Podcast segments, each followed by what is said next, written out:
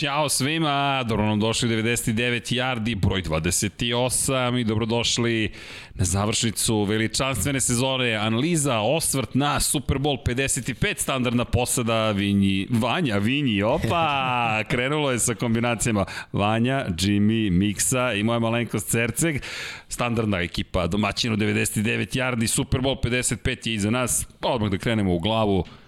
Tom Brady, čovek ekipa, sedma titula pripada nekome, ne, nije on samo osvojio svakako, ali šest sa Patriotama, jedna sa Tampa Bay Buccaneersima postigao nešto što nikad, nikada nije postigao, pitanje da li će ikada ljudi Chiefsi 9 poena, 31 za Tampa Bay Buccaneers opet to čuveno pitanje što smo mi gledali sad o, pre 5 dana ovu nedelju. Ko će? Da, pa ajde ja ću da načne. Čekaj, čovjek koji je rekao da čekam Baxi da uđe u playoff i da završi pa sa zato i hoću da načnem, da, zato i hoću da načnem.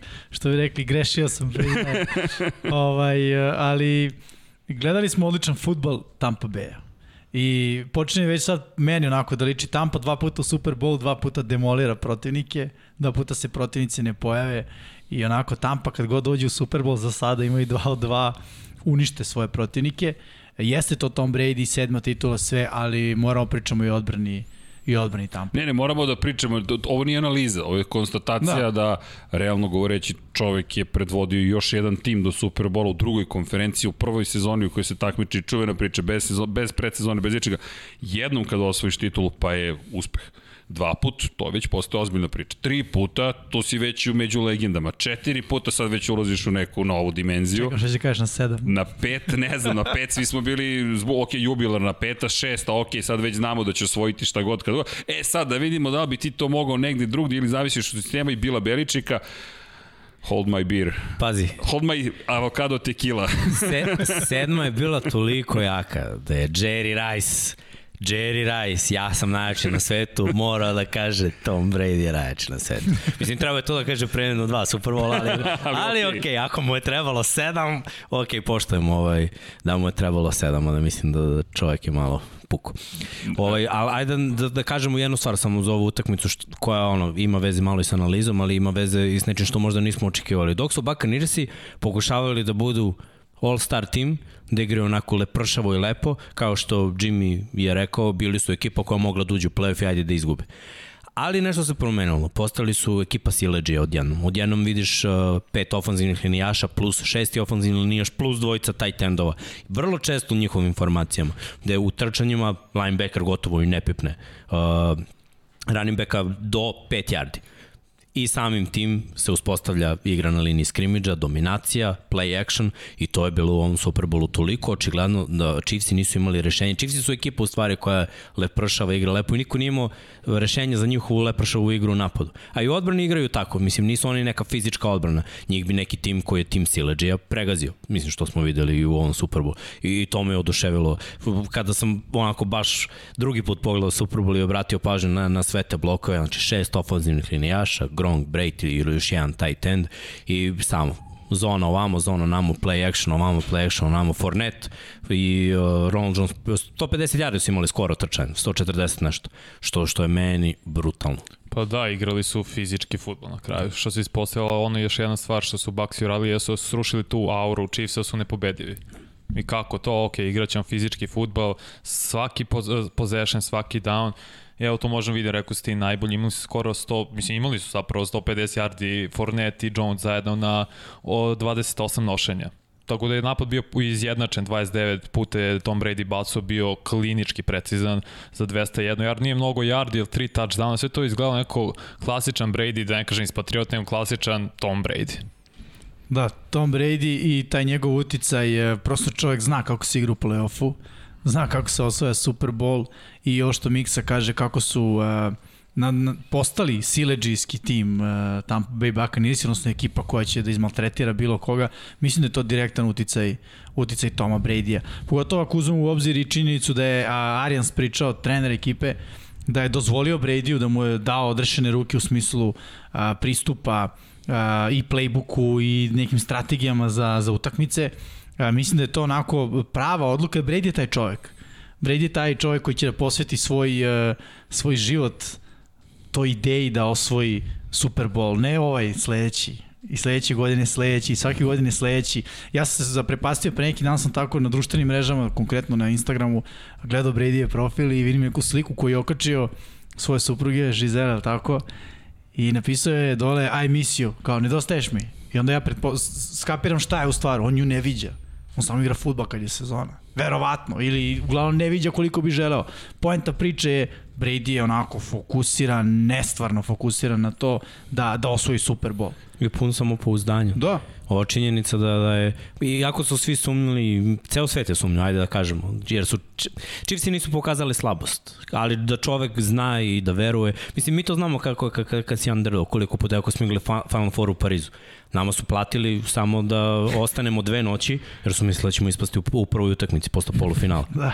Nisu nam, dali su nam neki ono krš hotel i, i bili su u zonu ispadate. Ali mi smo znali, zato što nas tretiraju kao pi, da ćemo da izađemo na teren i da dajemo ono 100% i dobijamo. To je to, dobijamo. I svi smo bili dobijamo, dobijamo, dobijamo. I tako je Brady bio u fazonu i svima slao poruke. Da, da. Mi dobijamo ovo sutra dobijamo ovo, ne možemo izgubiti, dobijamo ovo. I nekako je podigao nivo samopouzdanja čitave ekipe. I pa, par stvari.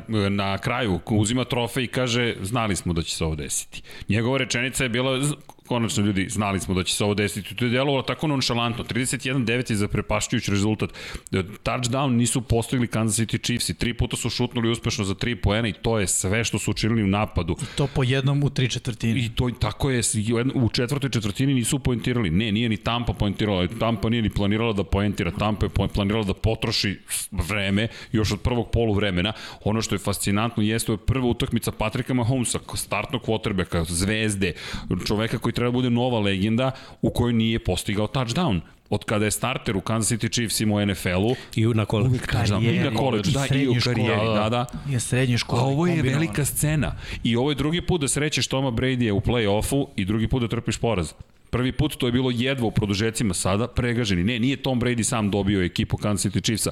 Game plan je bio master plan. Ono je bilo fenomenalno. Mene su podsjetili kad ti si baš, bili smo u studiju. E da, to isto bilo zabavno. Čekaj, bilo je Bilo je, da, Vanja, da. svaka čast za realizaciju. Da, da, baš je bilo Respekt. Miksa, svaka čast generalno za prenos. Uvek, naravno, na, ne na nivou, nego na nivou. Mada imam pitanje posle jedno za, za, imam jedno, ne, ne, ne znam zašto se smete, ali salutim. U svakom slučaju, svaka čast čast, baš je bilo dobro.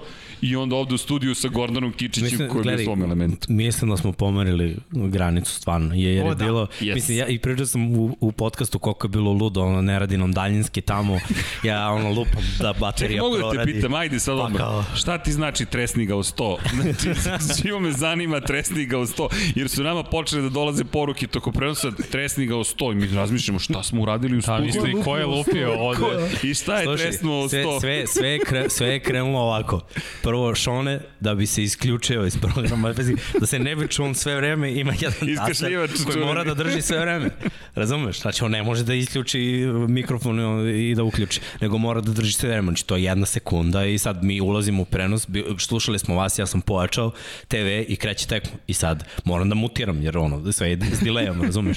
I ja da mutiram, neće, neće, neće, ne znam ko je rekao. Tresti ga stoji, znaš, ono daljinski, to je ono stara, uh, kao kompjuter da naš ne radi, ugasi i upali, daljinski, olupe ga malo stoji. Fizički futbol, fizički ono sad. To, i da vidiš odmah na keca se gasi TV i vraćamo se u prenos. Mi smo počeli da dobijemo poruke i ne znamo šta smo uradili, ali kao, ok, ljudi, sad tišina, sledeći put kada se uključi, da, nema ovde 10 sekundi pre uključenja svi tiho, 10 sekundi da. kasnije svi muk. Gle, ali, ali to je, to je show. show. Da nije toga, ne bi bilo smešno. I Tako, mo, moram da show. kažem i Gordon Kičić koji, koji je naš glumac i čovjek je rekao, ljudi, ne znate šta se dešava na setu snimanja filma, tako da vi ste super. Tako je.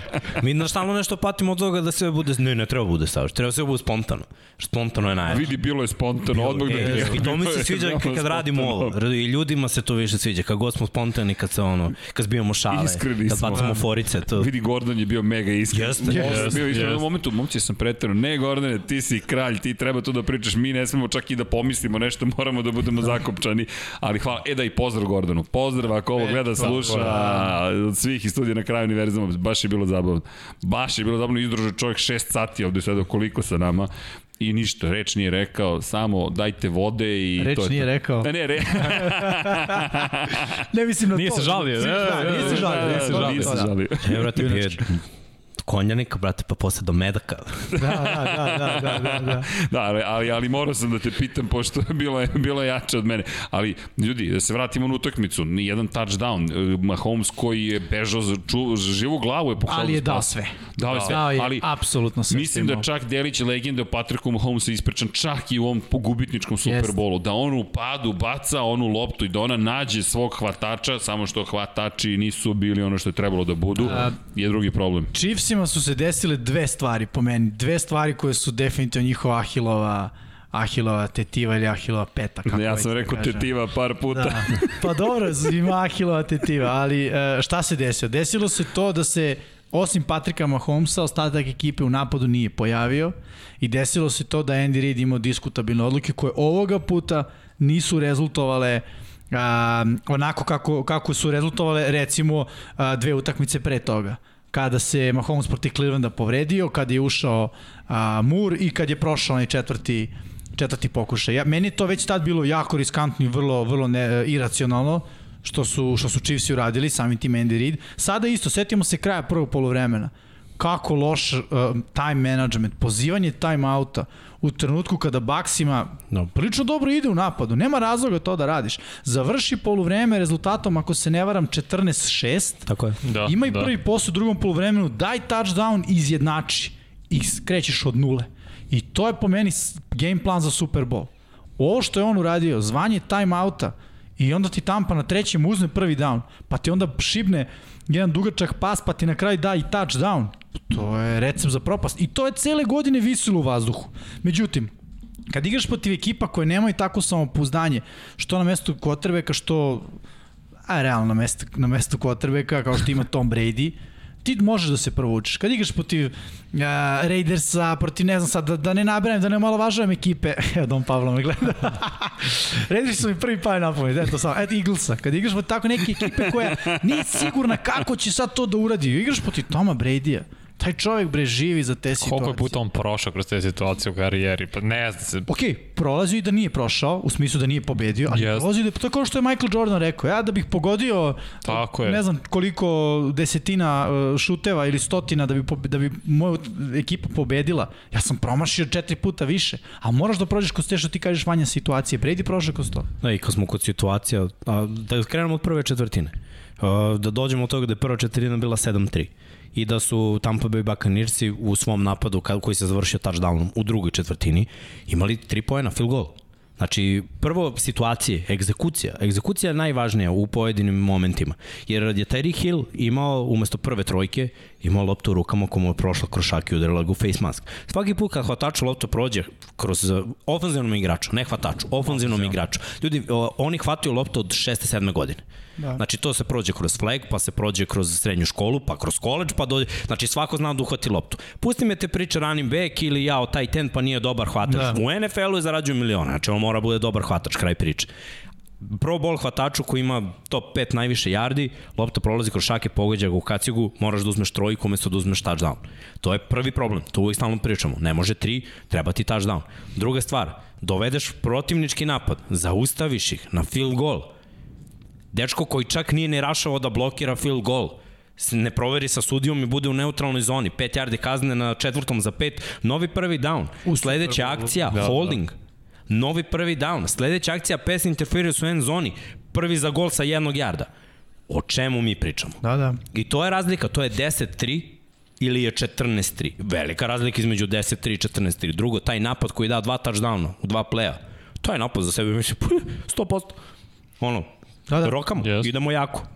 Sad smo krenuli, sad se ne gasimo. I da, da se osvrnemo i na sudijsku odluku. Onu čuveni, dve su bile koje su bile sporne, moramo da ih spomenemo.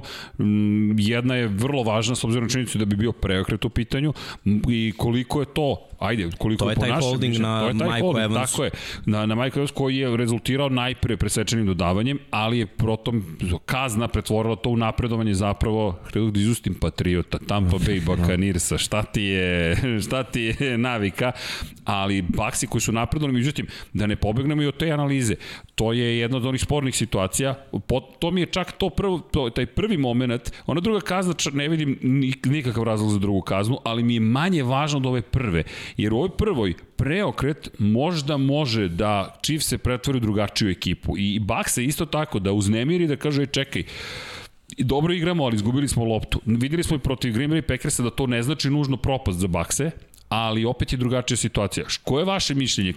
Kako, gledate na tu celu situaciju? A, ja bih rekao ovako, desilo se, e, nije bačena zastavica, nije se desilo. Ako, ako, ako me razumeš šta hoće. Sve razumem. To je to, mora da se, to je sport.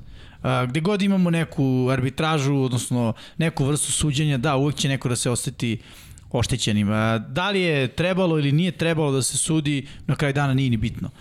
Bitno je ono što se na kraju desilo i to je to. Svaka ekipa se u jednom trenutku susreće sa takvim diskutabilnim a, odlukama, nekad ide u njihovu korist, nekad ide protiv njih, pa setimo se Sorensen je udario kacigom a, hvatača Brownsa Higgins. i nije dobio. Tako da, je. I nije Pa bilo i- kazne. I, I šta protiv sad? Buffalo Billsa si imao spornu situaciju sa Jeste, Kelsijem. pa mislim, kažem, kad god je ljudski faktor umešan spornih situacija će biti. E sada, a, Kada je Mike Evans umešan u spornih situacija i uvek više, jer on kad nema dobru utakmicu, jednostavno je momak mama da za, za žute zastavice. Da li zbog njegove visine, on je onako Sigurno. sniki, sniki mm -hmm. atletik i kada ne napravi separaciju, a pro bolje, ima 1000 yardi svake sezone, nekako u očima sude, mislim on na ovoj utakmici šta ima, jedno hvatanje, tako? Jedno hvatanje Jedno hvatanje, 31 ali imao yardi. tri prekršaja. Imao je taj holding, pass interference u end zoni, pass interference na s polja levo.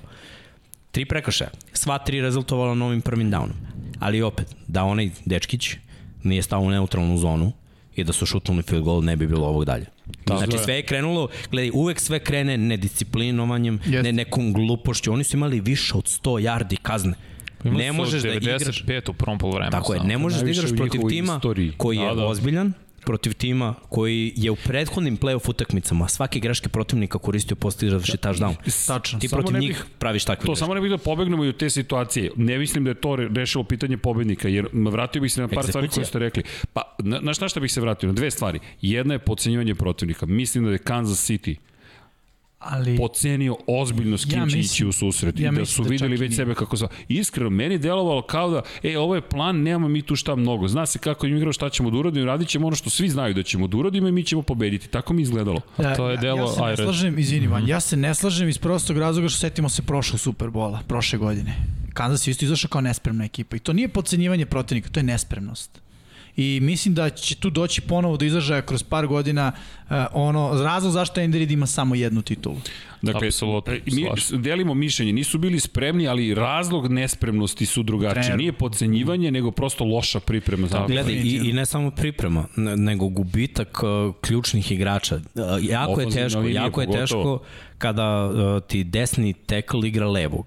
Ja kažem, zato je meni Orlando Brown ispao toliko poseban ove sezone i vrednujem sada u ovom uh, off-seasonu nje, njegov prelazak, jer je malo, ja mogu na prste jedne ruke da naborim igrače ko mogu s desnog tekla da igraju levog. Baš malo. Totalno je dru- drugačije, sve je kontra. Prvi korak je druga noga, Uh, ruka koja se ispucava je druga, up and under, odbrana, totalno drugačije. Znači sve je kontra. I redko kod mora budeš stvarno atleta, ubica da bi se prilagodio. Redko ko to ima. Broj dva, da staviš garda da igra tekla, to je još gore. Jer gardovi su nepokretniji, krupniji, nisu toliko brzi u nogama, a tekla igraš nogama, ne igraš tekla prvo rukama. S gardovima je drugačije, oni su često u double timu sa centrom, uh, drugačije je totalno sistem, naročito Chiefsa, gde su uglavnom slajdu ide se levo, desno, malo zon, malo ovo, malo ono.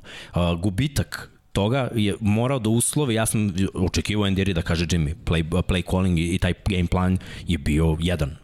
Ne može tako, znaš da imaš rezerviste, zato mora da imaš game plan 2. Čak nije ni važno, neki bilo uh, 21-6 na polovremenu. Ideš u prvi napad, ajde u polovremenu, pola sata, traje pauza. Dečko peva 20 minuta i 10 minuta se rasklanja i postavlja to. Znači, ajde u toj tih pola sata. Da smislimo šta ne ide. Koliko trčimo? 7 yardi po nošenju. Kako nam igra ofanzivna lina na pass protectionu? Katastrofa. Daj da trčimo. Dobri, jesu počeli da trče. Sećaš se, prvo po vreme su otvorili trčanje Medvarci i Leri, to je bilo jako dobro. On ima dečko 7 yardi po nošenju. Jesu. Znaš, 70 yardi. Šta, kad si imao samo 7 nošenja. Tako. Tako je. Tako je. A, Mislim među- da je više, mislim da je bilo međutim, 9 za 70 yardi. Da, jeste, pravo Opet ću se 9. vratiti na situaciju Evo i, vidim. i, da, evo vidimo sad i statistiku, evo Edward Ziller 64 yarde iz 9 nošenja. Ponovo, to je 7,1 po, po nošenju, mislim, to je nestvarno dobra statistika. A, sa druge strane vidimo i Fournette i Jones imaju ispod toga kada gledamo prosek. Ali su dobijali, znaš, ovo je 28 nošenja. Da, da, da, Ovo je naravno. ozbiljan prosek, 5,6, 5,1 za dvojicu da, trkača, 150 yardi, ali Mahomes drugi nosač ekipe... Ne, ne, ne, Mahomes je bežao. Nije Da, bilo da, ovo je da, ne, ne, bilo ali hoću ti kažem, pa nije on drugi kao trka, trkač, nego pokazuje da nikog drugog nije ni bilo više. Tako je. Suštinski nisi imao nikoga na kraju i Ler koji opet nije dobio dovoljno lopti. Ili nije ni mogo da ih dobije. Tako je, htio sam da kažem, vraćam se na odluku uh, protiv ekipe Clevelanda. Tad sam primetio jednu stvar i tendenciju uh, u, u Chiefs i moje godine, odnosno kod Andy Rida. To je ono, ne zanima nas koga igramo, igramo isto. Ne možeš ka sa Murom, ne možeš da igraš akcije koje imaš, koje igraš sa Mahomes. Tako i ovo. Ne možeš sa, sa desnim teklom na levom teklu i izmešanim ofenzivnom linijom da igraš akcije koje inače igraš. Ne možeš. A Andy Reid je tvrdoglavo rekao, ne, mi igramo kao da se ništa ne Ja, dešava. čekaj, a, a, ajmo da se vratimo malo, da se vratimo sedam dana unazad. Realno ko je očekivao da će Baxi da pobede? Bez obzira na sve to i, i sve ono što smo videli. Ne, okej, okay, do, do, doći ću kasnije na taj moment. Čekaj, doći ću kasnije na moment Ajde, se uživanja. vratimo sad naravno, ko je očekivao to? Ah, ja, slučajno. Dobro uvertira, dobro. Ne, ne, ne. Amazon. Ali nije, nije čak ni to. Zaista, ajde, ko je stvarno očekivao? Koliko ljudi je zaista očekivao da će Baxi da pobede? Bilo je komentara, čekaj, ko je ono dajem 100? Nešto je bilo da daje jedan za 100, 100 za jedan ako, ako pobede Baxi. Ali niko suštinski gotovo nije niko, gotovo niko nije davao ozbiljne šanse Baxima. Svi su verovali da će Chiefsi uraditi prosto ono što Chiefsi rade, pobeđuju. I da šta god da se desi će biti to, to znaš, sada vidimo da to očigledno nije bilo dovoljno, ali bez obzira na sve i što smo videli protiv Clevelanda i, pro, i, i eventualne probleme, to je ipak ekipa koja je imala jedan poraz, koja, koja Jeste, ne pamti jeste. poraz. Ali egzekucija i situacija. Znači, lepo smo rekli, ali bukvalno je to. Uh, ako si već napravio glupost i umesto da gubiš 10-3, gubiš 14-3, postigneš field goal i 14-6, Jimmy je lepo rekao. Ja sam bio u šoku, ja sam rekao time out, traži tampa. Da. I onda gledam, se sećaš, zato što uvek kasni sekundu ili dve i vidim skida se time out Chiefsima. Čekaj, čekaj, čekaj, čekaj. Mik, Miksa, Chiefsi su zatražili Veruj mi, time out. mi sedimo u studiju i, i mm, imao sam, ne osjećaj, tačno sam znao šta Reed radi. Tu je Jimmy bio. Da, da. Jimmy koji kaže ne, Tampa traži timeout. Ja kažem ne, ovo Reed traži timeout Ti si rekao, 100%. on hoće da vrati loptu Mahomesu. Tako je, to se vidi da je on ubeđen, on ne vidi, to je, to je voda u ušima. Ne vidiš situaciju koja ti se događa pred očima. Moje mišljenje je da nije verovao da mogu da izgube, da je to, ma ne ne, samo da vratim Mahomesu loptu i mi idemo dalje.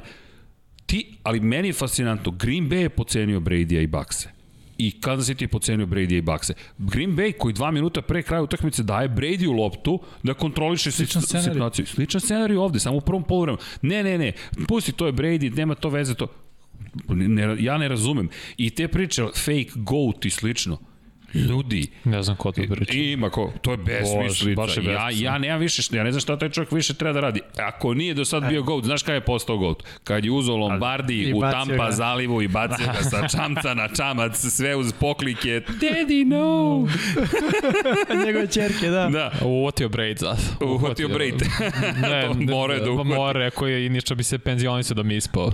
Ba, ba, vidi, sad smo se pitali ko bi sve skakao u, Gronk, Gronk vodu. bi prvi uskočio Pa 100%. Svi skočili. Sve bi skakali. Mislim, či kažem da i to bi čak bio dobar I, klip. I Tom bi skočio. Da, da. ja mislim da bi skakao. Ali da se vratimo na ovo. Znaš, nekako je delovalo da, da ali sve, sve ste lepo rekli. Na kraju Reed je taj koji je presudio. Ali ti si Jimmy rekao. Ti si bukvalno, ako se dobro sećam, rekao trener, ili si ti rekao. Ko je rekao za trenere? Ja, Ko je- dao ti si sam rekao, prednost, ti baš si rekao prednost Tako je, ti si Da. rekao treneri miksa, da će treneri biti presudni u ovoj cijeloj situaciji. Ali gledaj, treneri, uh, kako, kako je, Arians je pustio malo Brady da implementira neke stvari. S druge strane, Brady je baš bio tvrdoglav. I, i verovao u nešto, mislim, iskreno ja kao trener da vidim da mi quarterback beži za život, olakšao bi. Ja sam očekivao, ja sam toliko očekivao nekih stvari koje je bilo pre kad je njega mučila povreda. Znači, to je bilo slide levo, slide desno, option ove, koliko smo videli ovih shovel dodavanja i screenova, ni jedan. Baš je bilo ono trčanja isto. Kad god je bilo trčanje, bilo je dobro i nakon toga opet uh, five step drop. Ne može, jer jednostavno imaš, ne, nemaš prednost u toj igri. A, ali tamani da spomenemo odbranu Tampa Bay Buccaneersa. Ljudi. Gle, ja bih samo krenuo prvo od odbrane Chiefs, koja je jednom uspela da zustavi Ronalda Jonesa, da da touchdown, i tu su pokazali, ok, da i ole mogu. Međutim, ono što, što je Tampa dobro uradila u napadu, je što su im uh, sve vreme blokiranjem tight enda koji ide iza ofenzivne linije i onda uh, zatvori edge, silu edge, to je bilo dva, tri puta ta akcija. Sledeća akcija je bila Gronkov touchdown, gde je isto I to čekaj, uradio sa one RPO na taj tenda, ono što smo, mi smo se ovde ne, ne šokirani bili, ali Jimmy je baš spominjao koliko podsjeća jedan deo igre na Patriote, ta kratka dodavanja na stranu i onda ko će da dobije loptu za touchdown? Gronk. A, Ali gledaj, ja bih- ja bih toliko rekao- je bilo dobrih tih akcija, tri puta su trčali da, da je Gronk radio istu stvar za blok. Da. I Sorensen je onda morao da ostane u sredini s obzirom da igra čoveka jedan na jedan. Ostao je samo malo u sredini jer se otvorila rupa za, za running back. I onda on mora naš, da, da ispaira ako trčanje da je Fournette prošao tu, to je 10 yardi lagano. Taj delić sekunde dok je on čekao i Godwin koji je, uh, izvini, Evans, koji je tu kao napravio blok, ali nije napravio blok, nego ono zasmetao dovoljno, što je legalno, da Gronk bukvalno isprate ga pogledom i postigne touchdown. To je, to je tako dobar game plan napravljen, jer uh, prodaješ jedno, prodaješ jedno, prodaješ jedno i onda pap iskoristiš baš to jedno. Drugi, ja dajem samo ono što su Gronk i Brady godinama sticali uh, ne, neku rutinu u tim scramble drillovima. Da on ima corner rutu i da odmah shvati, ok, igrač je tamo, nema ništa od cornera, pap, post a Brady ima read 1, read 2 nije tu, znači imao je read leva strana, pa read u sredinu za Gadvina post i onda se vraća ovamo gde corner postaje post i dodaje drugi touchdown. To je, to je rutina, to, to je toliko puta. Ja mislim da to samo Gronk i Brady u ovom timu su mogli da odrade. Jer igrač je imao pokrivenu rutu koja je bila inicijalno. Međutim, ofanzivna linija je radila takav posao za Tampu. To je u stvari pobednik na liniji skrimidža. Defanzivna linija Tampe i ofanzivna linija Tampe. I kad dobiješ i defanzivnom i ofanzivnom linijom na liniji skrimidža, ne može izgubiti. 31-9. On, dečko, čekaj, pazi, to je jedan read, hm, drugi read, hm, treći read.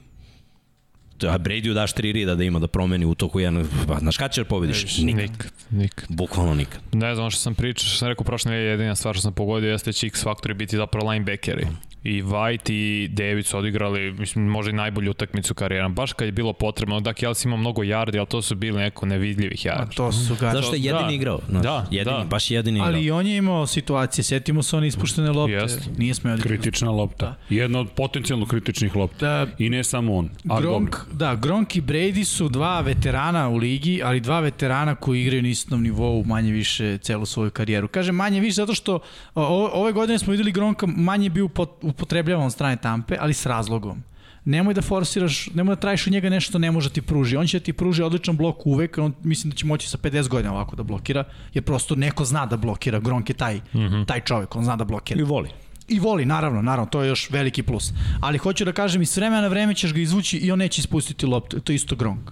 Ali sad ne bi bilo realno da su oni očekivali od Gronka da trči sim rutu od 30 yardi da mu Brady baca pas, to nije bilo. I tu su sve pohvale za Tampu tokom cele sezone i za ovaj Super Bowl, naravno. E, s druge strane, Chiefsi i dalje, i da, ne, nemaju to. Mi smo viđali utakmice, evo to je sad isto bilo Hill zaspi, nema ga.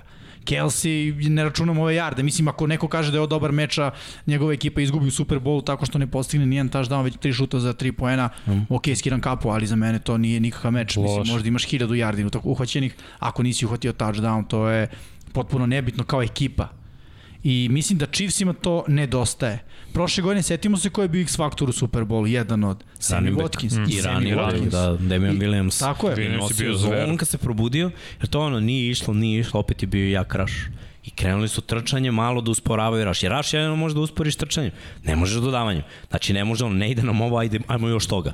Kao prvo radit će. Da. Ne, nego ajmo nešto drugo. Da, to će verovatnije da, da, da, da ovaj, donese nešto. A ovo što ti rekao za Gronka, kao i njega i Fourneta, kao da je Arians tokom čitave zone štedeo. Malo po malo, malo po malo. I onda u play-offu, bam, Da. Fournette domin, Ja dominira. ne mislim čak da ih je štedeo, nego ih je koristio onako kako treba se Pa koristiti. da, dovoljno samo. Nije Upravo uopšte forsirao s njima. Znaš, ako ti kupiš formulu s idejom da je voziš po seoskim putevima, nije dobar, nije dobar plan. Prosto ti imaš formulu, ali nemaš, nemaš šta s njom da radiš. Isto tako kupiš traktor da ga voziš na autoputu, nisi baš najpametniji. Tako i ovo. On je uzeo traktor i stavio ga je na seoski put. I uzeo je formulu i stavio je na, na, na pistu. I, I to je to. Prosto, ono, to je bilo ono što njih dvojica mogu da daju ove godine. Fornet će, mislim, davati, Fornet nije, nije veteran do te mere da treba Da, da, da. da mu vidimo, da kažem, leđa kao recimo možda Gronku, ne znam, sledeće godine možda i ostane. Pa već je ne, rekao, Gronk ostaje. ne, Gronk je rekao, pa nema razloga. Ne, Ne, on ostaje dok je Brady tu. To Da, jasno. da, da. svi ti igrači koji, koji su godinama tu će ostati. Uh, igrači koji su veterani, igrači koji su mladi i žele veliki ugovor otići će. Mislim, to, to je jako logično, jer mnogi pričaju, ja, pa šta ako sad oni žele drugi Super Bowl? Jedan Super Bowl. Cool. Daj mi 60 miliona. To mi je ono, malo bolje od toga. Jedan i 60 Shaquille Barrett miliona. je već igrao u Denveru, Znaš, i bio je uspešan tamo, došao je za neki ugovor koji nije bio baš jak, bio je najbolji uh, u sekovima prethodne sezone, ove godine se probudi u play-offu. Ima 29 godina, skoro 30. On ako sada ne naplati i ode negde za 20 miliona po sezoni, Znaš, uzalud mu, ta šta mu Nema znači taj. Super Bowl? Biće upisano u istoriju, bolje da mu uh, potomci budu upisani u budućnosti. Ma, ma, malo jače. I to je on rekao. I danas je izašao članak. Hoću on, da orobim banku. Da, da. To mu je cilj. Kakva je Tampa?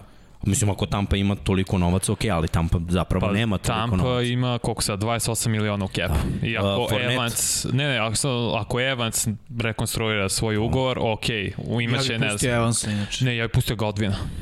Ja bih Godvina, ne bih ga Gledaj, potpisao. Gadvin, o Gadvin oni mogu da stave na franchise tag, to im je jedina prednost koju imaju. Jer oni ako ga stave na tag, platit će mu tu neku prosečnu hvatačku, to je 18 Nije, miliona. pa 19. dobro, dobro. Da, Ne, ne, ne, top 5 je- prosek kad se izleče. I- Da, jeste, ali znaš, pogledaš, ok, imaćeš ga još godinu dana. Antonio će igrati isto za veteranski minimalac, da. Gronk će igrati za veteranski minimalac, ofanzivna linija ti je uglavnom mlada i plaćana i sad Problem dolaziš do je defanzivne. Šta ti je, te, to, šta ti je prioritet? Da li ti je Godwin prioritet, da li David isto mora potpiše, Ja, gledaj, Su iskreno- isto mora. Iskreno, ja mislim da će oni ići logikom da Antonio Brown teško. može Antonio Brown može da bude Gadvin Up, to, Može. kada da, uđe u se. formu. A ući će u formu, A- će on line- sa a- Bradyjem da radi celo leto. Da. linebackeri, da ostane, znaš, jer opet nije, nije to mnogo kepa. Ljudi, znaš, deluje Da, da, kao, da. znaš, to, to je mnogo, nije mnogo, oni moraju da kalkulišu ozbiljno, ali imaju neki roster i opet njihova veteranska potpisivanja, mislim, Shady McCoy je uzao back to back Lombardija, tako što nije igrao, ali zašto znači da ti Shady bude tu? Ako se neko povredi, to ono što Jimmy kaže, štedeo ih je cele sezone, jeste. I boš, uh, Shady je takođe štedeo, jer je Shady bolje rešenje nego klinac. Zašto? Je. Ako uđe u ovaj sistem, igrao je već uh, velike utakmice, može da odradi protection, razume kad treba da se otvori iz backfielda, razume da treba da doprinese ono, 3 jarde po nošenju, čisto da bude tu. I, i zato je bio dobar za Chiefs prehodne sezone, healthy scratch i ove sezone, iako je bio, mislim, u pedu nije igrao u ovom Super Bowl. I ni Ali u play-offu možda nije. bilo, da, je. to je upravo bilo ono korišćenje koliko ti treba, no za ovaj meč nije trebao i odlično. I za njega i za njih u smislu Ja bih volao da imam 30 plus godina i da osvajam Super Bowl tako što ne igra meč. Mislim, ne bih volio, uvek je dobro da igraš, ali ako si idu to u Evo ti, stadionu Adrian Peterson. karijere. Adrian Peterson Da. šta je izjavio? On bi došao da bude, še, mislim, Peterson u poslednje četiri sezone ima 3000 yardi. Ove godine je podbacio, mislim, ali igrao je trećeg beka. Ja. I on treba bude treći bek. Ako se prvi povredi, ovaj, što nosi najviše, on uskoči tu, ne da bude drugi. Uh, Ronald Jones može da ostane godinu, a Fournette ja ne verujem. Zašto? Za Fournette je najbolja se proda. To će on da uradi sigurno. On je zato i došao u Tampu. Došao Da, da, da. da. Super Bowl i da pokaže da može Pa, da igra. ne, mo, čekajte, treba mu pare. Realno, Da, da. Iste kome je sad ovaj Ruki bio. ugovor, Tako je. na, naš, posle ruki ugovora, želiš da se obezbediš. Mislim, running back, koliko igraju u proseku u NFL? Tri Baš godine. zbog toga. Znači, On je prosek već prešišao. Ljudi, on je već stvorio i kult o sebi, playoff Lenny, Super, Super Bowl Bowl, da. Lenny, kako god hoćeš i on je stvarno rekao ja sam zbog ovoga došao i to ono što smo ponavljali još od, ne znam, druge utakmice playoffa, da je on čovek kada je prvi put rekao da je to ono zbog čega je došao da igra i da je to legendarna jedna situacija, da, da, da jednostavno jedini cilj samo osvojiti titulu. I to je završio, završio sve što je trebalo da završi, pokazao je koliko je dobar, ne zaboravimo na polovini sezona on je sklonjen sa pozicije startnog running backa. I onda posle povrede Jonesa se vratio, odigrao dovoljno dobro i onda jednom kombinacija profunkcionisala i sada playoff Lenny, pri čemu on će biti i pojačanje kome god on sad ima iskustvo ozbiljno i nema više pitanja da li si dovoljno dobro da osvojiš Super Bowl. Izvinjam se, on je mogao da bude i MVP Super Bola.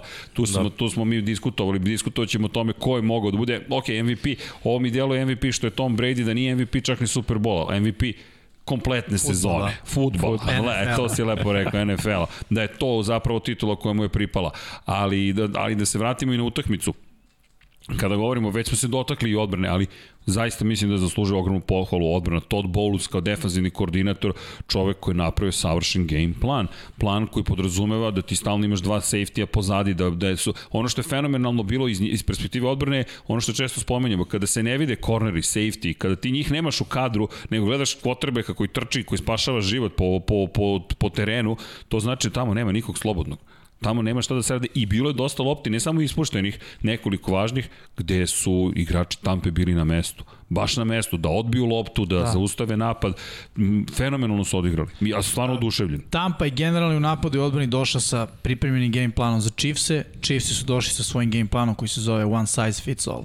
To jest ono, igramo ono što Bravo. igramo cele sezone i baš nas briga šta će drugi da rade, to im se obilo o glavu. Ne možeš u modernom futbolu, nisi mogao nikad, ja mislim. Ne možeš u sportu da, igraš jedno uvek, isto, jedno te isto. Mislim, evo, možeš i dobit ćeš ovo.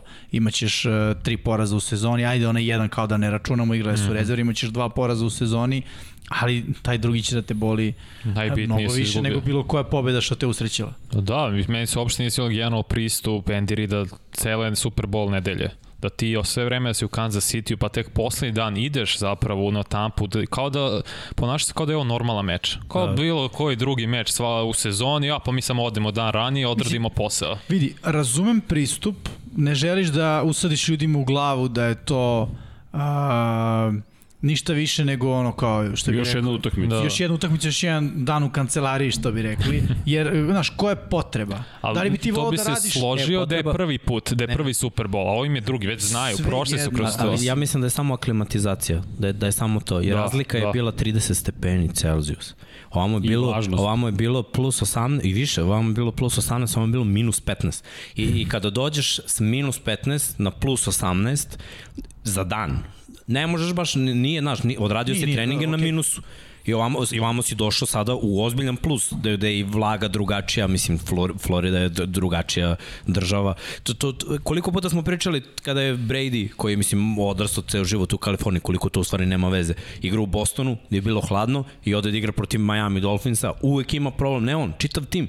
V, v, ono, sparno je, vrućina je, ne, nekako izgledaju drugačije. Gore, ono, kad iz hladnog odeš u toplo ili iz topla kad odeš u hladno. Ma, ne da šta je gore, ali je problem. Znaš. Da, da, da, I, i treba, treba Dobro doći rečeno. 2-3 dana. Ja sam mislio da je manja razlika. Mislio sam da je možda 0 i 15 stepeni, ali da, tek kad smo mi u toku prenosa pogledali da, da je 18 i ovamo minus 15, bili smo u fazonu, hau, ovo je možda bio jedan faktor u kome će se malo pričati ako je doprineo ovo. Ali mislim da je tu Reed, slažem se s Vanjom, napravio ozbiljnu grešku, jer vidi, nije to utakmica kao svaka druga. Evo, upravo ovo što si ti rekao, one size fits all.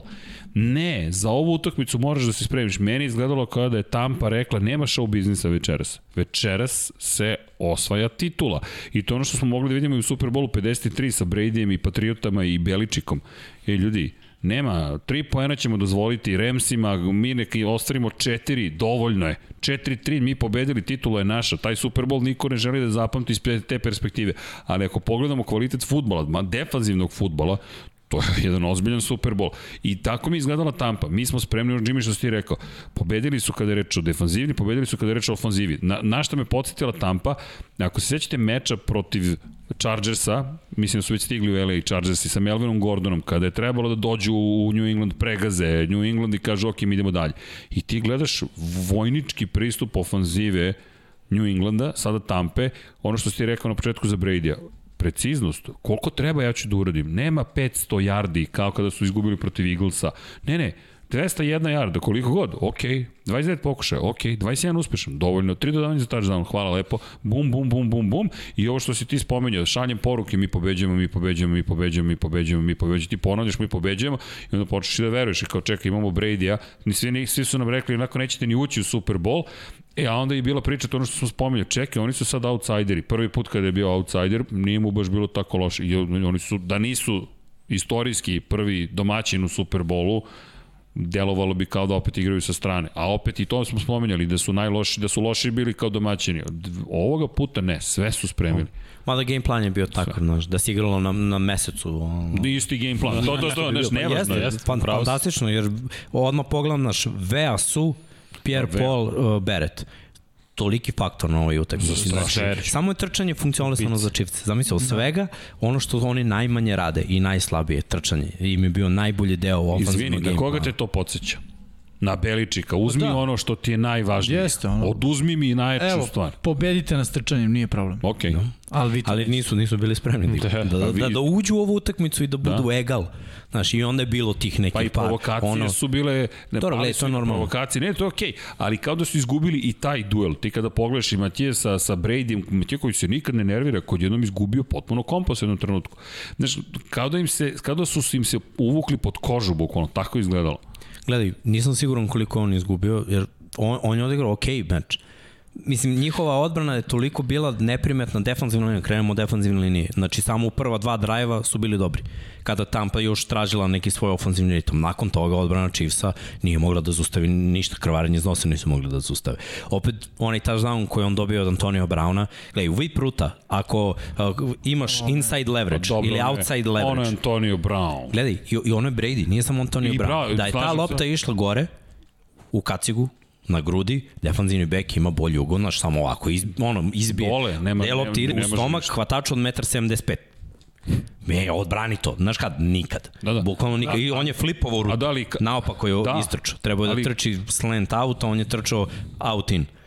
Ali, nema veze, je znaš, to, to, izbacio, A vidi, Matije koji je reagovao odlično, ti kada pogledaš Brauna, bio tu. tu, tu, tu, niko drugi ne bi bio ni blizu Brauna, bio je tu Matije i onda još dobiješ Brady koji ti baci oni Tako, bullet. ali Brady je takve lopte davo, izvini. Davao je takvu loptu Velkeru, Edelmanu, uh, Daniju Amendoli, oni su svi 1,75 Ajde da i kažem, navi, je da igra s niskim. koji znaju da istrče takvu rutu.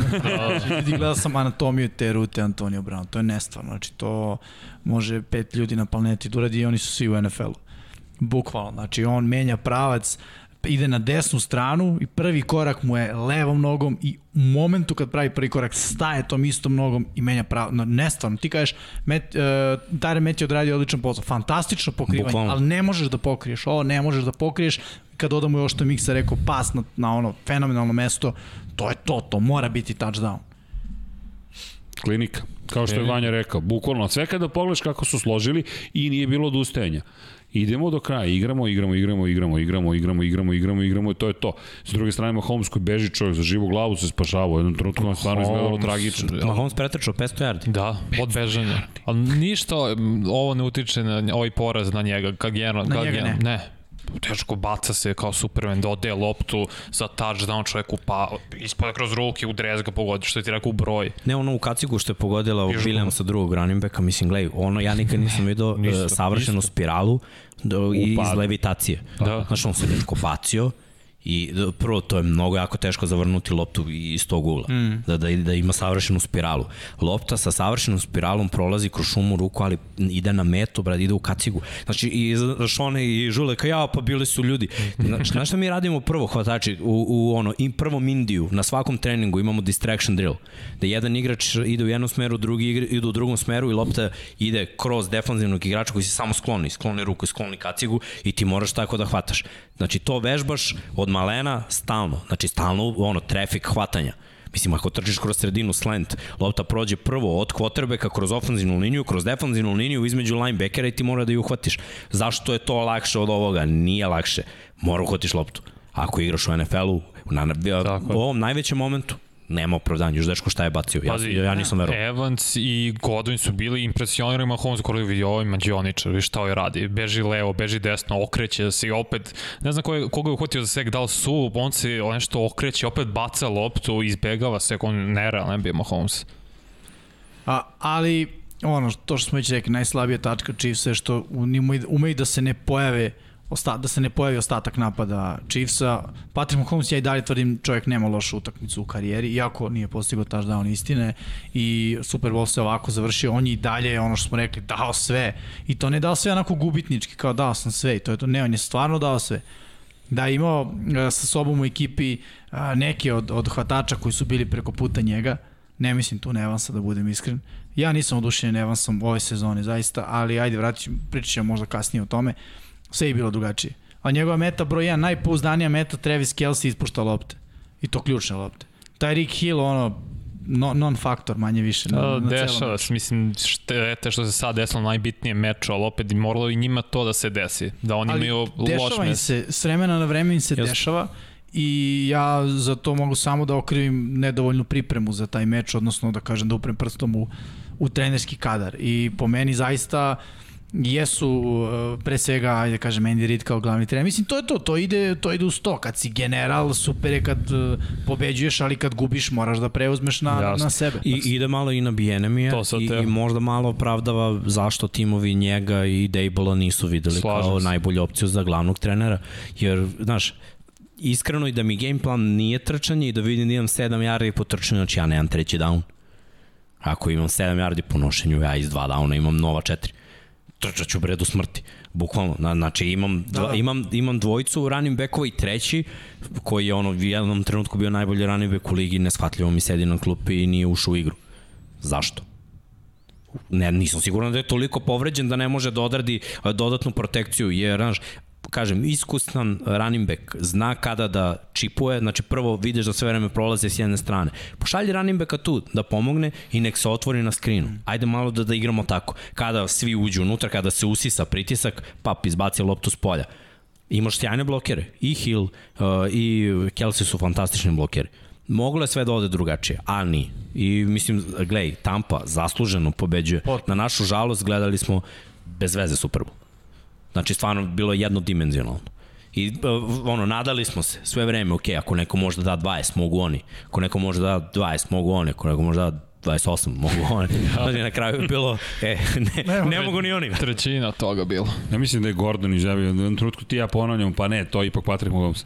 Matori, pregazili su ih.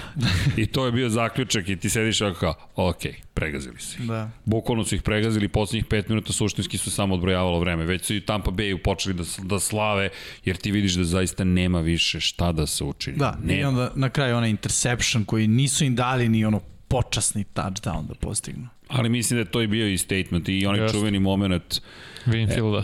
Da. Čisto da se pre- presetimo i utakmice, ali šta ti je to, šta, šta ti je motivacija? Gde je Čita, jel te, gde je Gepard u jednom trenutku trči, e, evo ti pobjednički znak, ali to je samo regularni deo sezone. Ovo je bitna utakmica. Kako daš motiv nekome i uporedio sam prošle nedelje sa, sa Giantsima, kada su Giantsi ušli kao outsideri, Giantsi su izgubili protiv New Englanda poslednju utakmicu u 17. kolu, tada kada su prvi put pobedili Brady i kompaniju u, u Superbolu i onda dođeš u Super Bowl isto tako gostujuća ekipa, gostujuća ekipa, gostujuća ekipa, opet nekako podcenjivanje, a oni su ušli spremni.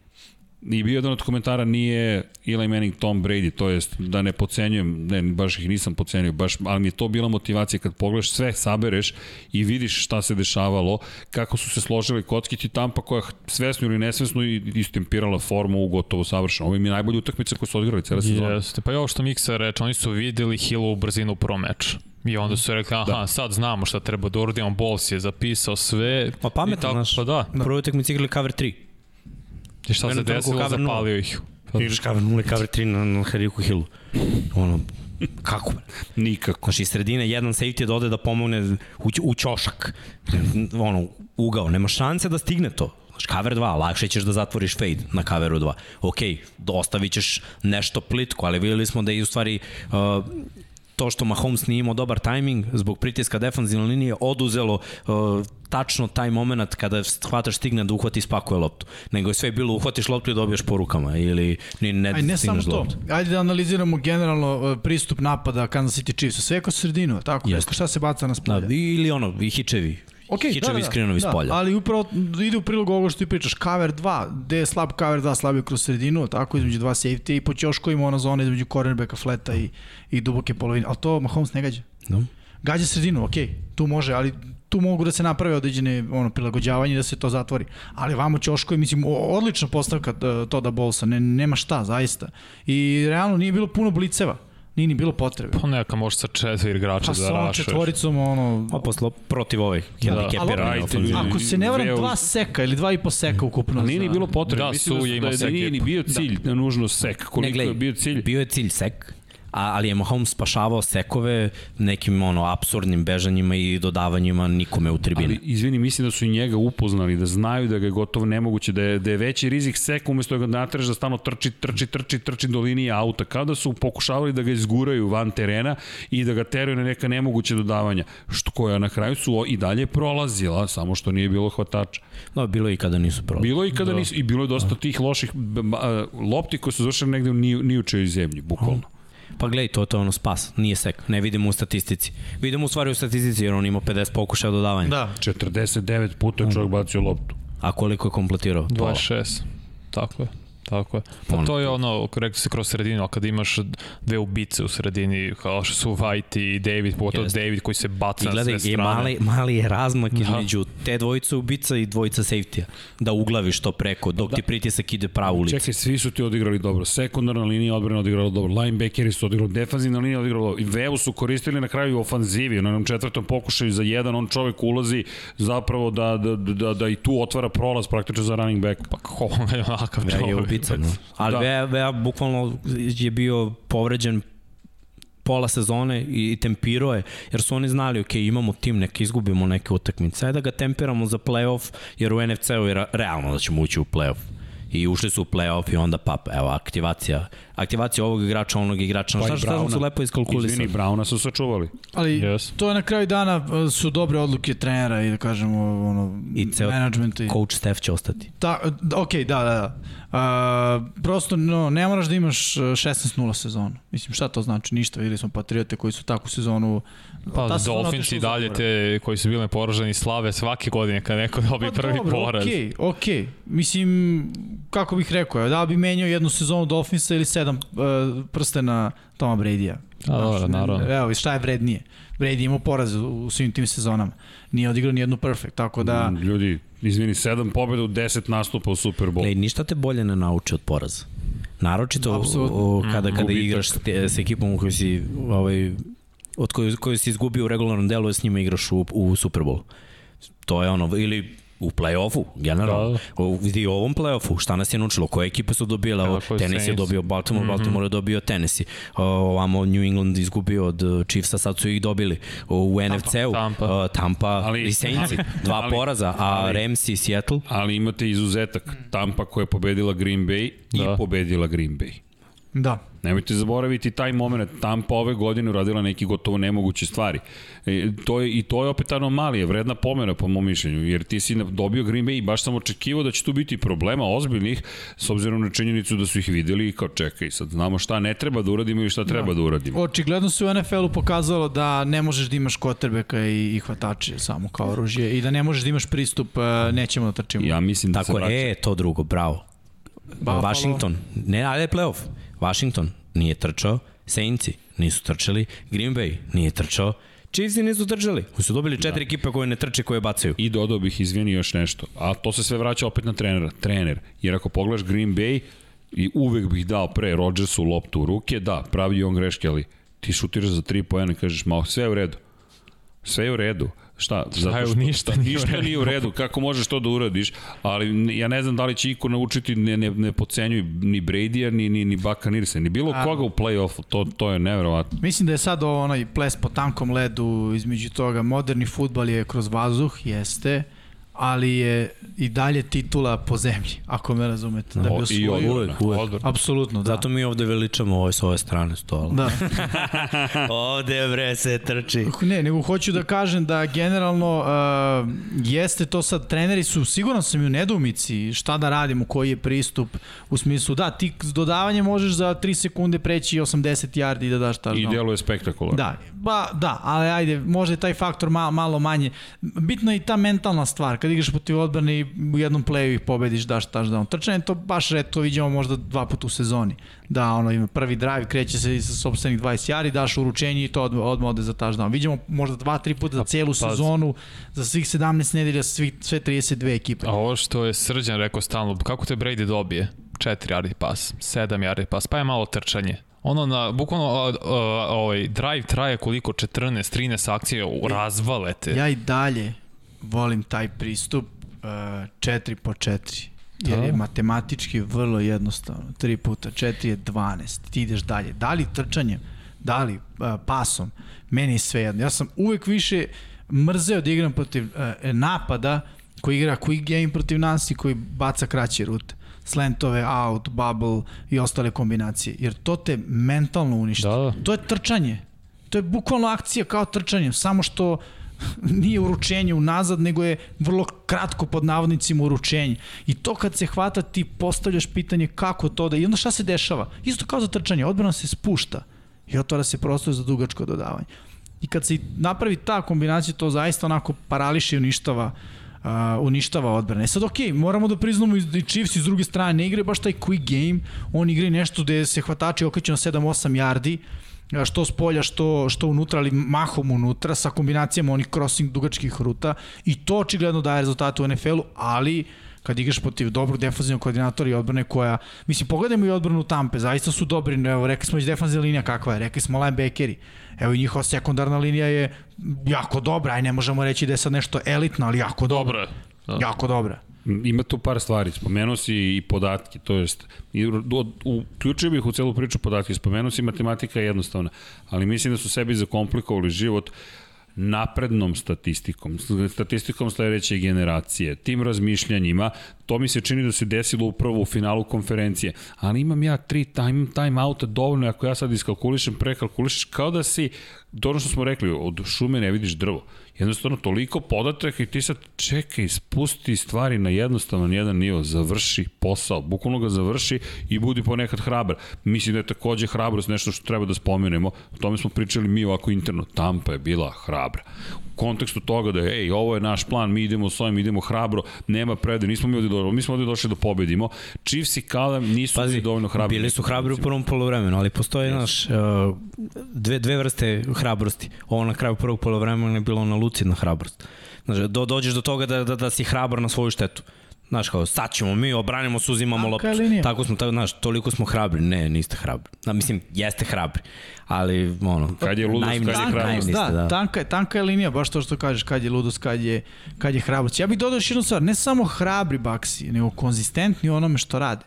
I mislim da je tu ključ zapravo, da bi svoje Super Bowl moraš da budeš konzistentan u stvarima koje radiš. I ja se vraćam na to, u momentu kad sam ja rekao da Tampa uđe u playoff da je neko razmontira, to je bilo tri nedelje, čini mi se pred kraj sezona. Od prilike. Da. E, šta se desilo već te, taj vikend kad smo ih gledali, počeli su da trče. I od tog momenta do samog kraja oni su bili konzistentni u tom pristupu.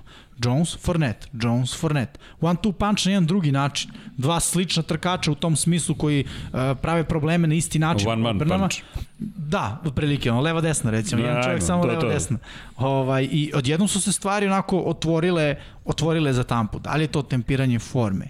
Ili je to da kažem posledica onako poklopile se neke zvezde ili šta već, ja, mislim, mislim mi sad to ne znamo, ali ovaj, bi bilo dobro da znamo, jer bi bilo dobro onako kao jedna formula da se zna da li da se primenjuje ili da se, ili da se ne primenjuje. Pa i kad praviš naš game plan, mislim ti si pravio game plan za jedan, nisi imao predsezonu, ti si pravio game plan za jedan tim i onda taj tim dobije jednog igrača kad u ono drugoj ne kada došao Fornet u drugoj trećoj nedelji.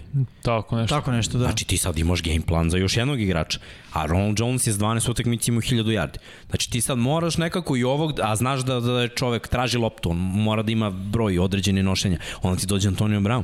To pa sada ti dodaj, i, dodaj. tako je, dodaj to, pa onda razmišljaj o tome da kada svi pogledaju Brejta na taj tenu da treba Gronk, pa moraš uh, kako prikriti otvaranja za ovo, za ono, znaš da moraš da nahraniš Evans i Gadvina, koji da. da imaju 1000 yardi. A Howard se povredio I to ti ono, ti ne znaš, nisi živeo s tim problemom da moraš da nahraniš sva ta usta, jer se to desi desilo, znaš, i nastavilo da se dešava tek do kraja. I mislim, taj poraz u Chiefs u 12. nedelji, to je bio onaj reality šamar, od tada nisu izgubili ni jednu do Super Bowl. Od 12. Da, nedelje, vezali sve do kraja. I mislim, sve do kraja. Ali da, da, da uslovno načeno zaključimo. Ljudi, obrni okreni levo, desno, napred, nazad, konferencija, divizija, šta god, ti pogledaš kraj sezone, isti čovek podiže isti trofej, samo na drugom stadionu, na istoj platformi, pa izgleda bizarno već počinje da izgleda. Ti gledaš i kažeš danas je 2021. Ovo smo videli 2002. I umeđu vremena smo videli pet puta još pride, to je prvi, ovo je sada sedmi, gde je kraj. Ljudi, ovo je ovo je kultna utakmica, kak, da. bez obzira što je 31-9, ovo nikada, ništa slično nije urađeno u istoriji sporta. Zašto smo stavili naslov čovek ekipa? čovek franšiza. I sada stoji, i to su sve grafike čovjek svih sport. naših američkih kolega, tako je, Tom Brady, sedam Super Bowl titula, Pittsburgh Steelers i šest, New England Patriots i šest i sad tako dalje, tako dalje. San Francisco 5, 4 za Steelers-e, četiri za, Ajde sad da za, za, za, za Giants da, i za Green Bay. Da postavim jedno pitanje. Da li su po vama Baxi bili najbolja ekipa ove godine? Ne. Ne. Ne, ali nekad, znaš, ne poveđuju uvek najbolje. Ne, ne, slažem se, samo samo To, to, to, je meni, to je meni nešto najjače u NFL-u. Jer nije tako u drugim sportovima. Znaš, u, u košarci obično dobija najbolji tim. Tako je. Naročito u NBA-u gde da igraš na, na seriju, na pob... ne, da je jedna utakmica možda bi bilo, jer imaš upset. to je lepota Ali s obzirom da imaš seriju, znaš, ti treba najbolju ekipu dobiješ četiri puta. Nije lako da dobiješ najbolju ekipu četiri puta, zato ali je- NFL ide na jedno. To je to, to je zato je jedna titula teška. Zato je teško, ti treba da spojiš 53 čoveka za jednu utakmicu. Pa sad, pomnoži to sa 16 u regularnom delu sezone. A onda kad prođe regularni deo sezone, ako nisi igrao dovoljno dobro, najmanje če, moraš da odigraš četiri utakmice. Ako si igrao dovoljno dobro, igraćeš tri da bi došao do titule ti si u, u, u situaciji da po, uprkos tih 16 utakmica dođe jedan dan kada je protivnik spremniji, ti si ga pocenio, ah ne, ovo znamo, ovo, ovo nije problem. Setite se, Washington smo čak gledali kao možda naj, kao najopasniji tim za Tampu, s obzirom na činjenicu da bez obzira na sve porazi, sva ludila, šteta što nisu imali Aleksa Smitha da vidimo kako bi se to završilo, nema pocenjivanja. I to ono što smo rekli u najavi, nema pocenjivanja. Meni je to jedna od najlepših stvari u NFL-u. Ti ne znaš ko će osvojiti titul. Pa slušajte sad stvari ovo. znaš, izvinjam se, Brady. 20 utakmica u 22 nedelje. Toliko su odigrali. Kakve utakmice? Kakve utakmice?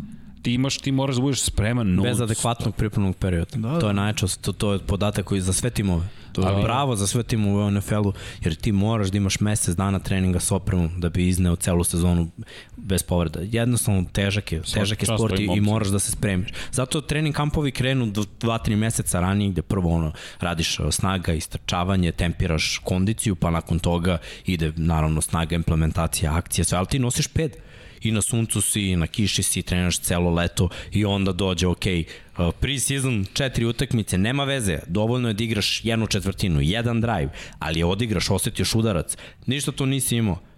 Formu si krenuo da tempiraš u onom oktobru. Aj budemo realni. Pa. Do oktobra neki timovi su nam delovali, ok, ovi se, ovi se tek zaleću. Evo da, da odgovorim izvini na Jimovo mišljenje. Mislim da su bili najbolji, on, on, floskula, kada je bilo najpotrebniji. Da. Bukvalno to ono čuveno tempiranje forme. Ako se vratimo na titulu Chiefsa, Chiefsi nisu imali Mahomesa u, u, u prvom delu sezone prošle godine i rekao sam tada da mi se čini da je to blagoslov za Andy Rida koji ne zna da tempira formu, gde on kreće da gazi od septembra, gazi septembar, oktobar, u novembru malo se štuca i dalje svoj, onda u decembru bl, bl, bl, bl, bl, počinje da se usporava i da tone i onda nestaneš u play-offu. Ove godine to nije izgledalo tako izgledalo prosto Mahomesov brod da je nezaustavljiv, ali opet trenutak samo po, n- nedovoljno dobre pripreme, čega god, pocenjivanja, kako god, ćao. Bukvalno ćao. A to je ono što je u američkom futbolu neoprostivo, ta jedna utakmica. I oni su odigrali jednu lošu utakmicu. Ni protiv Vegasa, nisu, protiv eh, Raidersa, oni nisu bili toliko loši. Jednostavno Las Vegas je došao sa pripremljenom pri- pričom i znao šta treba da uradi. Ovoga puta Tampa Bay Buccaneers i Brady, nevjerovatno, ali istinito, ali, ali i da se vratimo na početak sezone, šta smo pričali u najavama, jel imaju Bucksi šansu da osvoje titulu? To je bilo pitanje svima u glavi. Ja sam ih stavio u top 8. Znaš zašto? Zbog, Moram da se ne, da jeste, pogledam. Jimmy je bio u pravu u jednom trenutku kada je rekao, jeste, ali to ti je na papiru. Da. Ok, nekad se s papira, ne mora da znači, znaš, mo, mogu, mogu je da bude fail. Mo, mogli su da ne uđu u playoff ili da uđu i da ispadnu ono u prvom kolu. Ali nekako kada imaš te iskusnije igrače koji juri, još su dodali paru od tad kad smo radili te projekcije, dodali su ono ni manje ni više nego Forneta i Brauna. Da. Znaš, delovalo mi je da, da ako igrač. se sve sklopi, skocka s iskusnim trenerom, to je bio meni onako neki X faktor može i ne mora da bude. Na kraju je ispalo da bude. Ali mislim da, da je vreme... Da zaključimo. Da zaključimo. 7 titulu, 10 Super Bowl nastupa za Toma Brady-a, druga za Tampa Bay Buccaneers u istoriji. To sada postaje ozbiljna franšiza. On je čovjek promenio lice sporta, bukvalno ono što ti stalno govoriš. I to bi bio kraj pregleda Super Bowl 55, mada to ne znači da je kraj ove priče, ali ima Vanja predlog za priču nedelje. Vanja, Da, predlog priče jeste to zapravo Kansas City Chiefs i dinastija koja je trebala da bude, ali pitanje je da li će sad biti. Bić, samo je on hold. Ne, ne, ne, ali... Teško. Ja Sad, imam, ja imam jednu teoriju. Da bi bio dinastija, moraš da, da osvojiš tri. Uh, Back to back mi nije dovoljno. Na, dinastija je jaka reč. Jeste. Uh, I mislim ni Petrioci meni nisu bili dinastija dok nisu nakon onog jednog vezali dva. Znači to je bilo tri za pet godina. Za, za O- četiri? Za četiri. Da, znam, nego, nego ajde, da, da, kažem, je da, da, da, da. da to, tolerišem i, i pet, jedno nije ušao Brady u playoff, a, Da, ali, ali u te četiri okej. jednom nije ni ušao. To. I uh, to je već dinastija. E sad mi pričamo o timu koji ono, tri, pet sezona, idemo dalje, ja sad očekujem da oni još budu, i to ono, na početku. I malo je timova koji su uspeli back to back da uđu u Super Bowl, znači ispravite me ako grešim Chiefs i Seahawksi Tako je. u poslednje Poslednjih, poslednjih, u poslednjih 10 godina. Pa od Da. kad su Pa- Patrioti to uradili 2003. četvrte. Čekaj, i Tako je. Patrioti su to radili, 53. 54. Ne, ne, nego u poslednjih 10 godina. 53. izvini, Ne, a- 52.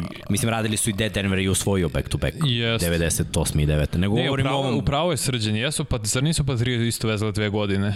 Ili. Uh, Da ulaze u Super Bowl, jesu. da, da, Sada ne, ali ne, ne, ne 2003. četvrte, nego ovo sad skorije. Sada. Jesima, zar ne? Koji dan pre 51. toga su, su ne, ne, tri za redom su. Oni su od uh, 5, 51. 4 puta drugi i treći. Da, znam Paula Geretu Blount, jedne godine Da, osvojio da, da. sa Patriotama, druge godine sa Eaglesima, ili su pobedili Da, a, Patriot, tako da a su ovo, sorry, ne patriotski uh, franšiza je tako. Ne, patriotski.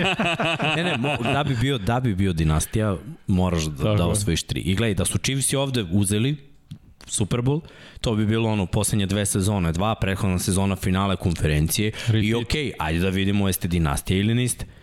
Da vidimo, znaš, da, da se plasirate bar u Super Bowl. Mislim, meni je dinastija bila je ekipa Buffalo Billsa koja je četiri godina za redom bila u Super Bowlu, ali je izgubila. Jer, čekaj. znaš, nisu osvajali, ali su, ba, znaš, bili su dinastija neuspešna I dinastija. opet, izvini, šta je naslov emisije? Tom Brady. Je li on sada dinastija?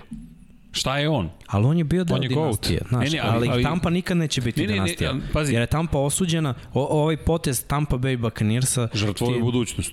Tako je. Ne, žrtvoje budućnost. Jer oni, gle, oni su osvojili jedan Super Bowl, pa su bili Buccaneersi 20 godina, pa su sada dali sve što imaju da, da naprave roster koji će biti i sledeće godine, znači ono ubi cap, ubi budućnost, ubi sve, da idemo back to back i da probamo u 2-3 godine da osvojimo još koji Super Bowl, što nije sigurno, ali ajde, nek se i desi, Dobro, je neko osvoji dva puta, nakon ovoga, oni će sledećih 10 godina da budu ali, ali, opet. ali, ali vidi, moje pitanje čak nije Tampa.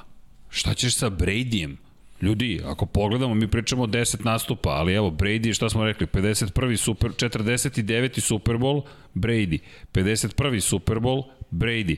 52. Super Bowl, Brady. 53. Super Bowl, ispravite ako grešim, Brady. 51. je bio protiv Atlante, 52. protiv Eaglesa, 53. protiv Ramsa, 54. su bili Chiefsi. i San Francisco, 55. Brady. Dakle, 49. 51. 52. 53. 55. Wow. Bu- bu- Bukvalno wow. I to su četiri titule koje ono su, oči- ja, Yes. ja sad više ne, ne, ne znam šta da kada u šest Gledaj. godina ti si osvojio Gledaj, četiri. jako je. Šta si ti? Šta, zato, zato je to A, si ali najveći, ne, gledaj, najveći, jeste, znaš. on jeste dobar igrač, ali opet to, u ovom sportu je malo i timski. Ne mogu da kažemo Ne, ne, Brady jeste je timski, dinastija. Nego samo ljudi, ali on... Impozantno je, stoji, stoji. Ali gledaj, menja. dajem poređenje u NBA-u, Lebron je u 10 finala, NBA finala. Ali da, smatraš Lebrona redom dinastijom. godina. On je 9 godina za redom igrao NBA veliko se ono finala. što si ti rekao, različiti sportovi. Jeste. Zato je ovo gotovo nemoguće. Ovo je n- Jeste, nepojmljivo. ali moram da istaknem još jednu stvar. Sinoć sam gledao neke kao tipa klip koji se zove Angry Brady Moments. Ljudi, hvatači kako Angry bacao Birds, lopti. Angry ja Bradys. sam Ne znaš. zaboravio da su A. postojali. Budimo iskreni. On sada u Tampi ima prvi put krštene hvatače. Da se tako ide. Da, od. Mosa, nije od. Mosa. Imao je sezonu sa Hernandezom, sa Gronkom i nebitno ko su bili hvatači s njih dvojicom, to je bilo monstruozno. Imao je sezonu i sa Mosom, sve to stoji. Kažem Ali- wide receiver. Ajde da ne kažem hvatači kao... A dobro, ne, gledaš Jedno, ti. moraš da gledaš Mora sve. gledaš, znaš, da. ali one godine kad su osvojili Super Bowl uh, protiv Atlante, mislim, Edelman je bio najveća zvezda, Jest, tako? Imao jest, si jest. ovoga Hogana, koji je on... Je odigrao iznad svojih mogućnosti taj play-off. I Super Bowl. Playoff, mora, Super Bowl je imao, tako Imao je bio jedno kritičan. hvatanje. Ma, ljudi, imao je jedno hvatanje, to tačno, ali to Ne, ne. hvatanje je bilo tako što mu se lopta odbila pet šake, pa onda... Ali gledaj, taj, taj play-off, da dođu do Super Bio Bola, je tu im je on dosta pomogao. Jeste, ali došao Super Bowl i tu se pokazalo da to nije obična Pa utakmica. naravno. Pa nije, taj kalibar. Čekaj, koji- ali ko je, iz- E, tako pa, je, ko je izgrmeo i- tu utakmicu, jedan od najboljih running backova hvatača Jeste? u ligi. Mislim, opet tu dajem uh, Brady-u i, i uopšte njegovoj veri i motivisanju dajem. ekipe. To je Super Bowl gde, mu kažem, ok, Vidi, Ali vidi, ja čak i ne pričam, izvini, o tome da je samo on to učinio, nego samo govorim o tome da je to i dalje sve nekako Jeste. nadrealno. Od... Ali, evo hoće napraviti jedno poređenje koje nikad ne pravimo. Pravimo poređenje sa košarkom i sa NBA-om. Cristiano Ronaldo. Ljudi, treba da im, ja mislim, ja verujem u to da kad si takav najbolji, jedan od najboljih svih vremena, najbolji svih vremena kao što je Brady, da tvoja karijera ne treba da bude kao što futbaleri odu u Kinu da igraju. Ne. Nego na vrhuncu. Tako i Brady. Zašto bi on sad otišao u Jaguars? Ne, idem u ekipu u kojoj ću konačno da budem ono okružen brutalnim talentom. Jer sam gladan, hoću još da osvajam. I za mene to ima smisla to je način da se penzioniš a ne da odeš tako što odeš u neku bez veze ekipu i kao pokušaš nju da dovedeš u play-off pa svi kažu eto vidiš doveo je Jaguars u play-off ili ne znam ja šta. Ne, ne, ovako treba da ide karijera. To je kao ono, kada, poč, kada, kada je počeo, bio niko i ništa, tako, pa onda krenuo da gradi ime, ok, on je ostao u jednoj ekipi, ali dođe trenutak kada moraš da ti se vrati to. Patriote mu nikad nisu davale brutalne hvatače. Realno. Nikad. Eto i to smo pričali kad sam spomenuo Hernandeza i Gronka, to je bilo sve sa drafta. To je bio njihova draft klasa, to nije bilo Tako da ćemo je. ti lupom Calvina, tradovat ćemo za Johnsona, tradovat ćemo za najbolji hvatač, za Hulija, za bilo ko. Ne, nećemo. Daćemo ti ono što možemo ti damo, nekog rukija, nekog uh, free agenta koji je jeftino, to Beliček volio tako, da mnogo malo plati ljude. Ovaj, Ili veterana kog su se svi odrekli da opet dobije da, za malo pare. Da, on kaže, dođi, jeste. Dođi, Bilo je, setimo se, titul. jeste. Če, Dočo Sinko je bio patriotama. Brandon, kad... Brandon Lloyd. Da. Isto, da. koji je ono bio iskreno u dve, jedne sezone Jeste. najbolji hvatač lige. Ali moraš priznati, sa, pa, sa hvatačima Beliček nije znao da ubode. Nikako. On te sve što je dovodio te hvatače kao ima, koji su imali dobre sezone, tipa Čedo Očasinko, ok, nije dobra sezona, oni imaju dobru karijeru, ali tipa Lloyd. Brandon Lloyd i to, on ih je doveo u trenutku kad su bili potrošeni i kad su bili Samo ono... Samo Moss je izuzetak u toj priči. Samo je Moss izuzetak u toj priči. Pa i Sanua isto doveo kada pre dve godine isto pa tako. To, ali pa da, okay, pa samo nikad nije bio elitni. Ja sam od Sanua... Broj 2. Ok, ali sam od Sanua očekivao kad je došao tada u Patriote uh, da će biti um, neka vrsta ono Edelman broj 2 ali nije se ništa desilo s njim. Oni su ga otpustili te godine. Mislim, yes. on Na, nije ni sezonu izgurao. Da, da. Ali uglavnom hoću da kažem, da se vratim na to. Moramo da, da, da, da, da iako neće neki ljudi reći i pun je internet ona priča, ne znam, ovaj Super Bowl Vinatieri, sledeći Vinatieri, onda je uh, Tak Rule, pa ne znam, to je, to je pre toga bilo. Pa je, ne znam, onda uh, Malcolm Butler, interception, pa je, ne znam, uh, choke ovaj, choke ovaj, kao ništa nije Brady. A stalno ima koliko izgora, slučajnosti mislim. dok da. nije slučajno. To uopšte ne verujem tu priču. Samo se vratim na Chiefs, kako će sad oni da deluju, jedna povreda je čitavu ofenzivnu liniju da kažemo, ra, ras, ne pa da, zato i kažem, to jeste realno. Ofenzivna linija... Re, recite. Sve povrede. Sa, ali samo da kažem nešto, ofenzivna linija je jedan čovek ti kad imaš povređenu ruku i ideš u teretanu jesi na 100%, tako je. nisi, ne možeš da budeš. Ne, tako to, je, to govorim kako jedna grupa. Svi smo zamislili Chiefsima, oni će osvojiti tri u narednih četiri godine, pet i to je to. Čekaj, pa nije ni odbrana toliko dobra realno imaju dobre znači. zvezde, imaju na određenim pozicijama, ali opet nije toliko dobra odbrana. Njihova odbrana je konstruisana, uh, primaćemo poene, ali će napad dati više. Da. Toliko, toliko će odbrana primiti manje da je napad uh, ono, u nekom svom proseku postizanja poena, što je za njih ne znam koliko bilo, oko 30 recimo, znači mm. odbrana treba primiti 27, da. 8 i to je okej. Okay. U play-offu 34 poena po utakmici. Eto. Ali da, da, se, da se vratimo na vanjeno pitanje. Ok, na Mahomesa ne utiče, Videli smo i Brady kada je izgubio protiv Eaglesa, 500 yardi čovjek bacio, najbolji statistički play, to je, to je Super Bowl za njega iz te perspektive. Pa najviše yardi. Pa se vratio, tako je. Mahomes, ne sumnjam u Mahomesa, ali da li ovo utiče na, na, na samo shvatanje samih sebe, percepciju Ma, sebe kao ekipe, e, pa Chiefs ili ne? Mora ne, da moraš, ok, ali da li te ovaj vidi, utiče... no, Atlanta izgubila pa je nestala. Ali, da, gledaj, izgubili ček, pa ček, nestali. Znaš, vrlo je važno, vrlo je važno da, ka, da kažeš u kojoj diviziji igra Atlanta, Da. Atlanta je izgubila pa nestala zato što su Saintsi izgospodarili tom divizijom u sledeće tri sezone i tri puta mislim da, izgubili u play-off. Atlanta nije izgledali ličila na baš Mental, na, na, uticalo na, mentalitet. To, to, to, čekaj, oni nisu ušli u play-off od tada, nije to mentalitet. To je manjak egzekucije. Sledeće sezone, samo da kažemo ovo, vrlo važno, devet startera nije igralo sezonu da, nakon Superbola. Znači to su povrede. Ne možeš, kad uđe igrač koji je manje talentova, ne možeš da pobediš. Zato sve utiče na Chiefs i na njihov dinar. A ko će u AFC-u da utiče da Chiefs ne osvoje svoju diviziju bolji, bolje biti. Verujem, verujem. Ne. Ovo Buffalo će biti bolji sigurno. Ne. Chargers će biti bolji koji god da to sad deluje. On je sigurno, ti si rekao isto. Chargersi da. Gledaj, Chargersi da. Baltimore ne znam, zato to su što... Timovi, slušaj, to su timovi koji trenerski i igrački, igračkim kadrom nisu ni blizu Chiefs. I, i moramo da ovo, da ovo konstatujemo. Svaki tim ima neke ozbiljne falinke u AFC-u.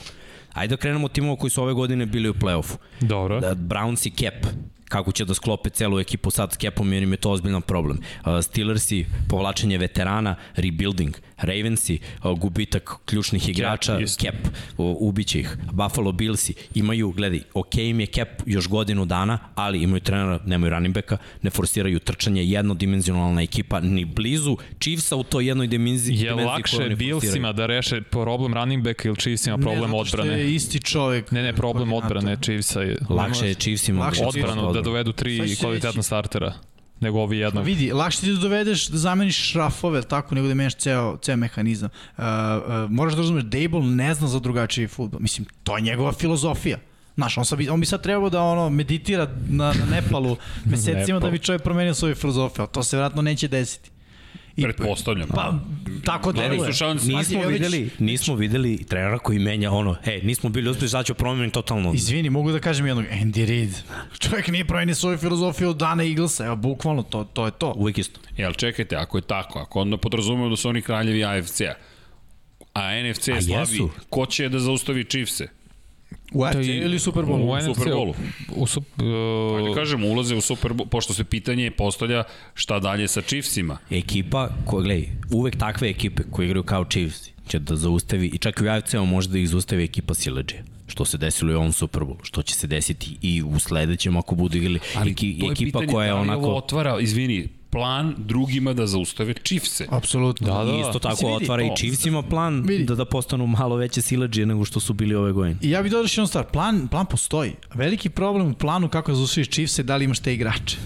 Da li imaš uh, safety koji će da budu strpljivi i da ostanu duboko. Uh, uh, da li imaš defanzivnu liniju koja će toliko da maltretira ofanzivnu liniju Chiefsa i da uh, Mahomesu pravi pakao života i da li imaš linebackere koji mogu da se kreću sa, sa Kelsijom. Ako nemaš sve to, džabe ti plan. Da li onda iko mogu da zaustavi Chiefse osim Tampe? Jel ima neka ekipa Saintsi, ove godine? se, Saints. Da. Saints ih U teoriji, u teoriji da, ali mislim, što smo rekli, u dve godine jedan porast startera. Nisu se baš pokazali timovi da mogu, je tako? Jasno. Teško, teško. Znači, moraš i da postigneš više od 30 poena i, i da njih spustiš ispod 30 poena. Znači, i napad i odbrana moraju te odigraju savršeno. Mislim, Da. da. kao što Tampi I se i desilo u Super Ako se ne varam, ti Vanja mi ispravi ako grešim uh, statistički, onaj meč proti Raidersa koji su izgubili. Bio je sličan game plan. Raiders imaju šupaj sekundari. Ali očigledno taj meč su No, no, taj meč su, zato što je odbrana Chiefsa popustila, primili su 30, kogo, 3 poena. 40 40 još gore. Da. su, kad su izgubili I Super zato je kao odbrana njihova me stalno brine. Ne brine znapa će postići svoja odbrana, sve osim starije. meču napred. Da. Pa upravo, pa to će se desiti, neko će njih zaustaviti, upucati, ne kažem tako kao Bakanirsi i to je to, i to će biti Ali- kraj. AFC postaje bolji iz godine u godinu, jer svi top pikovi, naredni dobri ko, treba koji idu u AFC. Stoji, ali za sada, to je ono što ti misliš da li će ovo da ih sruši ove godine neće ko ide.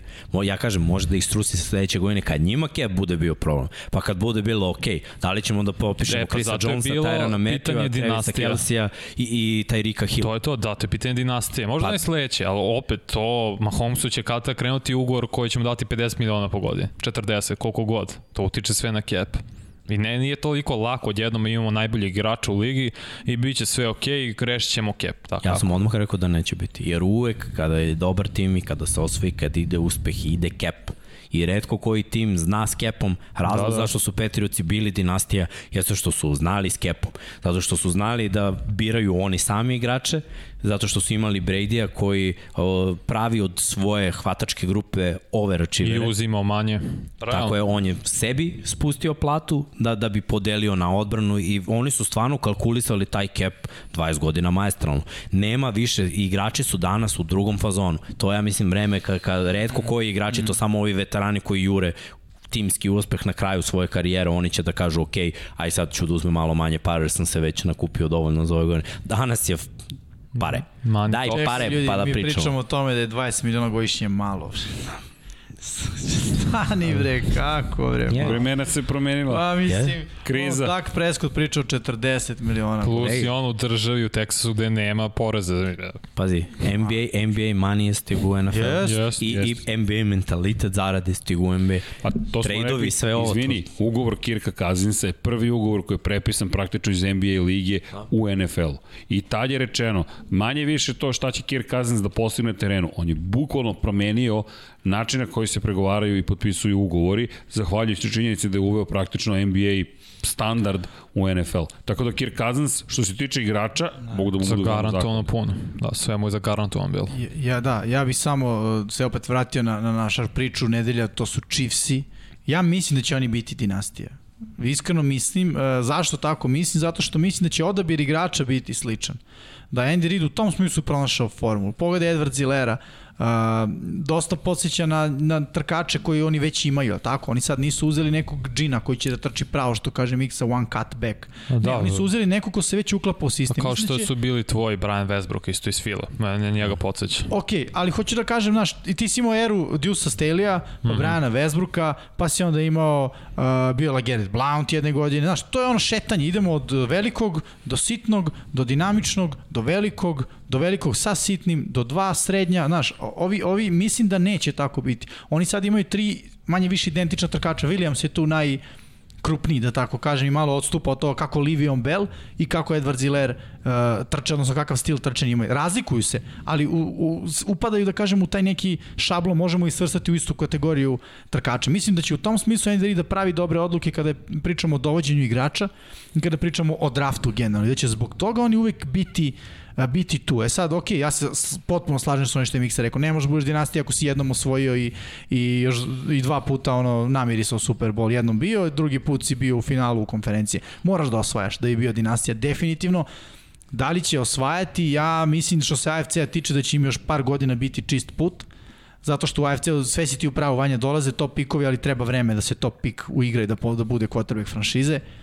A, sa druge strane, što se NFC-a tiče, Tampa će isto biti problem i sledeće godine. Hoće. I od njih očekujem vrlo sličan pristup u pogledu kako će da igraju. Početak osrednji, e, sredina sezone onako mogu da pobede, mogu da izgube, kraj sezone fokus. To je Brady, to je čovjek koji igra futbol u decembru i, i, i u play-offu. Koji su timovi u NFC-u? Realno sad pogledamo Ramse, Green Bay, ne Tampe, naravno. ovaj- Do, dok se ne završi i draft i Da, sve u prelaznom roku, da. Ne, sad samo gledam. Možemo, možemo pojedine timove da lanciramo ono za Jest. 10 mesta gore, samo, Evo, samo s dva su potpisivanja. Sad. Sad su Ne. nigde, nemaju quarterbacka.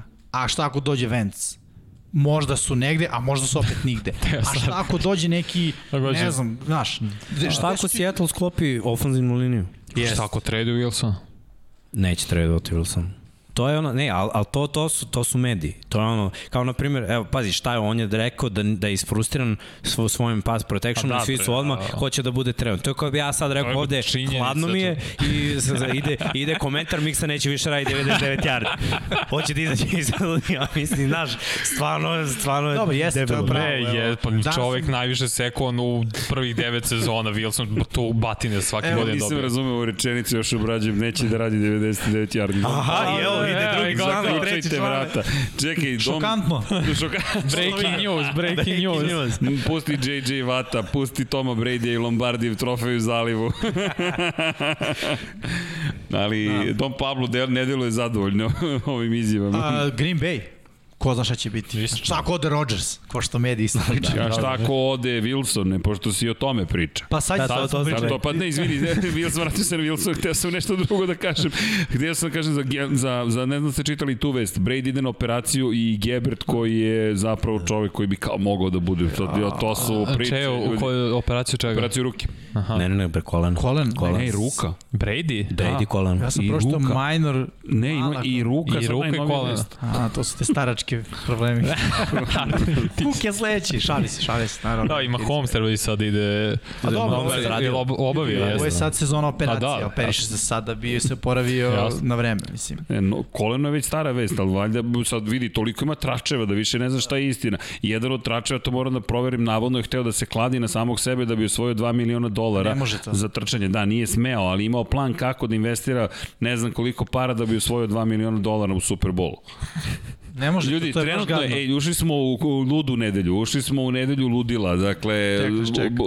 tek nas čeka, pri čemu najveća vest jeste JJ Watt, ali neću da skačem na vesti, nego samo Da. šta se sve priča trenutno, kao što si rekao, šokantno, ćemo ko neće da je bude u 99 yardi. On je samo to čuo. Da. Clickbait, ej. Ja sam, ja sam veliki protivnik clickbait. toga. To Pa. je i ovih vesti, naš sad, Pompe, ovo, ono, ovo, ono. Pa to je, I kad na to, To je bilo, to je bilo, molim vas, dovedite nekog u ofenzivnu liniju. Znaš, to je Braća. bilo ono, nisam mogao da kažem baš tako, ali da sam mogao da kažem tako, I dovedite treba mi i to, kaže, koga su doveli, Dwayne Brown koji je bio i četiri puta pro bowler, bio okej okay u Seattle. Ali, ali O, o, pro, o, problem je kad je... okej, ono, opet je problem ofenzivne nije se vrati, to je jedna braća jedinica. Dobro. se povlače, eto. Hoćemo navesti. Ajde, nećemo navesti. ne, ne, ne, ne. Nećemo navesti, nego moramo da mu ovom Spider-manu ovde damo, damo respekt. Za... U, ili ide taj deo pre... Ide, Ja, čekaj, čekaj, šta je zaključak na kraju? Chiefsi nisu... Pa, Pomešali Jimmy kaže da jesu, biti, da. ja kažem da neće biti miksa. Šta da neće biti? Dinastija. Dinastija. Biće uspešni, a da li će biti dinastija, zavisi od egzekucije, kao i uvek. Ja mislim da, da, iskreno, mislim da će biti, da si ti lepo rekao, bit će uspešni, ali da neće doseći taj nivo koji se očekivao od njih. Mislim da sa Ridom to ne mogu da dosegnu, da mogu da budu povremeno uspešni, da je neću reći to, to nije to malo, samo da ponove ovo što su Patriote postigle ili Brady, Vidi. mislim da će biti Lestica je previsoko postavljena Mm, i da pitanje da li će iko Ljudi, ikad, aj ne je- ikad, ali u narednih 20 godina moći Mislim da je na, napravio novu igricu za sve koji se takmiče. Ovo je nova igrica, ovo više ni zato kažem, Tom Brady, čovjek franšiza manje više, to je potpis svugde, nismo mogli da pobedimo od istog. Ali, ali, ali, radujem se sledećem segmentu. Dom Pablo, molim vas da pređemo na segment eh, naše prognoze. U najavi finala konferencija teško, ali naše su prognoze i dalje, ali Dom Pablo me ignoriše u potpunosti. Idemo mi na naše prognoze, ne znam kako se ovo najava finala konferencije. A, ovo već, je, Žula je pobedio u play-offu. To smo znali. Žula je play, pobedio u play-offu, 10-3. Moram priznati da nisam nezadovoljan. Vanja, da, da se... Ultra sam nezadovoljan. Dobro, ti si se kockao na kraju da bi A, potencijalno jesam. mogao da budeš prvi. Očigledno mi to te- ne ide. Kako te coach izvukao? A, thank you, coach. Školski. Ali vidi, ovo je, da, poštujemo. Pošto svi smo se igrali, konačno jedan pravo da se bunio, da se bio katastrofalno u regularnom delu sezone. Ali ja bih izvukao jednu statistiku. Ja sam bio treći i u regularnom delu sezone treći sam u play Mislim, konzistentnost, kada već pričamo o tome. Ali Žule, svaka čast, pobjeda Da. 76,9% uspešnosti. No, sledeći grafikon, uh, ja, ja, ja. Ja se izvinjam. Ja znam da smo uveli samo dve kategorije. Kategorija regularni deo sezone i playoff. Ali, ja sam rešio, pustite petu Beethovenovu, da uradim sledeći, molim vas. Kadar na studio, kadar na Okej, studio. Ovo je moja bratanica Sofija mi poklonila kada je imala tri godine. O, idealan trenutak da se samo krunišem i da kažem ko je pobedio u Superbolu. čekaj, čekaj, imam još jedan rekvizit koji je za ovaj trenutak idealan. Vidi, u duhu Floride Ide full, da, Florida man, full. nisam bio sa Gronkom i Bradyjem na žurci, ali... Ali izgledaš kao da jesi. Ovo je za moju Sofiju, ako mogu na nekog da se izvučem, onda će to biti na Sofiju, ali uh, otvaram novu kategoriju ko pogodi u Super Bowlu prognozu. Ja mislim Dobija da ti Jaro. Kako? Dobija ti Jaro. Dobija ti Jaru, roze. Ro, o, nema ništa protiv Roze. Pa. Očekivao sam da će Jimmy, do, da će, izvini, Miksa doneti krunu, ali nije bilo avaj. Pa gledaj, mogu triknem dole. Dok je... Ali ona je, mislim, naš, reg, kruna regularnog šampiona. Regularnog dela. Ne, ono je stvarno impresivno. Ne daj mu, Šta se ne da delu molim te. Sezone, ono je impresivno. Ovo je jednostavnije što bi se reklo, ali dobro. A, Dom Pablo, je li Dom Pablo zadovoljan? Sad ja ne znam ishodom Superbola ili nije. To ćete otkriti jednog Mislim dana. da je on fan. Mislim da, Bradya. da, Da, da, da. mislim da nije. To da, niko ne zna. Da, da. Svi su se učutali. Ok, idemo mi dalje. muk. Idemo na vesti koje smo već počeli pod da spominjemo, ali da krenemo od kojih vesti ljudi. Ajmo, ajmo samo da se vratimo korak unazad. Ne zaboravimo osam ljudi koji su ušli u kuću slavnih. Mislim da je to Tako važno je, spomenuti. to je broj jedan. To nismo spomenuli, a mnogo je važno da Peyton Manning je prvo ime koje ćemo spomenuti, nekako to smo svi znali da će se desiti čovek koji je osvojio titule sa dve bi rekli ekipe na čelu te grupe. na čelu bukvalno te grupe i, i, i ovo mu je prva godina u kojoj je mogao uopšte da bude izabran, odmah Čekaj, čekaj. izabran. Bravo, brate. Da, čelo te grupe. pa dobro, šta sad? Jest. Peyton Manning vodi on i Espis uh, i Baca, baca ali forice. koliko je sad, fore evo, bacao. Neka forica od nas. Ne, ne, sve je okej, okay. ali Peyton Manning, da. Ja sam bio ozbiljan sa Peytonom. Peyton ljudi ga osvojio titule sa dve različite ekipe. Velika karijera. Da, da velika. Koliko ima quarterbackova koji su osvojili titule sa dve različite ekipe? Sada dva. Dvojica. Sada Da, dvojica. Sada dvojica, Peyton Manning i Tom Brady. Kao da su i tu povezani. Kad pomisliš Peyton ima nešto što Brady nema i onda Brady kaže, ej, čekaj, čekaj, pridrži mi avokado. Dakle, ba, da, ba, bukvalno, čekajte, pa jeste. To se on dobro našalio, pri avokado tequila, on je uveo taj termin. Da inače, ovo je prvi put u 10 godina da je proslavio pobedu, titulu sa Gronkom, videli smo i efekte te proslave, ali svaka čast Peytonu Manningu. Ljudi i sa Indianapolisom i sa Denverom osvojio titule, kakva god je bila ta poslednja sezona jubilarni 50. Super Bowl i ne znam da li Bože. što ima Gledaj, ima nešto što je, impre, ima nešto što je impresivnije od toga. Ima. On je Od imenu Peytona ozbiljno- Manninga Da, da, od Peytona Manninga. Od- Završili smo s sad idemo na... Ne, ne, Peyton, Peyton. Pey, Peyton Manning je imao ozbiljnu povredu vratnih pršenova i vratiti se godinama. tako je vratiti se nakon toga američkom futbolu mm -hmm. gde manje više dobije gledaj dovoljno defanzivno da nijaš od 130 kila kad pusti ruku i samo te malo zakači po glavi znači to mora da da cimneš vrat Da. ti da se vratiš nakon toga, da toliko sumnjaju u tebe uh, od franšize ko, koju, koju si stvorio Super Bowl šampionom i napravio ih da budu uspešni. Jer kolci, vlast. od kad su otišli iz Baltimora, nisu bili uspešni. I bili su jadni, šta više da kažem, pre nego što je došao Peyton Manning. Kada je on došao, oni su postali onako jedini rival koji bi tu manje više mogao nešto da, da zasmeta Patriotsima u, u tom određenom periodu. Peyton je oborio mnoge rekorde, bio najbolji igrač, onda se vratio i uh, napad Denvera je bio najbolji te prve dve sezone. Jeste, čoukovali su Super Bowlu, bili su pregaženi, kada je on igrao dobro. Sledeće godine čoukovali su na Mile Highu kada ih je Baltimore dobio. Uh, jedne godine nakon toga Peyton je pao s formom, ali odbrana je bila dovoljno dobra da se osvoje. Tako mi uvek pričamo ono trčanje Jeste. i odbrana i to je važno. On je čovek osvojio dva Superbola i first ballot je Hall of Famer. Ali jedno drugo ime Ne, ne, čekaj. je, je, je tu na čelu s njim. Samo sekundica, on čovek ne osjeća, ne osjeća i dalje ruke. To jest prsti i dalje mu živac u rukama i dalje ne funkcioniše kako treba u bacačkoj ruci. Čisto da stvarimo, stavimo u perspektivu. On je imao fuziju vrata C5, C6, C7, ne znam koje sve operacije je prošao i došao u situaciju da ne osjeća zapravo i da je učio na pamet da baca loptu bez osjećaja u ruci. Čak ni danas mu se nije vratio osjećaj u ruci. Koliko je to teška i ozbiljna bila povreda. Diskus hernije u, vra, u vratnoj kičmi, skidam mu kapu. Apsolutno mu skidam kapu. Čitao sam dosta o njemu, isto sličnu operaciju sam imao, to fuzija C5, C6, C7 i baš mi je bio inspiracija kada je jedan Peyton Manning, zašto to pričam? Zato što na ličnom nivou, na, plan, na lične, iz lične perspektive znam koliko je meni značilo u momentu kada se pitam da li ću moći da koristim levu ruku u mom slučaju, gledam Peytona Manninga koji kaže, ej šta ti, On se obraća svima nama. Ej, šta ti je? Ne osjećam ništa u desnoj ruci. Ali sam osvojio Super Bowl. Bio je MVP posle toga, bio Fantastično. pet puta u karijeri bio MVP i, I- držao sve žive rekorde do kad se penzionisao.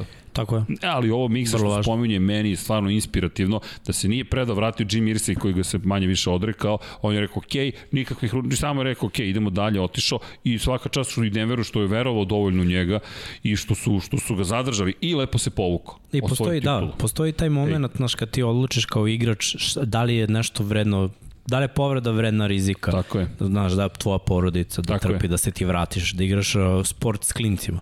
Jer NFL je sport do 30. Da budemo realni. Malo je igrača koji igraju posle 30. Znači ti uđeš 22 godine, 23 u ligu, otprilike i imaš znači nekih 7-8 godina da odigraš svoje. Ti kad se vraćaš nakon toga, znaš, rizikuješ da tež, lakše se ovaj povređuješ, teže se oporavljaš. Uh, evo vidimo Andrew Luck. Dve, tri manje povrede, manje, mislim, ne, ne osporavam da, da, da, da je, po, ali mislim u odnosu na ovo Dobro, Peytonovo je totalno drugačije. relativnim Da. terminima, to Pa- su povrede za nas sve ozbiljne, za njih su nis, nije nešto Pa ti neobično. možda se vratiš ono u roku od 6 do 9 meseci, to je kao ono osrednja por, da. povreda. Pa da, Laki je toke godine trpeo batine. A Peyton nije. nije. Pa nije ko ovo. A gde nije? On, pa, nekada, gledaj, nekada su udarci bili možda, A, možda, ne, su bili možda nije, udarci su bili brutalni. Svaki linebacker u današnjoj eri je 100 kila, tad je 120 kila. Mislim, 20 kila više da, jeste, da, da te sravni sa zemljom. I pravila drugačije. Da, da pravila su Imao si udarac quarterback u glavu, da. imao si udarac quarterback u Udariš noge. i da padneš sa njim na njega. Da. I to. I znači... Peyton je stigao 90-ih godina u ligu i on je bio u, toj, u periodu kada je bilo brutalno igrati poziciju quarterbacka. Danas su mnogo zaštićeni, mnogo, mnogo, mnogo zaštićeni. Ali Peyton Nemamo mi dovoljno pregura. mnogo koliko su oni zaštićeni. I još jedna stvar, on je stvarno velika zvezda. Ti kada pogledaš i taj deo njegove priče, pojavljaju se u savremenoj porodici, pojavljaju se u serijama, vodi emisije i slušaš ga i gledaš jednog inteligentnog dasu koji, ono što je bilo fenomenalno u njegovoj karijeri, kako je čitao odbrane. I to ne znam ko od vas trojice spominjao, kada je na liniji skrimidža vidi nešto u roku od par sekundi menja i stiže da pokrene taj da. napad i završava posao. Bila je legenda da pred svaku akciju on dobije tri akcije. Jednu koja je glavna i dve koje su backup. I da on onda uh, odlučuje na liniji skrimidža koja će se te trige. To je bila legenda, ja sumnjam, mislim da je to bilo njegovo onaj uh, adjustment, odnosno prilagođavanje upravo to kada on vidi, jer ono prva stvar pročita ko je Mike, šta bi mogao da bude, gde dakle, može da preti blici i onda donese odluku. U suštini, uh, to je jako teško. Jer mi, evo, danas ne vidimo da to koji radi. Ko to radi? Radi Brady. To uh, radi veterani. se da radi, tako je, Gron, ovaj, uh, Rotosberger i Rivers Brice. to radi, Brice da, to, to radi, to su veterani. Da. Od mladih quarterbackova ne. Eventualno možda ima jednu akciju koja je trčanje koja ono kao vidiš da stiže kill kill kill kill. Kill kill kill trčimo kill ono dive pored iza centra ili garda zato što blic stiže okolo pa da neutrališemo to prosto da, da iskoristimo. Ali i to ne rade svi. I čuveno Omaha. O da. Čuveno Omaha, ali koliko god je to čuveno, ono što mislim da ćeš spomenuti, očigledno nećemo pričati dalje o quarterbackovima, već o Charlesu Woodsonu. Tako. Šalim se. Ne, ne, ne. Ne, što sam pogodio? Da. A, mislim se da ćeš Kelly Johnsona ipak. Redko kada u onoj eri je defensivni back bio MVP. I, i Woodson imao fantastičnu karijeru. To što Super Bowl izgubio dok igrao za Oakland, tada Raiderse, pa je nakon toga s Green Bay Packersima osvojio, bio defanzivni igrač godine. Mm -hmm. I iskreno, ev, evolucija igranja defanzivnog bekla Nikla, je došlo od nekako od njega. Danas kada vidimo ovo, jer, jer pazi, tad je već krenula ona promena da pojedini timovi izlaze s 4-5 hvatača češće, nego da bude ono fullback, dva tight enda i ajmo trči odjednom je krenulo, aha, dru, drugi smer, quarterbackovi sve više bacuju, quarterbackovi su sve talentovani, znači sve ove koje smo pomenuli, i Big Ben, i Brady, i Brees, i Rotesberger, i Peyton Manning. Rivers. I Rivers, da. Kada pogledaš ono šta, kako se sve menjalo, trebao ti je jedan defensivni bek koji može da čuva tight enda, koji može da čuva hvatača, koji može da čuva koga god brek, stavi koga god Hibrid. i, i on, on da bude može da čuva. Trčanje. Uz to, veliki vođa uh, donosi nenormalnu energiju u ekipi i opet, do samog kraja svoje kere, povratak u ovog, ja sam radio tu poslednju utakmicu u, u Crnoj rupi. Znači, da je njegov klinac, on uzima mikrofon i Raiders, jezo odmah. Na, da. Fantastična karijera i čovek je morao da bude first ballot Hall of Famer.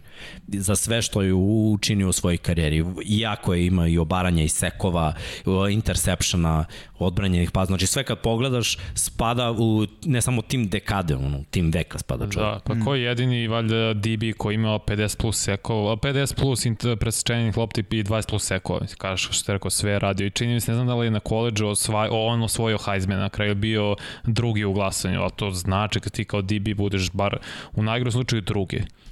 A oni jedri su baš bili anomaliju. U, da. da. I, I zato mislim da je zas, zasluženo da, da onako odmah uđu u kuću slavnu. E sad...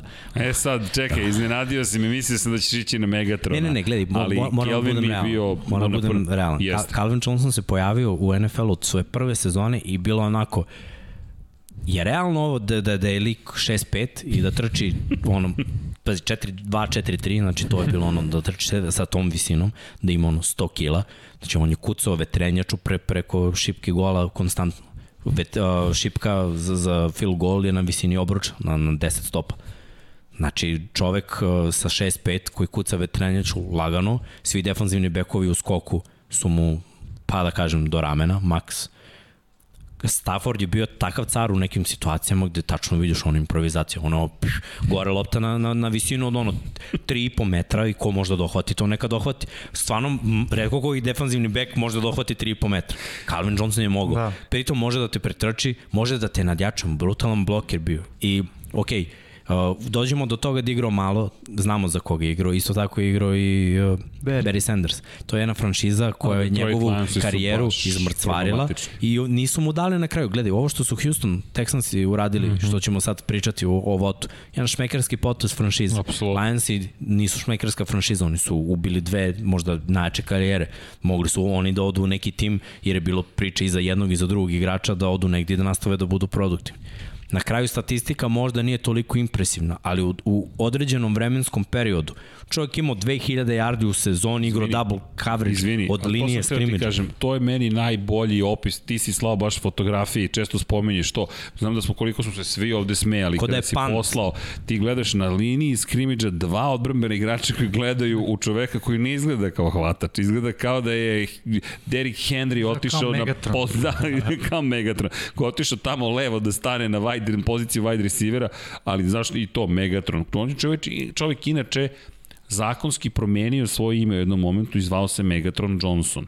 Njegovo ime je Kelvin Johnson. On je bukvalno promenio, da li to znate? Te samo Chad Ochocinco jedini Da. čovjek. Ne, nije. čaj, On je on promenio u Megatron. On se zvao Megatron zvanično jedno vreme i onda je vratio svoje ime u Kelvin.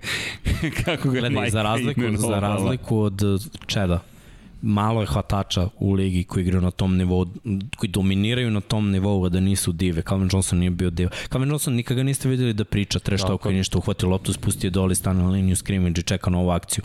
Nešto isto radi i Julio Jones danas. Što su igrači koji uh, uhvati loptu, ti ga ono, udariš, udara ga dvojica, trojici, sprevežu, on spusti loptu, idemo dalje, nova akcija. Nema tu previše ono koja je, zaustavio sam te, bla, bla, važi. Ništa, ne, nema reči. I samo ide dalje, ide dalje. Veli, velike vođe, znači ja znam da je Nate Burleson milion puta pričao o tome, Calvin Johnson je sve igrače na svojoj poziciji činio boljim kao što Julio to čini u Atlanti, kao što Larry to čini I- u Arizoni. Izvini, jedna bitna takođe priča, nju često pričamo, ali ta čuvena priča gde je gledao čak i u teretani da ne ponižava sa igrače, gde je, mislim da je Nate Burleson baš, Baš. shvatio da radili zapravo... ono takmičenje koliko ko može puta da digne 100 kila. 100 kila, da. Čovjek mogu da digne 30 puta 100 kila Bukvalno. na benču, ono I digo je nije 20 hteo. da bi sledeći koji za njega bio ono 15, kao nije tolika razlika. I Burleson ga je provalio i rekao je, čekaj, ti bi mogao više. On kaže, da, ali nemoj nikom da kažeš. Jer nema potrebe da ponižam svoju slučajnicu. Čekaj, koliko si ti i svestan i dominantan, da kažeš, nema potrebe da ponižam svoje, svoje klubske kolege. Zašto? Fas- fascinantan. I ta njegova kultura mislim da je takođe pomogla, jer smo se pitali da li će biti izabran, da je pomogla takođe da, jer ipak na kraju ljudi biraju, da ga izaberu i kaže, jel, čekaj, ovaj čovjek bio toliko pristojan kroz celu svoju da, Da, karijeru i sve to što je postigao dovoljno da bude i, i ja sam prijatno iznenađen, mislio sam da će ga, da će ga naterati da čeka bar drugi, treći izbor. Ne. Kelvin Johnson, Da, pa gledaj, to je sad diskutabilno ko ono čeka, pa da daj treba da bude u prvom, ono, moje mišljenje jeste jer je bio najdominantniji u svojoj eri. Da je Tio trebao da bude izabran u prvoj, trebao je jer statistika govori sve, on je bio jako dominantan u svojoj eri. Sad to negde ide ono, jeste, nije, jeste, nije. Mislim, Calvin Johnson je institucija za sebe. Jeste. On je, uh, Detroit ga je primoravao s ozbiljnim povredama da igra neke sezone do kraja. Znači, on ima neka trajna oštećena takođe, zato što su lekarski tim bio u fazonu, a to je Megatron, ajde, dobar si. Šta te boli? To, ma, daj, ajde, on popi je, ovo. I- On je znao bolje, njegovi su bili lekari, to jest i dalje jesu. On je znao bolje i zato je i odlučio da završi ranije. Kaže, ja neću više trpim ovaj bol konstantno. Da. I na, naj, najveći geto, geto mentalitet moment, jer nije očekivao da će biti first ballot Hall of Famer, što je za malo s utokom dočekao. Odmah. Otišao sam da uzmem pištolj i kao, čekaj bre, ovo je Hall of Fame, kad sve, sve je u redu. Vrati, vrati. Uh, Legendarno. Da, mislim, ovo, ovo, meni će uvijek biti pamćen meč protiv Dallasa i koliko, 329 jardi, ja veš, pa, čemu pričam, čovjek, Ajde. sam ima 300 jardi. ne, ne, ima, ima nekih impresivnih tu priča, ali m, generalno je nekako pozitivne emocije ove godine kada su Hall of Fameri u pitanju. I kada je reč o Manningu, i kada je reč o Woodsonu, i kada je reč o, o, o, o Hoćemo Kelvinu dalje, Johnsonu. hoćemo reći sve. Hoćemo, hoćemo. Svih osam, da ne zaboravimo, Ja bih, osam. ako mogu da kažem ja, Molim te, sam naravno. pravo, John Lynch. Da, da, da. Da, da, John Lynch Kako i... karijera. Jedan Kako od ljudi karijera, zbog kojih sam volio i želeo da igram poziciju safety definitivno. I meni je bila interesantna priča, a, mislim da sam u pravu, možda možeš i da proveriš dokle pričam, da je on zapravo, njegov otac da je bio da li guverner neke države američke ili je bio gradonačelnik nekog grada. Tako da on ima veoma bogatu pozadinu kada je došao u NFL i to je bilo svima a, zabavno, kao jedan vid da ga, da onako svima je bilo prvo neobično, kao ti si došao iz jednog dobrog zaleđa i kao došao si da igraš futbol sa nama, ono ljudima koji obično spas traže u, je. u sportskoj karijeri, i, ali on nikad sebe nije posmatrao na, na, na taj način.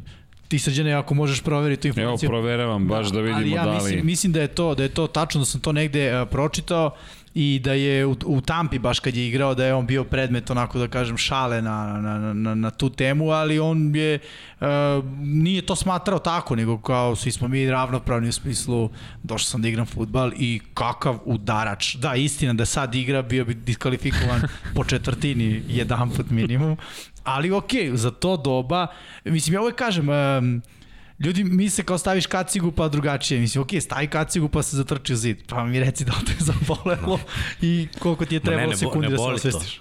Ne voli. Nije bio guverner, ali je čovek izvršni direktor Broadcast Company of the Americas. Okay. E, da. E, negde oko za 152 miliona dolara je prodao kompaniju pre nego što je njegov sin John Lynch mlađi ušao zapravo Eto. u ligu, a inače ovo nisam znao, zaista John Lynch je bio linebacker za Pittsburgh Steelers 1969. stariji. I povreda kolena ga je dovela do toga da je zapravo posle jedne sezone okončana karijera. I da o, osnoje kompaniju gde je posle prodao 150 miliona. Da vidi, snašao se. Da. I čekaj bre, i ove mlađe nakon završetka igračke karijere, jedan od boljih GM-ova u Tako ligi. je. Jeste, jeste ne zaboravimo pohvalno. San Francisco 49ers. Vaskersov San Francisco. Jeste. Jeste Iskreno. nasmejan, uspešan i čovek koji ne zaboravimo, kao što ste rekli, ima titulu sa Tampa Bay Bucks, ima svoju titulu. I indukovan u Hall of Fame u Tampi da su osvojili Super Bowl. Gde ćeš Ne bolje? može bolje. Gde ćeš bolje? Ne možeš A bolje. zamisli da je prošle godine sa 49ersima osvojio. To je bio ne pun krug, nego krug i po. Da, da da. pričamo o tome. Dobro, ali dalje i te kako može biti zadovoljan. I te kako Da, da, može biti Da, da. zadovoljan. John Lynch je jedno od tih još, još imena koje, koje, koje po automatizmu znamo. Spomenut ćemo naravno spomenuti. Istaći ćemo i ostane. Woodsona smo već imenovali. Drew Pearson, takođe, wide receiver, čovek koji je potpisao ugovor sa Cowboysom 1973. Povukao se iz ekipe Cowboy kao vodeći po prijem, boju, prijem, broju prijema lopti 489 i 7822 jarde uhvaćene kao wide receiver, 48 hvatanja za touchdown, tri puta je bio izabran za All Pro ekipu Koje i tri godina? puta je bio Pro Bowl. 70. Da, 70. mislim, To je jako teško Gledaj, za taj period. U 70-im To su- 10.000 yardi hvatanjem Ludilo. redko ko. Gotovo nemoguća misija. A on je igrao od 73. do 83. 11. sezonu u Dallas Cowboysima i bio je vodeći član ekipe u četiri sezone za redom. Inače bio i, i najbolji hvatač lige sa 870 yardi 1977. godine. Inače čovek koji je imao preko 1131 jardu u play-offu. I impresivan je zaista bio kada pogledaš statistiku i kada staviš stvari u perspektivu. Ono što je mnogo važno jeste zapravo da je zahvaljujući njemu i Rogeru Stalbachu i onom čuvenom bacanju za preko 50 yardi Pearson bio taj zahvaljujući kome je Hail Mary imenovan kao potez bacanja uz molitvu. Tako da Pearson ima svoju ozbiljnu, svoje ozbiljno mesto u istoriji NFL-a. Statistiku možemo da pročitamo, ali taj moment da je on zapravo čovjek koji je, pod, zahvaljujući kome je imenovan potez Hail Mary, mislim da je, mislim da je posebna priča zapravo. I mnogo lep moment. Interesantno mi rekli smo first uh, ballot Hall of Famer uh, Peyton Manning. Koliko ovaj go, čovjek godina čeka? Čekaj. Pa mislim ovo je bilo poslednja godina da zapravo i može da uđe u Hall of Fame.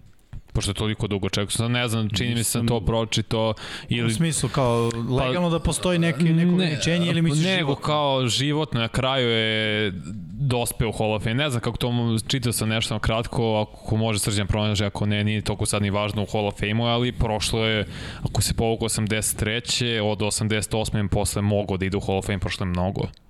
Koliko 32, Ja ću 31 reći godina. tačno koliko je prošlo od 88. do 33 godine. Mislim da postoji neka vrsta granice da te posle u- samo dodaje, mislim dodaju, može to loš izraz, ali ubace tu Hall of Fame.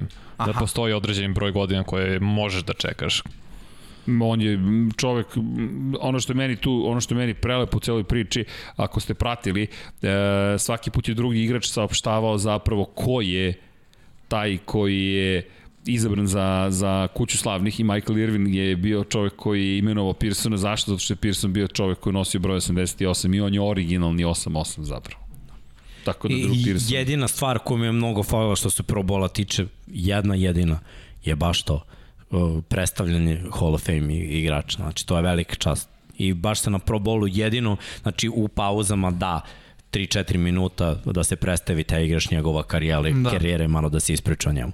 Ovako je nekako sve bilo ok, znamo ko su, velika su imena i sve to, pa, ali... Mi s, ovih, mi s ovih prostora realno tek od 2000-ih te igrače no. koji su igrali znamo. Mislim, eto ti se kad spominješ čoveka u 70-im, meni je lepo da čujem, ali potpuno enigma. Mislim, Jeste. nismo pratili uopšte futbol na ovim prostorima, ja ne znam da li iko pratio. Da, pravilo je da ti David Baker zapravo, na primjer, inače između ostalog pokuca na vrata hotela, pa i toga nismo imali u celoj ovoj priči što kažeš. Znaš, sve to što si rekao nedostaje i ovo što kažeš, mi ni ne znamo praktično ko je čovek iz te emotivne perspektive. Znaš, ti čekaš preko 30 godina ti izaberu za kuću slavnih.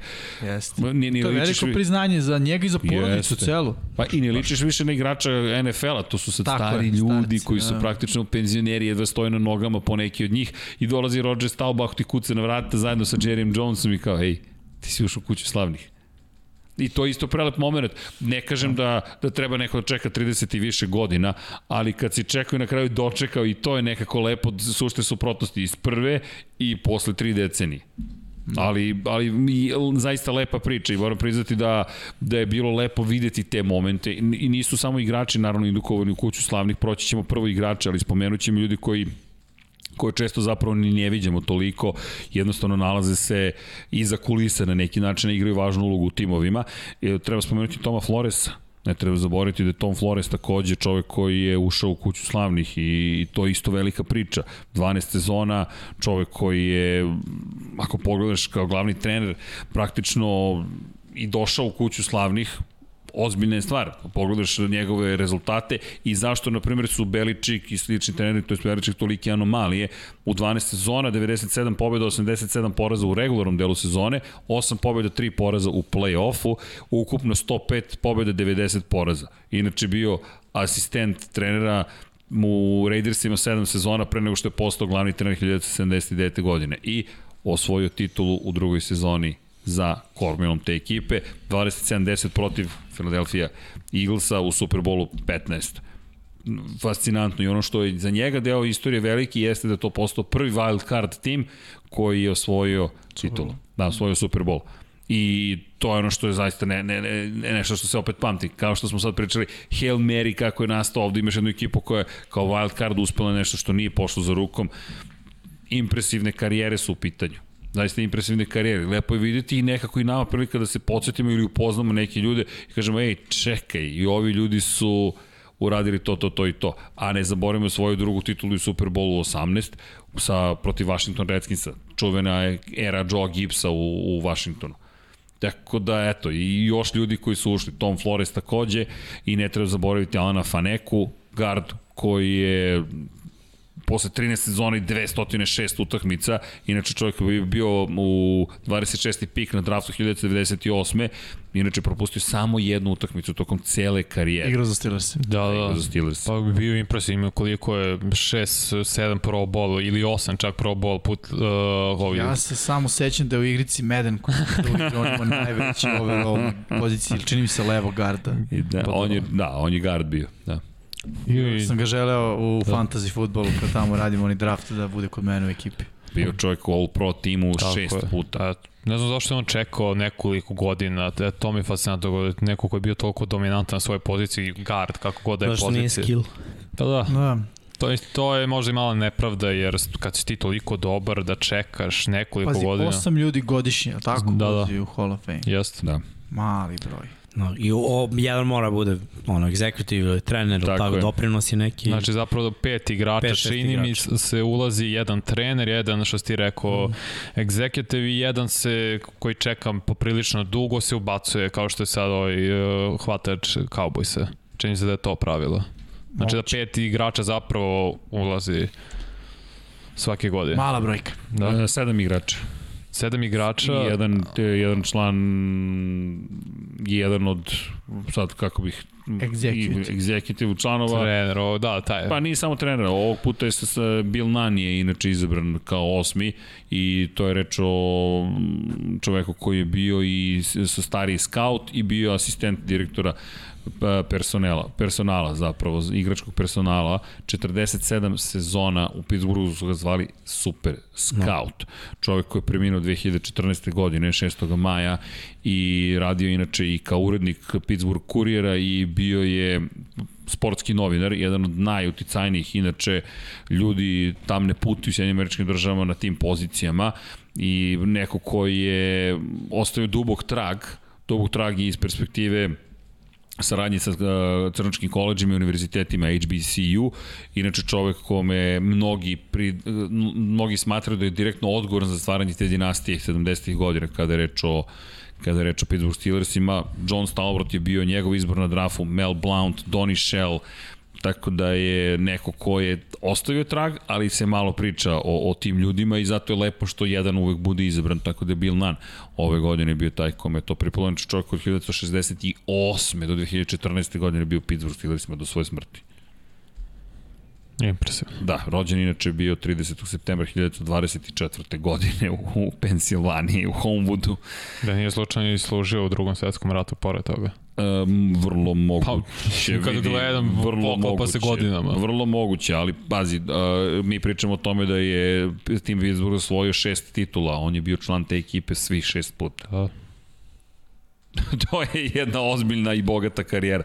Tako da da, bilo nam je bitno da ispoštujemo... Lokalni, lokalni momak.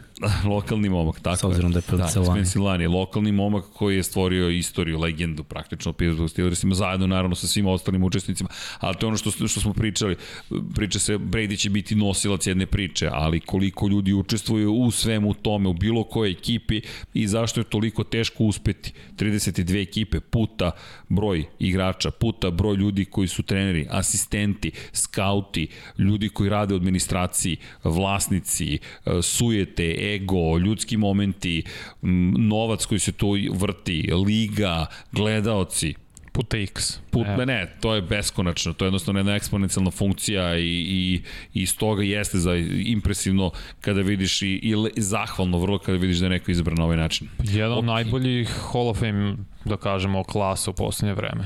Uma svaka je dobra klasa, ne može to da, da. ne bude. Da. Možda je najzvučniji, jedno od zvučnijih svaka. Ja, sam, sam, znaš, ali evo u poslednjih par godina znam jer radimo ono Pro Bowl, uvijek ima tri igrača iz ove ere, poslednjih 20 godina, uvek. A pazi, mislim da ima to vezi sa našim godinama, znaš, mi smo odrastali uz te igre, pa jeste, ja, dobro, možda smo mojim, okay. U poslednjih par godina, pa da, jeste. Da, kada pogledaš, to su, to su ljudi koje mi poznajemo, znaš, ti, mi smo gledali Peytona Manninga, gledali smo Kelvina da. Johnsona, gledali smo Charlesa Woodsona, to su ljudi koji smo gledali na terenu. Pa i ovo u poslednjih par godina, mislim, ono, Ladenian Tomlinson, Brian Dawkins, Ray Lewis, Ed Reed, mislim sve smo to gledali. Bici. I, i ide da. ti tako iz godine u godinu Jeste. dolazi igrači koji ono, ej, čekaj bre, ja sam gledao ovo. Pa, pa Znaš, evo, I zato ti ono John Lynch. No, to, pa bukvalno imaš oči da znaš čoveka. Pazi, pa ne znaš, naročito nas dvojica, uh, zašto smo igrali, bilo je ono, znaš, kad je ušao na Randy Moss, Terrell mislim, ja sam njih gledao, teo sam bojan, ono, To.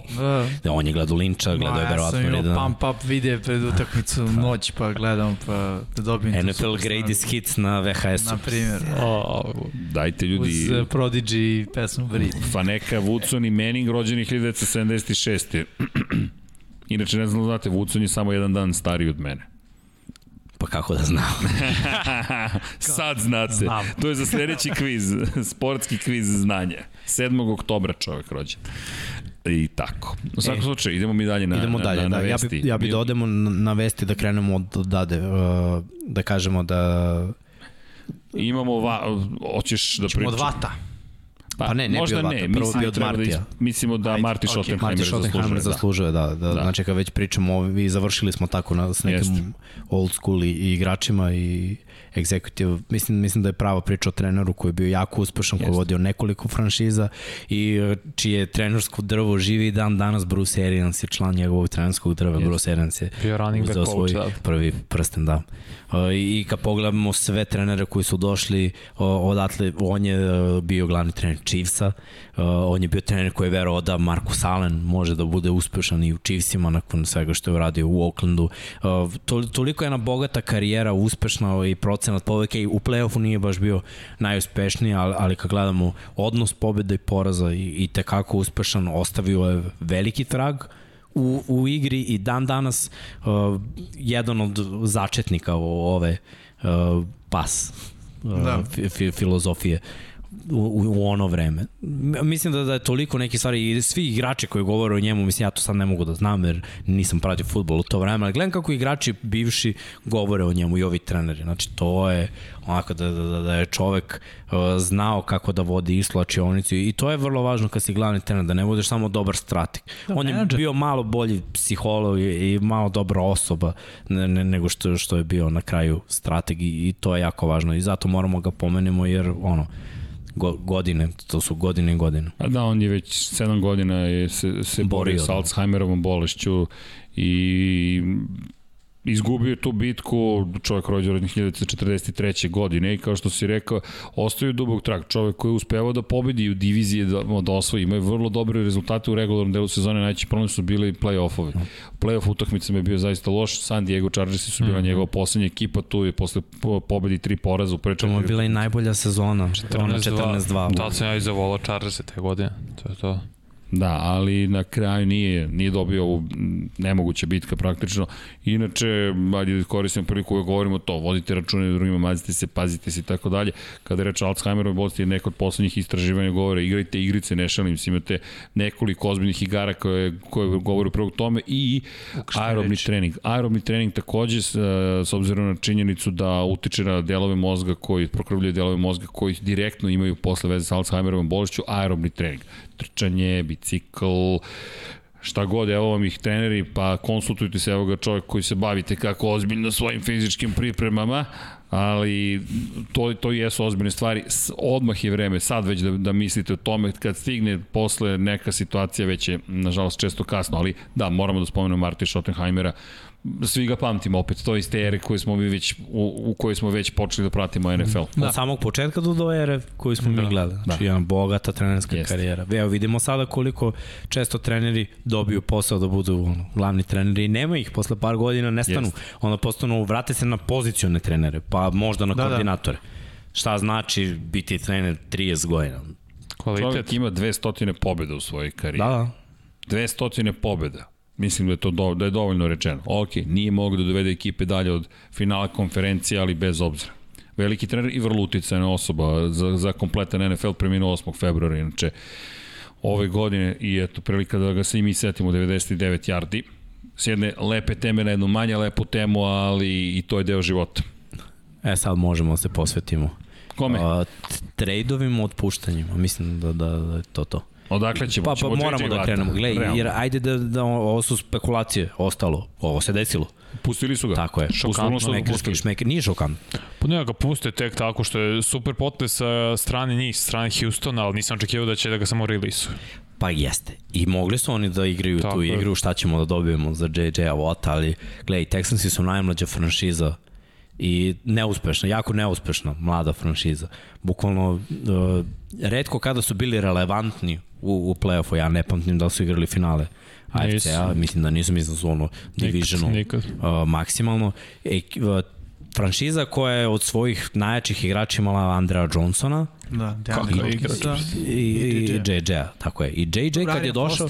Jeste, jeste. Dobro, ali on je, nije imao toliko Nije, Gledaj, ti kad govoriš od Andrew Johnsonu, bio najdominantniji hvatač u jednom trenutku jest. u NFL-u. Uh, JJ Watt je bio dva puta, tri, tri puta najbolji defanzivni igrač, jer mogu bude MVP čitave lige da je, Real. da je bilo realno, ali nije.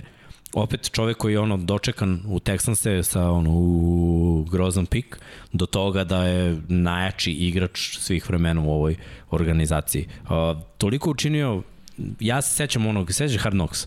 Da, da tri sata nakon treninga ljudi stoje pored ograde. Dok nije svima potpisao, nije otešao da, da odmori. Ja ne znam igrače mnogo ko, koji bi to radili. Potpišeš 10, 20 i kažeš ok, ono je bilo 200 ljudi. I ono ide ubrzano, ne snima kako on svima potpisuje, sa svima priča. Uh, kad je bilo, uh, šta je biše bilo u Houstonu, tajfun, je to uragan? A, poplava, Uragan, poplava. neki, da. Ne, nešto je bilo, sve u da svemu, čovek je odmah uh, istupio. Skupio milion za 5 dana. Znaš koliko je ukupno skupio? Mislim 40 miliona je skupio sve ove godine. I pritom, nikad se nije žalio ni na šta. Vuko je tu franšizu kroz neuspehe, kroz uspehe i na kraju, čak i kad nije bio toliko igrački važan faktor, bio je faktor na terenu, vidiš ga, znaš ono, bez JJ-a nije isto, evo da Sean Watson je odmah se oglasio na društvenim mrežama, ono, svaki tim će biti bolji kad ima jednog JJ-a Wata u, u, na svom rosteru. E, Zašto je šmekerski potez? Nemoj da čekaš sad, znaš, da li će dobiješ nekog pika, za šta mož, mislim, možda daš pika treće runde za njega u ovom stadijumu njegove karijere. Pusti ga odmah, nek ide, nek traži, neka bude slobodan i, i neka pronađe ono što, nije mogo, što mi nismo mogli da mu pružimo. A to je da igra finale konferencije ili finale Za ili početak, Super Bowl. početak ajde, ajde da mu finala konferencije. pružimo da, da ta karijera njegova bude Hall of Fame. Jer ja mislim da će mnogi doći do toga, bio je tri puta defanzivni igra, defanzivni MVP sezone, da li je Hall of Fame jer nikad nije uspeo u play Ajde da mu damo, ajde nek uspe. Mislim, šmekerski je To potez. je za JJ-a, bukvalno, Da, taj potez. Pa jeste, ne, pa ono ko je prvi koji se izvinio na kraju Deshaun Watsonu. JJ Watt na kraju meča, izvini što smo mi bacili još jednu godinu. I to mi je, on je prosto veličina čovjek, jedva čeka da vidim šta će da izabere sada i koja je ekipa, kontender sigurno, sad je pitanje gde će završiti. To ima još dve godine da, da ono, kao na Dakomong Su. Kao? Ti, su. Aha, Uh, ti, ti možeš da, da u poslednje dve, tri sezone nisi više toliko dominantan, nije nista pozicija, ali nema veze, defanzivna linija, da kažem. Da. I dalje možeš da doprineseš. Veteran si, iskusan si, nema šta nisi video i dalje možeš da, da pomogneš svom timu ako si okružen dobrim talentima. I ima timova koji bi, on je sad veteran i siguran sam da ne evri više lovu. Mislim da će ono za male pare potpisati za neki tim ko, koji po svaku cenu hoće da uzme Super Bowl. sad pitanje za sve nas ovde, koji su to timovi? Koja Pitanje je pitanje i za, navija, za naše pratioce, za sve vas Da. koji gledate.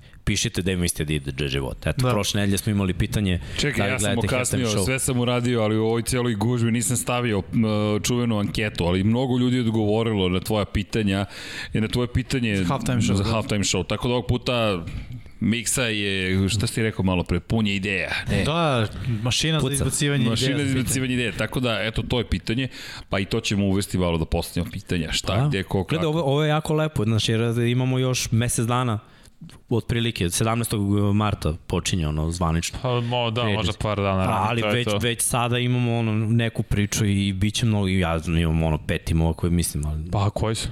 Pa gledaj, uh, prvo Tampa, Ok, logično, ako Beret ode, to je to. Pittsburgh.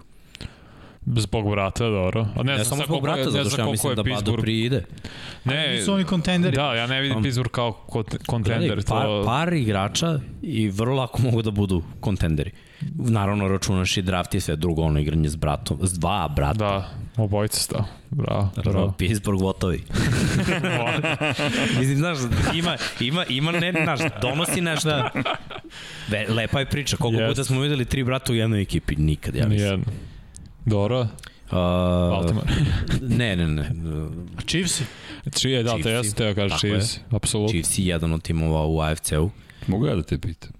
A Baltimore Ravensi? Uh, Sad- gledaj, Bal Baltimore bi mogao, Baltimore Jeste, a bi sad sam mogao ga da pitao. Ti si ga pitao, nisam čuo, I, izvini. Ono, Seattle, isto problemi sa Rusherom Apsolutno. dugo. Da. New England, Tennessee. iako nije kontender, njegov odnos sa Tennessee, Billom. bravo, bravo. Tennessee, da.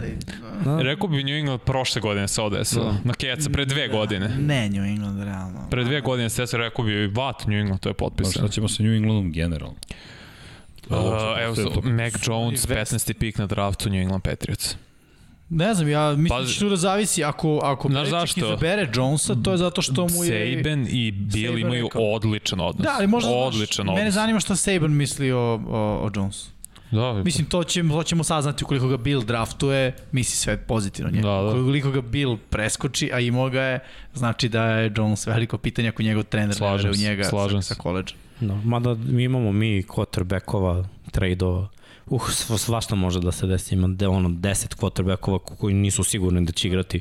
To je, mislim, prva godina da danas očekuju ti, što ja kažem, Tom- NBA Tom trade. Brady je pokrenuo taj trend prošle godine kad je napustio New England. Kad su videli da on o, napustio, rekao pa evo ja ću sad da izaberem vas vas Bakanirse koji ste realno bili najgora franšiza, ja ću vas da izaberem i šta se desilo, otišli, osvojili Super Bowl. Da. Ako on može da ode iz Patriota, koga nisu ga na kraju hteli, a ima i quarterbacka koji su nezadovoljni i gledaju se, pa dobro, ako je Tom Brady mogu da ode, zašto ja ne mogu?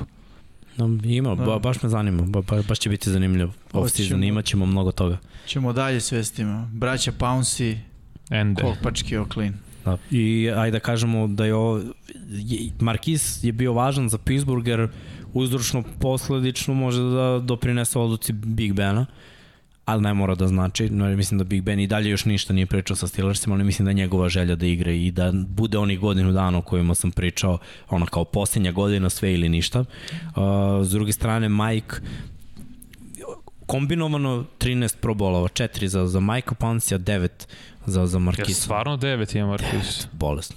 Nemoguće. Aj, molim ti se rekao prvo, mislim da nije imao 9. U svakom slučaju, ne, blizanci, obojica centri, baš sam miksa, ja pričam čoveče, zamisli kuću koja odgaji dva Pro Bowl centra. Pa, realno i Hall of Fame karijere. Ako što mo, Mar Mar Marquis bio, mislim, tri puta prvi tim All Pro. Pro Bowl. Strašno. Nisam, ja sam mislio da je bilo Pro 8-5, 7-6.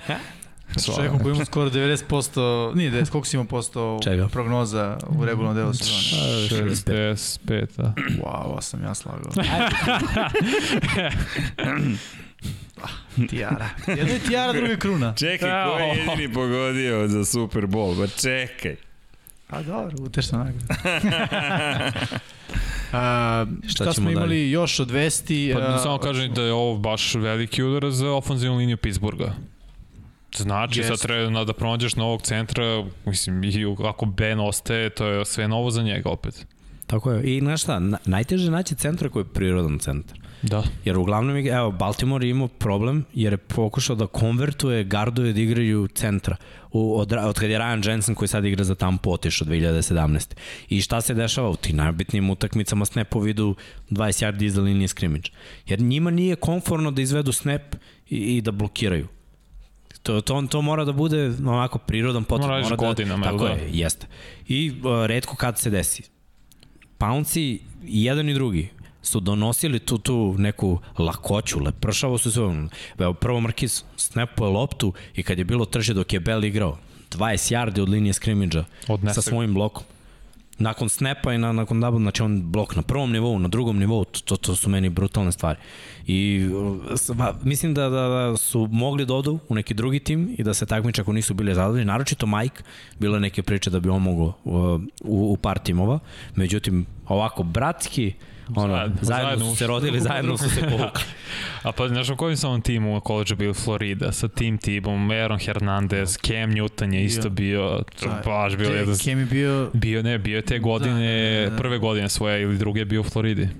Kad su baš osvojili, čini mi se. Nije pričao o tom timu Floride, ali malo bizarno i čudno. Jeste, i vidio se to. Mnogo, da, mnogo da. specifična grupa ljudi. Hoćemo... Hoćemo da spomenem, Da, kaži, kaži. Uh, Pro Day Pro Day. Trevor Lawrence. A ja sam mislio da, da kasnije krenu da, da. u tom smeru. A, hoćeš, Sad nema problema, nema problema. Uh, Tyler Heineke potpisao Uh, Malo jače od 8 da, miliona za dve, dve godine. Da. A mi pričamo o nekom Daku koji kaže 40 godišnje ili ništa. A šta je skroman momak. Pa, pa mora bude skroman. Koliko odigrao. Znaš, odakle ti imaš veliki uzorak, ovde nemaš i ovo je ono, ok, ne znam koliko je zagarantovano od toga, ali je prilika. Znaš, boriš se za mesto startera. Pa. Jeste. Imaš ovaj novac, dokaži se, pa ćemo Vidi, da vidimo dalje. Sam siguran da će tražiti isto koliko i Daka ukoliko mu se otvori prilika. Ako mu se otvori prilika. A, ova je ta era. Hoću da kažem da je dobra vest to što je Washington je odlučio da se komituje ka njemu. Ne kao na startera, ali kao na osobu koju će dati realnu šansu da se bori da bude starter u toj ekipi. Mislim da je to uticaj Rona Rivera da je Rivera taj, taj, taj čovek koji prosto, on je i, i Alena Kotrebe kako je bio rezerva u Washingtonu, povukao sa sobom iz Karoline. Da, da. Prosto te ljude, on, on ume to da ceni da neko hoće da se bori i da, i da hoće da bude uh, da su da prosto ono da svoj, svoj maksimum i da se na taj način nametne. Za mene to je interesantno. Heineke je odigrao super onaj, onaj jedan meč uh, za, za Washington i ja čak njega vidim kao startera sledeće godine za, za ekipu. Pa da, što si sad spomenuo, baš Dak Prescott, Dak je na svom Instagram profilu zapratio baš Washington, pa posle otpratio nakon što su Cowboysi iz ne znam kog razloga izbacili hype video, to si ti pričao u da. podcastu, u kome nije Dak Prescott. Preš hype video za sezonu gde ti nije quarterback. A dobro, ali to je Jerry radio i sa Elliotom. Sete se pre ugovora. Isto je bilo kao... Ja ni- o, meni, pa meni ne da. treba najbolji running back u ligi da bismo osvojili Super Bowl. Ali Pa ovo je- pet dana kasnije, kao, ma, platit ću ga naravno. Da, ovo je baš ozbiljan kiks da stvarno ne staviš.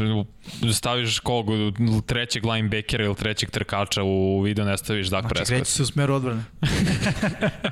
Da, zanimljivo je bilo baš. Da. Da. Ali dobro, o Daku ne znamo toliko toga, ali eto, možemo se doteknemo quarterbackova. Uh, informacija da, da je Indi, da su kolci davali dva pika druge runde i treću za Venca, a da Fila nije htjela jer hoće pika prve runde. Bože. Prvo mi je absurdno, bez obzira što gledam u Jimmy sam dok sam Filadelfije. Iskreno za Venca bi prihvatio o, ovo je, pazi, u drugoj rundi dva igrača ti možda nađeš. Fili fali mnogo igrača. Da. Dva pika druge runde možda nađeš mnogo bolje nego Vence ako će već da bude ono na klupi, ništa ti ne znači. Želiš da kreneš u nekom novom smeru, to je Ali definitivno. fora je što oni ne znaju da li će Vance biti na klupi. Došao je novi trener. Jeste da. On će tek da uradi evaluaciju. Ali to je, pazi- znamo da, da Luri, predsednik ekipe, vlasnik, u stvari voli. Venca. Voli. I to ti je kao Da. kad prodaješ stan. Ti kažeš, ja u ovom, u ovoj sobi sam digao dete, znaš, ovaj stan ima veće vrednost za mene. Tako i ovo, Vance kao dva pika druge runde. Ali ja sam ga draftovao, treba mi pik prve runde. Ipak je on bio pik prve runde, visoki pik, bio drugi quarterback te tako godine. je. Na, I da li su draftu. tako je, da se spuste da ga uzmu. Tako to je, tako je, tako da... Ali gledaj, je to, emo- to, to je to, feeling to je ono problem. damage, damage goods. Znaš, to ti je ono kao tvoj auto, koji ne znam, koji si prvi put vozio i sve, i onda si ga ogrebo negde slupo i sad hoćeš da ga prodaš kao da, znaš, nije, znaš, fali mu ovo, Ja fali mu ovo. Evenci je- toliko izudaran i toliko izgubio. Ja mislim da ono što je on rekao za njegovu vezu sa uh, Dagom Pedersen, mm. -hmm. da je ono beyond repair njegov igrački doprinos Fili je beyond repair, jer je ono toliko isfrustiran. Šta bi dobio u kolcima? Trenera koji razume, na čistije sistem ridova, razume ga, a, dobija ofenzivnu liniju koja je 10 puta bolja od ove koje Tako je imao. je. Iskreno. I na sve to, priliku da opet kreni iz početka, jer ovo je njemu sad peta godina. Šta nam je pokazao za pet godina? Jedino što je meni pokazuje da ne može završiti sezonu za 5 godina. Je za, za, ono, nije završio ni jedno. Ajde, jedno je završio, pa je ušao u play-off i onda je Da, tu to se povredio da odmah na početku. Mislim, nije dovoljno, nije dovoljno Jeste, dobro za neko ko je tako visoko draftovan jer njegov potencijal je delo više. A, ne znam da li ste pročitali sad kad smo na Eaglesima da je Malcolm Jenkins rekao nije problem u Vencu, nije problem u Dagu Pedersonu, problem je mnogo veći. Samo Problem je u GM-u. izjavio. Pa, Ja eto, on je ostao u tom smislu nedorečen do kraja, ali je poslao poruku zapravo da se u Eaglesima nešto dešava. Slažem se. Ja mislim da je to konekcija verovatno GM i predsednik, odnosno vlasnik tima. Hauvi, da. E sad, ne znamo, ali ajde da pričamo o ovim, o ovim vestima koje su... Nećemo o njegovim tužnim vestima. Pa ne, ali evo imamo, Raidersi su katovali Tarela Williamsa. Što, što, je, gledaj, što je jako inteligentno potez. Šta je taj igrao za dve sezone i ništa. Ja ono, mislim, imao je dve dobre sezone u, u Pa Chargersima, da, jednu to kad hiljadu si yardi. drugi hvatač. A to je pre pet godina. Da. A to je pre pet Nisi, godina. on je bio plaćan bude najbolji hvatač Raiders, što zapravo i nikad nije, Nije mogao bio. biti. I sada Raiders je oslobodili 11. 11 11,5 miliona. Mm. -hmm. Samo što su ga katovali. Znači, Neko se im- smo smehuje. Pa i treba da se usmekuje. Da. To je dobra vest. Trebalo je vatromet. A, a kad, smo, kad smo na Raidersima da kažemo da su rekli da Derek Carr nije dostupan, Raidersi, znači ne, ne žele da ga traduju, Ali Mariota. ali da, e sad tu se pokreće priča, daj, ljudi govore, ajde komitujte se ili Mariota ili Carr, u smislu zadrži jednog, traduj drugog, jer za Mariotu sad i možeš da uzmeš nešto. Tako je, i Petriovci su jedan od timova ko, koji, Koji- istražuje taj trade. Da. A takođe kad smo kod Raidersa, Juju Smith-Schuster se pominje kao uh, neko za koga su oni jako zainteresovani. Ja ne vidim razliku između Jujo i Terrell Williamsa. Velika razlika. Ja ne- Juju igra slota. I uh, gledaj, Kvalitet, mislim, koliko će jedan da to prenese u poređenju s Znaš kako, drugim. Juju, Juju treba neko ko je broj 1. Srećom u Raidersima je tu Waller, on je broj 1. I tu nema Tu i priče. Rags, mislim nije broj Ne, ne, jedan, da, ali- Ali Waller je baš broj 1, jer on rešava svojim ismečom. Je ove godine bio zustavljen na dve utakmice. Od 16 i opet imao preko 1000 yardi. I stvarno mislim, ti kada ga pogledaš, to je hvatač koji igra tight end. I njihova igra se zasniva na trčanju i na tight endu i nakon toga Juju je dobar bloker i bio, poznato mu je da igra iza primarnog hvatača ili hvatačka opcija kako god mm -hmm. hoćeš. Uh, može da bude jako produktivan. Mislim, o njemu se priča ili to ili timovi iz Njujorka, što je isto Da, Jetsi što je isto vrlo moguće. Sve svemu on juri lovu, to je svima jasno, došao je do tog stadiona svoje karijere, da ja mislim da je 20 miliona cilj, a sve ispod 18 Koga plati neprihvatljivo. 20 miliona? E, ali to je tržište, to je Pa tržište, znam, znaš, mi ćemo svi sad, ja, ali tržište je to. I sad kad Schuster dobije 20, šta će kaže Robinson? Igra u buljaškim timovima čitavu karijeru i razumeš ima Ušli preko smo u 1000 taj- yardi. U tu fazu emisije. Pa dobro, to, mislim, daj, to nije vulgarizam. Normalno. Ali, a šta ćemo sa Dešonom Watsonom? A, bila je vest za to da je vlasnik uh, Texansa rekao mnogo ima loših informacija u medijima, mnogo se piše gluposti, uh, Dešon ostaje. Ja to baš... Oni ne slušaju ponude, znaš, ti Da. da. možeš da, može da izrazi želju da Ali ide vidi, negde. I pitanje je sad šta zapravo on zaista govori. Hajde da krenemo od onoga što je Dešon zaista izgovorio javno. Uh, Ne mnogo. Bra. Upravo tako, ne mnogo. Sve ostalo su medijski špekulacije. Ono što je Miksa rekao, foto video. Nećete verovati i ostalo. Ovaj, e, tako da, e, ako realno pogledamo, e, mene ta e, njegova izjava malo ohrabrila kada pričamo o Texansima, jer da, zvuči interesantno zaista da daš njega, dobiješ pik, dva pika prve runde, dobiješ igrača, pika druge runde ili nekog pika naredne sezone. To sve zvuči interesantno obzirom da, na situaciju u kojoj su Texansi sa pikovima, ali ljudi svi znamo šta Texansi gube, gube manje više sve. Ko je taj igrač koji može, eto, i ta priča kao Miami, dva pika prve runde, ako se ne varam, Tua. Tua i pik druge runde godinu dana kasnije, da zvuči primamljivo, ali Tua opet nije rešenje. E, Tua dva pika prve runde po meni je jednako Dešon i ova situacija sada. S tim da sa Dešonom, znaš na čemu si sa Tuom, nemaš pojma. I gradiš brand, znaš, ti kad da bi gradio brand mora da imaš lice, lice franšize. Imao si lice franšize u Ko je Votu. otišlo? Da. I lice franšize je otišlo. I koji sad dres će biti najprodavaniji? Pa vidi, to, to govorimo u Houstonu, u Teksasu, u Teksasu futbol svetinja. Dobre. Da. Znači, imamo mladu franšizu i mora da se gradi oko nekoga, gradit ćeš, nećeš oko hvatača, oko odbrambene, nemaš oko kog sad? gradit ćeš oko kvotrbeka, znači ubosi. Dobro, izvini, JJ Watt je bio anomalija iz te perspektive. Nemaš ti mnogo defanzivnih igrača Nemaš. koji imaš uopšte ikoga. JJ Watt je po tom pitanju izuzetak koji je odmah postao lice franšize praktično svojim stavom, ponašanjem, igrom, svim što je učinio i ti si ga izgubio. I to ovo što ti govoriš, sad mi trenutno gle- gledamo transformaciju te ekipe, jer JJ Watt je 10 godina u Houston Texansima. Oni nemaju baš, on više od polovine njihovog postojanja, JJ Watt je označavao tu franšizu. Sada ga više nema i to je lepo što si rekao. I to ide u prilog- Deshaun mora to da, da povuče. I to ide u prilog tome da će Dešon da ostane. Jer sad- ovo je ka njemu onako obećanje. A Ti si taj. a znaš šta JJ meni- ide, pustili Baš smo i u tome i bilo, bio problem. Od obećanja su i počeli, zato je on i Ali bio ovo više nije frustriran. obećanje. Ali- Ne, Ali gledaj, davno, davno je bilo obećanje, jer mislim da si ti taj, reklo je 40 miliona po sezoni da. na 4 Ali, godine. ali nikad to nije bilo pitanje, nije Watson taj tip da, da li će da biraju između njega i Vota. Cijel problem je nastao zato što je došlo do obećanja predsednika, više ćemo te uključiti u izbor. Slušaj, problem je, nastao, problem je nastao zato što su dan igrači razmaženi jako. Nar, naročito mladi igrači, što misle da su najveći i najjači na svetu. To je problem. I okej, okay, imaju iza sebe nešto i liga ide u tom smeru da se, I to se mnogo više brine da. o, o igračima i da, da je uvek njihova ono, i lepo je ono, na neki način da je tako, ali ponekad mora da znaš ono šta je u opisu tvog posla. Ali vidi, ima tu par stvari. Jedna stvar, hajde ovako, to, su, to se desilo pre x nedelja, pre dve nedelje, tri nedelje. Okolnosti su se promenile. Pre, ovo su pregovori. Ljudi, ovo su klasični pregovori, jer, ajmo nekoliko stvari. Deshaun Watson sada ode u neku drugu ekipu. Da li će mu ta ekipa dati ono što, ukoliko sada u pregovorima triumfuje ili bude više po njegovom nego po Houston Texansima, koja ekipa može da mu da to isto? Koja ekipa će se da kaže, e, važi, uključit ćemo te, ne znam, u to da pričamo. Ali on to nikad nije tražio, njemu je to samo bilo obećano i nije ispunjeno, ali nije tražio. E, čekaj, čekaj, Nije čekaj, tražio, čekaj, pa čekaj, čekaj, čekaj, čekaj, a čekaj, doz- dozvoli sekund, samo Dobro, da, da, smem ja da kažem. Nije tražio i onda mu je to neko ponudio.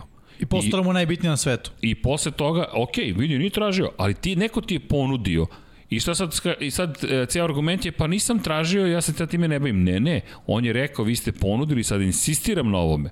Ne, pa, pa zar to... Da, to je njihova greška. A ne, ne, nema greške. Kako nema greške, nisi uopšte to trebao, ti si uh, GM, predsednik, nema šta pitaš igrače, nemoj uopšte im ponudiš to. Ali gotovo je, Vanja. Pa, zato kažem, njihova greška. Ali nije greška, to- mislim greška. Ako ostane greška, onda je taj tim gotov. Gotovi su. Ja mislim i da jeste gotovi, da neće ostati... I moje mišljenje je malo drugačije. Ja mislim da su da su da, da oni to posmatraju na drugi način. Okolnosti su se promenile. Neko je požurio, ponudio je nešto pre vremena, ti si to, znaš kako, zamisli ti se šetaš ulicu i neko ti kaže, evo ti Porschea. I ti kažeš, u, hvala, nisam ga tražio. I ovaj ti kaže, e, šalio sam se, daj mi ključeve nazad. Sorry, nema. Ali tvoj život se sada promenio. Ti sad imaš Porschea, šta god to značilo, nemam pojma. Vidi. A pa, Znaš, kad je došao... ulica, Srđane? e, E, ali da. ne, ali, ali sad hoću ti kažem, a, izvini, ti si sada dobio ponudu i ti si je prihvatio i ti sad kažeš nema nazad, ja ovog Porschea vozim, a s druge strane su ekipe koje ti kažu nema kakav crni Porsche, dobit ćeš pare, 40, dobit ćeš ekipu, ali da se pitaš nešto, ne. Što bi sada Deshaun Watson u jednoj gotovo jedinstvenoj situaciji napustio tim Houston Texansa? Ne kažem da će to biti dobro ni za njega, ni za Texanse, samo iz perspektive analize šta se događa. Jako je razmaženo da u svojoj Znaš. Četvrtoj sezoni nećeš da proživiš rebuilding. Jeste. Glej, razumem da Od kad je veterani došao neće. East Bay, ne znam koju on funkciju ima u timu, otpušten je GM, trener, otišao vod, otišao još nekoliko ljudi koji su bili u franšizi x godina pre nego što je on došao. Ne znam kako se zove East Bay, ali sve krenulo od njega. I svi problemi u Houstonu su krenuli od kad je on bio angažovan prošle godine. Što znači da postoji neka vrsta disfunkcije krenuši sa njim nadalje. Gledaj, ali ti ideš u rebuilding, je tako? Da. I šta je bio najveći problem, uglavnom, za, za Houston? U jednom trenutku nije bio igrački kadar, u jednom trenutku je problem baš bio uh, sve drugo. Tren, treneri, gotovo svi treneri i opet i menadžment i ono, mora seča kne, knezeva, znaš, da se desi nekad.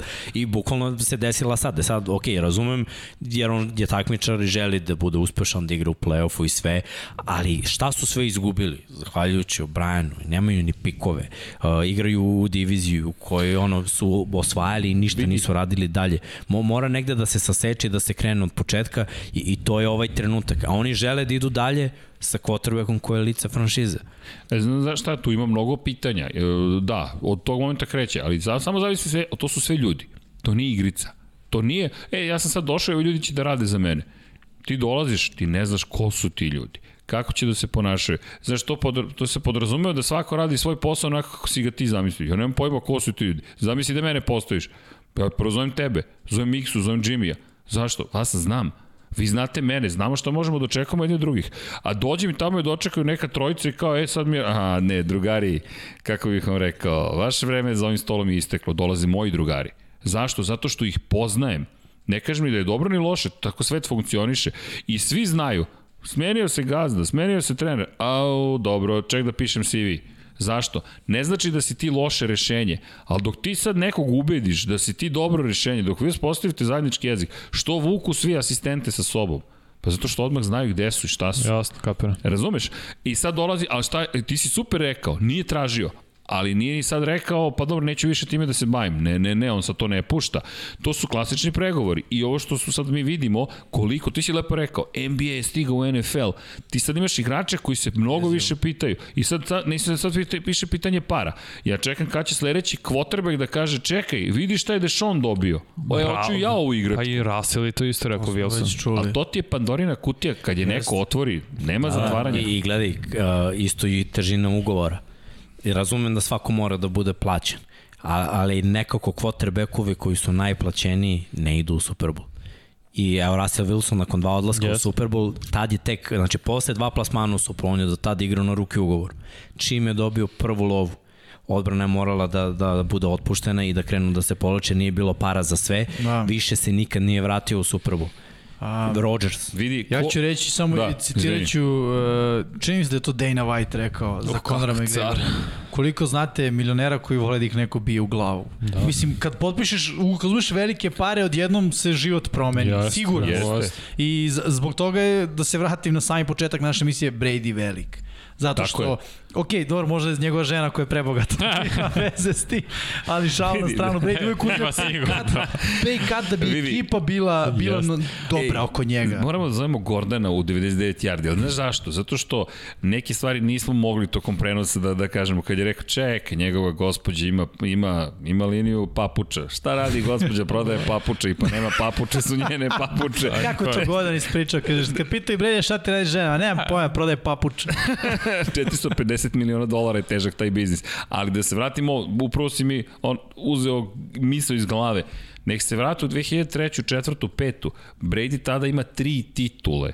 Mega zvezda, hollywoodski superstar, lep momak koji je stigao, Patriotama doneo prvu titulu, neporažen u play-offu, ludilo kompletno. Imaš stranicu, ne mogu da setim tačno koje je to izdanje, Sports Illustrated, na kojem piše kako ovaj čovjek osvoja titule. Koliko je on svoj ugovor podredio tome da nastavi da osvaja titule. Pare će doći, njemu ne nedostaje novca i nije pitanje, mi se malo šalimo, da, pa, njegova žena je imućnija od njega, ali to je nevažno, point je da on čovjek rekao, ja znam šta ja hoću i to je mesto u istoriji i on ne da ima je mesto u istoriji, nego, evo, Pa, mislim, da je recepturu. Ono, sportisti dosta zarađuju, stvarno, i okej. Okay, pa i reklame, sponzorstvo. Pare, da. da, da, da, ali hoću da kažem jednu drugu stvar. Uh, svako mora da zna zašto je tu. Ako si tu zbog para, ok, nećemo vidjeti mnogo titula pod tvojim pojasom, što se kaže, ali ćemo vidjeti dosta para. Uh, mislim videti, nećemo ih vidjeti, samo ćemo čuti. Ti ćeš ih vidjeti, ti ćeš vidjeti. Ali hoću kažem, znaš, šta je motiv? Krajnji motiv. Da, naravno, svako želi da ima novci i se, ali po moje mišljenje, mislim da je to Brady formula, moraš da znaš kad je dovoljno, nekad je zaista dovoljno. Mislim, gledali smo karijere i profesionalnih muzičara i, i, i profesionalnih muzičara, i muzičara i profesionalnih sportista i svi kako propadaju nakon ono, MC Hammer. Jedna oh. pesma, boom i ono kao posle toga Ćao. drugi boom, to jest ono boom na dole. Vanilla Ice. Da, da, da, mno, mnogi, mnogi, vidi, sportista, mislim da je to, da je to lista bez kraja lista be, bukvalno koja Evo nema dna. Mike Tyson isto je bio pred bankrot, sve. Bravo. Na, ono, najveći svih vremena možda u tom sportu. Mislim, ja bih samo da podelim, ja sam doživeo tu atmosferu kad sam bio kod Rubena. Ljudi, mnogo je pijavica to je Amerika. Meni Rube rekao ovde niko ne odbija besplatno hranu i piće. To ti je svugde. Da, ok, naravno, naravno. To je ljudska vrsta. Njih je samo je. na nekom mnogom većem nivou, u njihovom Tako Više novca. Da, Tako da. Je. Veruj, da. Ali hoću da kažem, pa, znaš, odjednom ti se... splavova, pa vidi koliko je pijevica. Kako je to Eminem rekao u, u, u pesmi, kao odjednom imam sto i nešto rođaka. Da, da, da, to, to, to je to. Tako. E sad je stvar, da li ćeš da, da mnogo je stvari tu uključeno, to hoću da mm. kažem. I eto možda, ne, ne znam, mislim, aj sad da, Vidim, da ne upijem prostom, ali ja mislim da ukoliko je fokus da budeš najbolji svih vremena, ko što očigledno Brady želi, da, biće manje para, ali će biti više Tito. Manje para u tom A, trenutku, ali ja mislim da Brady... Da. Tako je, ja mislim da će Brady za ovo biti Brady. Pa, to jeste pojnta, ali ono što jeste bila e, i kod njegovog ugovora, ti ga možeš Brady najnoviji ugovor, šta 50 miliona na dve godine, 25 miliona ti je zagarantovano. Pa nije to baš tako loša. Pa nije, o tome ti pričam, znači, mi pričamo o Daku Znaš, koji se on... nagađa na, u 3 miliona, 37 ili 40, A, kao, da. ma neću, kao, kakvi 37, I, vidi, kao vređe. je sledeća, uvek moraš da povećavaš zahtev zato što na taj način pomažeš i drugim igračima. Kada je reč o zaradi, apsolutno, ne, ja apsolutno, ali vidi, vidi, ne, to pomaže. Ne, to ti je deo priče. A guraš tržište. To ti, Gledaj, ko prvi tržište. čestita kad ali... potpiše neki quarterback ugovor? Ko prvi čestita? Ne znam. Drugi quarterback. Drugi quarterback je. nije, nije smešno, Vidi. nego je istina. A jeste. Čime, Hvala. brate, Mahomes potpisao ugovor, ko se prvi... Znači, svi koji te godine treba da dobiju ugovor. Su bi čestitom, bravo. Znači, onda idu drugi i drugi i tako. Da. I oni se međusobno podržavaju. Mislim, znači, treba, znači, a, isto hvatači, znaš. Ali ironija ti je, izvini, što quarterback, ko što je Tom Brady, jedan od manje plaćenih quarterbackova bio Ljudi, 25 u, miliona godišnja, ne znam šta je tu malo. A to je njemu, ne, ne, sačekaj. Poređenje sa drugim. A to je njemu skok u plati ozbiljan, 40% i više. Da. Njemu je to skok od, koliko on zarađivo, 15 miliona 15, i 25... 60%, 66. Tako je. Znaš, ti, ti si dobio ja, ozbiljan skok, a on je, da. ni, on je, on je quarterback koji nije toliko plaćen. Pa znam, ali upravo to kaže, znaš, mora da se zna da kaže šta je dosta. Milion mesečno nije dosta. Ma dajte ljudi, mislim, ko je Vidi, to lifestyle? on je u karijeri uzeo preko 250 miliona dolara, ali nije pitanje lifestyle. Ja mislim da je to prosto tako, takva poslovna kultura. Ti guraš još, još, još, još, još. Osim ako ne sedneš, Reberedi je dao recepturu. Dao je recepturu. Čekaj, Jeste, ali vidi, dao je recepturu za koju drugi kažu, no. Da. e, pa ja neću ta. Tako Mislim, je. Da, teško je. Ne, ne, teško je. Pravo je. kako bi ti rekao, ti svakog šampiona u bilo kom sportu da pitaš, on će ti dati recepturu. Ali ti kad saznaš da treba da ustaješ rano, da radiš više od drugih, da gledaš filmove više nego drugi i sve ti sve šeće. jasno. Čekaj bre, pa ovo Da ustaneš, napustiš. Jer ima neke lift. E, evo ti primjer u NBA, Tim Duncan. Ista, ista situacija, stalno uzimo manje. U poređenju s drugim, on bio realno u top 5 igrač. 20 godina 10 u play-offu, bre. Da, brate. Svaki put, uzet ću ja manje.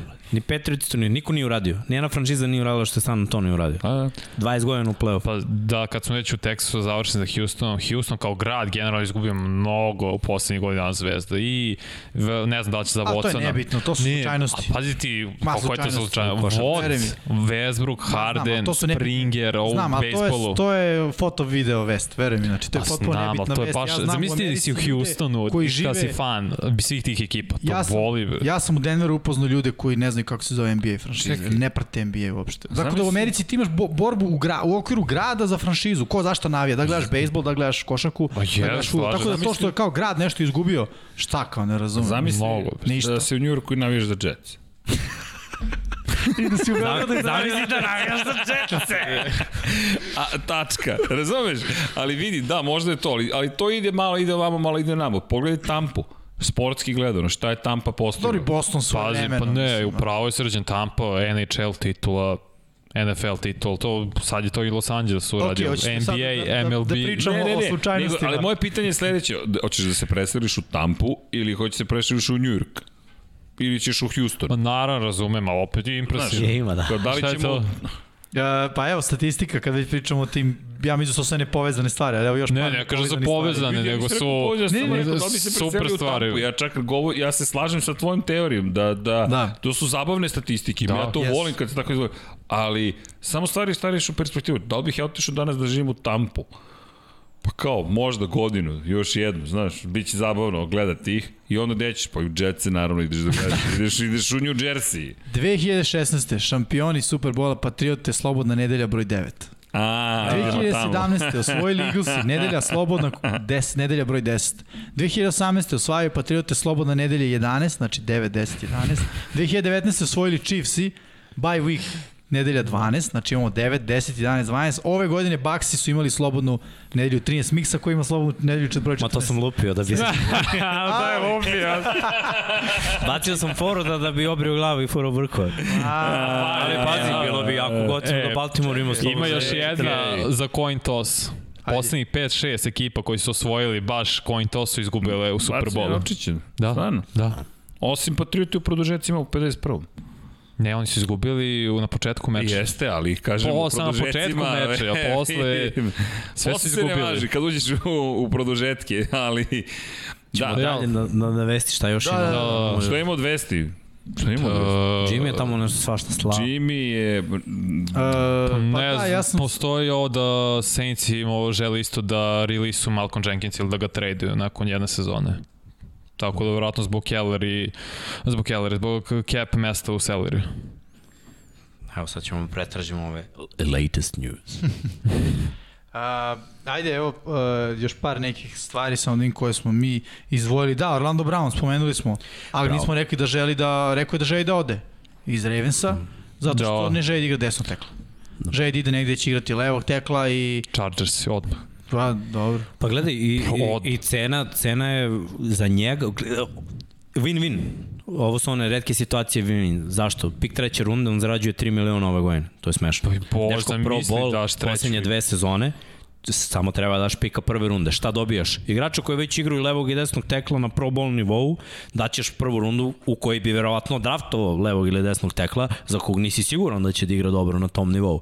Znači, i platiš ga 3 miliona za ovu sezonu, mlad je, ima 25 godina, potpišeš ga long term sledeće godine I si po- narednih i, 7, da, 8. S druge strane, Ravens imaju pika prve runde koji igra bar 3 godine na ruki ugovor.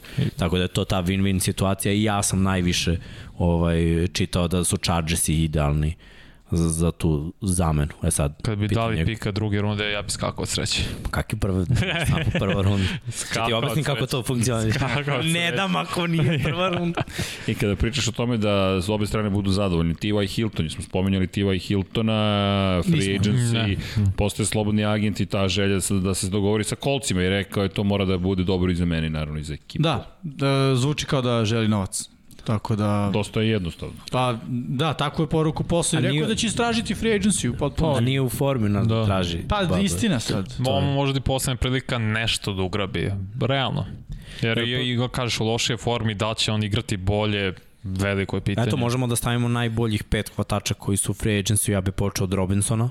Dobro. Uh, Definitivno. rekao bi da definitivno, kad govorimo o broju 2, to je tandem Detroita, ne znam koga da stavim broj 1, broj 2, da li Goladay ili da, da, da stavim Marvina Jonesa, ali su produktivni, kad su na terenu produktivni su jedan i drugi i stvarno imaju potencijal da igraju timovima koji bacaju i timovima koji i, i blokiraju koji idu prvo na, na trčanje. Mm -hmm. Nekako su nezahtevni previše, nisu dive, a mogu mnogo toga da donesu. Corey Davis, Chris Godwin. koji je odigrao sjajno prethodnu sezonu. Da. Tako je, ja mislim da Godwin ide na franchise tag, ali okej, on Da, je da, definitivno... ja bih ja bi rekao za Golede da će ostati Detroitu jedan Da. kroz jedan isto. Gledaj, pa da, jedan od njih realno je da ostane i to Da. da. mlađi. To, Da. da. to mi nekako delo logično. I uh, koga da dodamo to još od Smith Schustera u top 5. I onda tek idu T.Y. Hilton i, i ekipa ko, Jasno. onih hvatača ko, koji u posljednjih par sezona nisu produktivni, ne igraju mnogo. Mislim, T.Y. Hilton, to je one trick pony trči post, trči fade i eventualno hitch curl. To je to. On je sitan. Ima 80 kila, metar 75, možda metar 80, mislim, u Da. kopačkama. Da, da rekao bih samo vest od malo pre da Stefan Diggs uh, pičuje Buffalo Bills-e JJ Watt.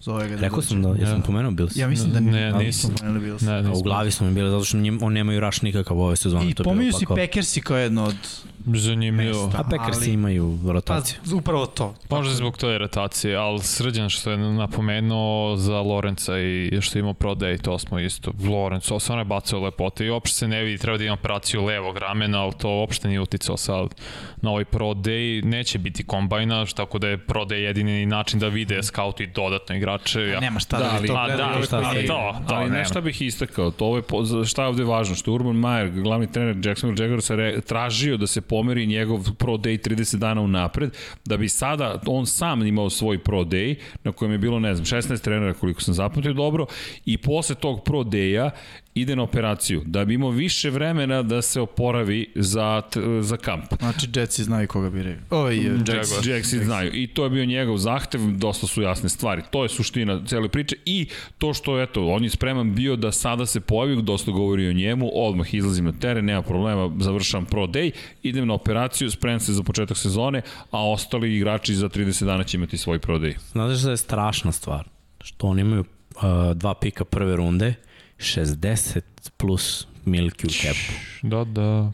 To je bolesno. Znači, Stvarno mogu za dve godine i imaju i- još pikova. Pa Znači, imaju u i drugoj rundi, topu, da, da, imaju u drugoj rundi isto 2-3 pika. Na, na, znači, bukvalno o, 11 pikova imaju ove sezone. Da, ma nije više. bre. Ne, ne, u ovih prvih. U prvih, šta, 3, Tri, 4, tri, u, č- četiri. ne, možda u 4. No, znam da imaju valjda u prvih dve, nestvarno. 5, čini mi se, jel tako? To je baš... Tako, i pazi, uz cap. Znači, oni mogu sebi da priušte top igrača na, na tri pozicije. Zašto oni ne bi uzeli Browna, na primer? Realni vod. oni su jedni od kandidata. Da, eto. I imaju pikove. I mislim imaju... Orlanda. Orlando. Ha, Imaju Cam Robinson i ovog uh, t- Taylora Rukija sa Floride. Ok, on je desni tekl, on je super. Cam Robinson uh, može i Ništa. upgrade. Ma da, da je Orlando Brown je upgrade Tako je. u odnosu na pola ligi. Ne znam da li znate, 2 sata i 40 minuta već traje. Da, Pa vidi 15 se da ste 12. se malo da je opustili. 2 sata i 40 minuta, rekao, Da, šta? 2 sata i 40 Ej, minuta. Či- mi smo davno probali granicu, trajamo ko Super Bowl, samo nemamo Ne, ne, halftime, ne nemamo halftime show. Čisto da budete u toku, da, da još uvijek nismo došli do pitanja i odgovora. Pa evo, možemo možda brzo smo da došli završimo. sad, da. Mislim da upravo katovali. Nika Istona, veteran da. ofanzivni linijaš, što je uvek uh, važno.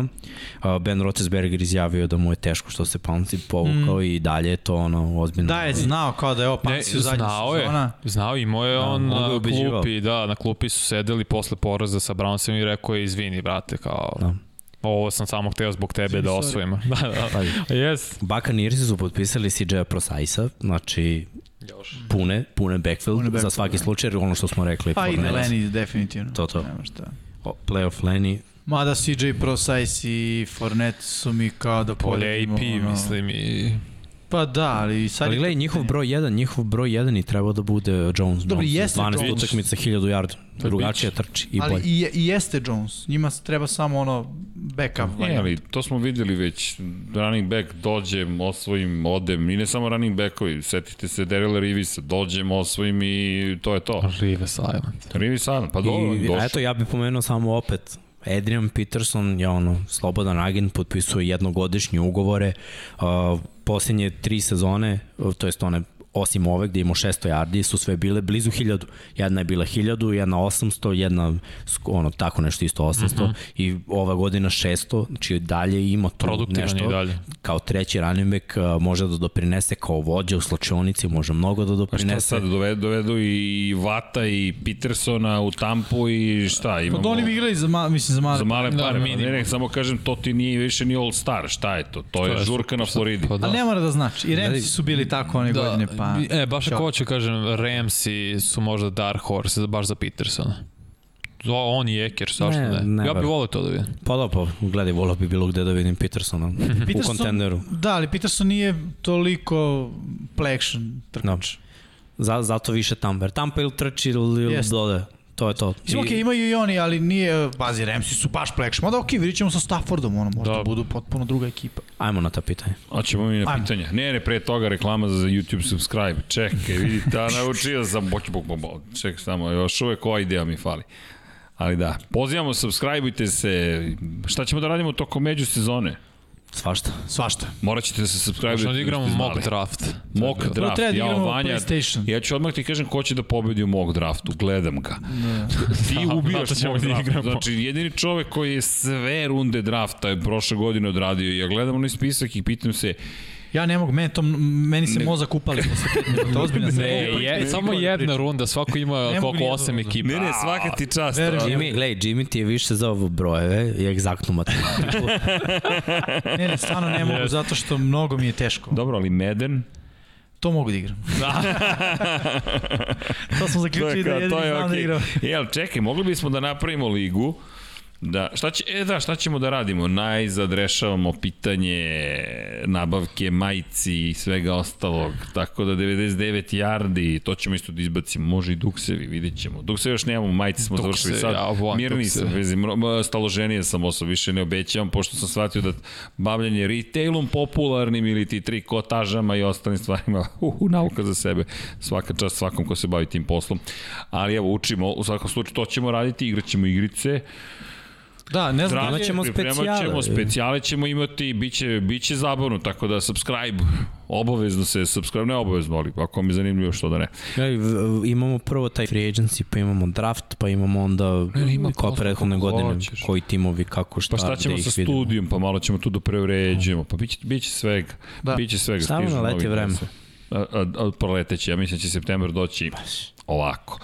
Idemo na pitanja. Dakle, ukoliko imate pitanja, ne znam šta ste sve pitali, nismo sve mogli da pratimo, ali ajmo da, da vidimo, da ostane, čekaj da vidimo gde je miksa freestyle za halftime show.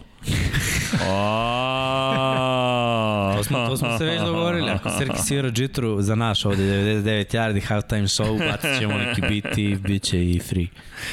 Dakle, Miksa, kada ćeš da nam objasniš sve ove pojmove tvoje lagano? Nisu to moji pojmovi. Nisam ja to si ih Znaš kao, znaš ono kao lupa, izmišlja, kao ovo se zove sad ovako. Kao, I svi ku šta priča ovaj. Ne, ne, ne, to može, ali treba nam, za to nam malo treba pomoći, jer da vam ja ovako u prazno E, da. sa oblačićem Moramo ovde, crta, da. da, mo, moramo to da, da imamo Crki, kad ćemo, kad ćemo da imamo nešto da možemo da crtamo, objasnimo. Tabla stigla bila. Šalim se, šalim se, šalim se. Radim na tome. Idemo u korak s Radim na vremenom. tome. Nema neko Radim- Dešon Watson sada da bude. Radim na si tome. televizor. Radim na tome. E, a vidi, Jimmy Franco, 100 dinara je uplatio. To, Jimmy, 100, ali ovoga puta ne traži piko. Ili ima jedno mesto za meden za mene? Pozdrav. E, pa htio sam da pitam da li je izvodljivo da napravimo neki malo online. To sam to online, da. to, to, to da napravim. Ali ono, da bude kao speed dating, 2 Jim- minuta 40 ali, Okej. Ali Jimmy Franco je sad mi dao novu komercijalnu ideju, znaš, čip kao u pokeru, moraš da se A, učipi. buy-in. buy-in mora da padne. Pa, Šalom strano, ne mora da padne buy-in, ali hvala evo za 100 dinara. U svakom slučaju, da, ako hoćete, kliknite na dolar, znak tamo kod četa, tu imate super stikere, Kažem ti, sve sam bolji u ovome. sve, sve češće YouTube imate super stikere, ali sad znam šta je. Znaš, osetio si novac, 40 milioni, ajde, molim vas.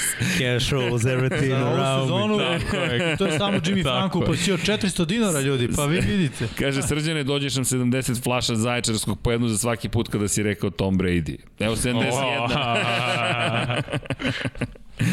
Bo, dakle, da, čekaj, čekaj, čekaj. Mišljenje o Virfsu na 790 pas akcije dozvolio Monstrum. jedan sek. Monstrum, Bez- odličan po- pik prve runde. Opravdo svoj. Apsolutno. Apsolutno i ono, tako se draftuje. Pa to je Tampa imala sreće što je on pao toliko do njih, realno. Mislim, su sjajni, sjajni, bit će ozbiljno dobar teko. Ali da, i to je super stvar, uh, u smislu mi uvijek pričamo o tim uh, flashy pozicijama, quarterback, trkač, hvatač. Ofenzivnoj liniji možda pričamo o jednom, u defenzivnoj liniji ono isto tako, jednom po draft klasi, u smislu kao velika imena zapravo ima odličnih igrača i, i, i Tristan, ovaj, Tristan Wirfs, Wirfs Da, da, već, ovaj, je jedan, jedan od njih, a ove godine će ih isto biti na draftu. Pa da. Linija Alabama, fantastično. Ja svake godine izdvojim onako po pet, računam interior i To. teklovi. Da, ove godine ima dva i Dor, jedan tekl koji izlazi ono, iznad svih ubedljivo, Suoli ima, onda dvojica, trojica koji su realno prva runda, baš na poziciji tekla. Da, da. I zanimljivih pitanja. Dakle, Alija Demović pita da li ima negde da se trenira američki futbol u Novom pazaru. Mada vidim da je Mislim Favela da Kube nema. četiri odgovorio nema. Mislim da nema. Tu, uh, u tom tu regionu geografija mi nije baš najjače. Pokušavam da vidim Mislim ko da je tu. Čačak najbliži. Da, da je Čačak najbliži tu, da. Da. To baš i nije blizu da Pa, treniraš. ali znaš, kao najbliži, da. da, da, okej, okay, ali čisto da, da. Možda ćemo poradimo na tome, više timova američkog futbola, a i tome, time ćemo se baviti. Znam da je teška situacija, ali okej. Okay. Korak po korak, čekajte, da, Da, da. dozvolite mi da sanjem. Pozdrav svima koji su vaši quarterbackovi najbolji u 2 minute drillu, dakle od 1 do 5. U, Brady. to, to, da, Pa, ja ne sam da izgovorim i to koliko piva dugujem. s- d- kažemo Brady umesto Srđana, uh, pa ne znam. P, Evo, ja ću da- sa, trenutno?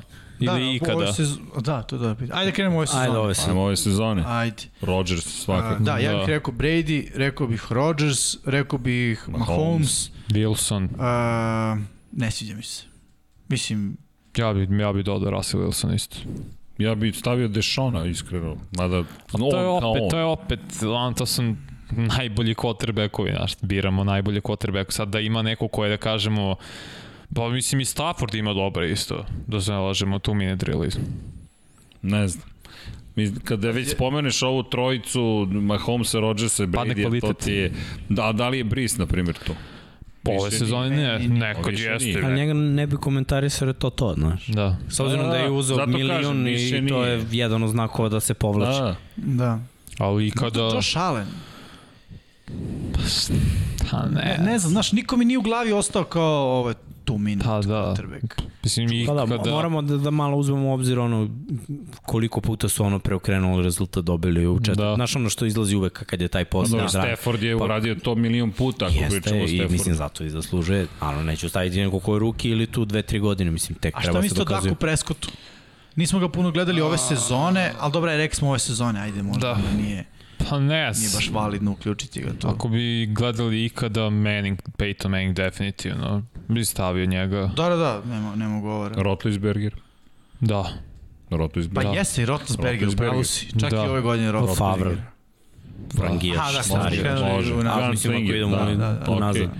Pa dobro, da li, bi, da li da ubacimo Taj sad razmišljam. Dobro da ne preterujemo, ali gledam ka tebi, odmah mi Chargersi padnu na pamet. To je sada, sada Chargersi i na Coltsi, Riversa? tako je. Ne bih stavljao Rivers toliko. Imao je svoje Znao je momente, da da, da, ali imao je opet da Ali pogreše. znaš kako, on protiv, u, u momentima kada, kada ne očekuješ od njega, kad je outsider je bolji nego kada treba da dobije. Tako da Dobro, nije- to je tačno. Da, dobro, idemo dalje. Evo, nadam se da smo odgovorili. Ja tvrdoglav čekam Patreon Ozren Prpić. Ozrene, kada otvorimo Patreon, ako ne budete prvi ku Patreonu, evo za moje drage kolege, Patreon, to je patricijski deo, to zakupljuješ uh, svoj udeo, to, je, to je čuveno, čuveni moment, ti postaješ jednostavno neko ko podržava određenog autora, stvaraoca, to smo mi, jel te, i studio. Patreon ti je sistem u kojem zapravo ne tražiš suštinski ništa za uzvrat, već samo želiš da iskažeš svoju podršku nekome ko nešto radi što ti se dopada.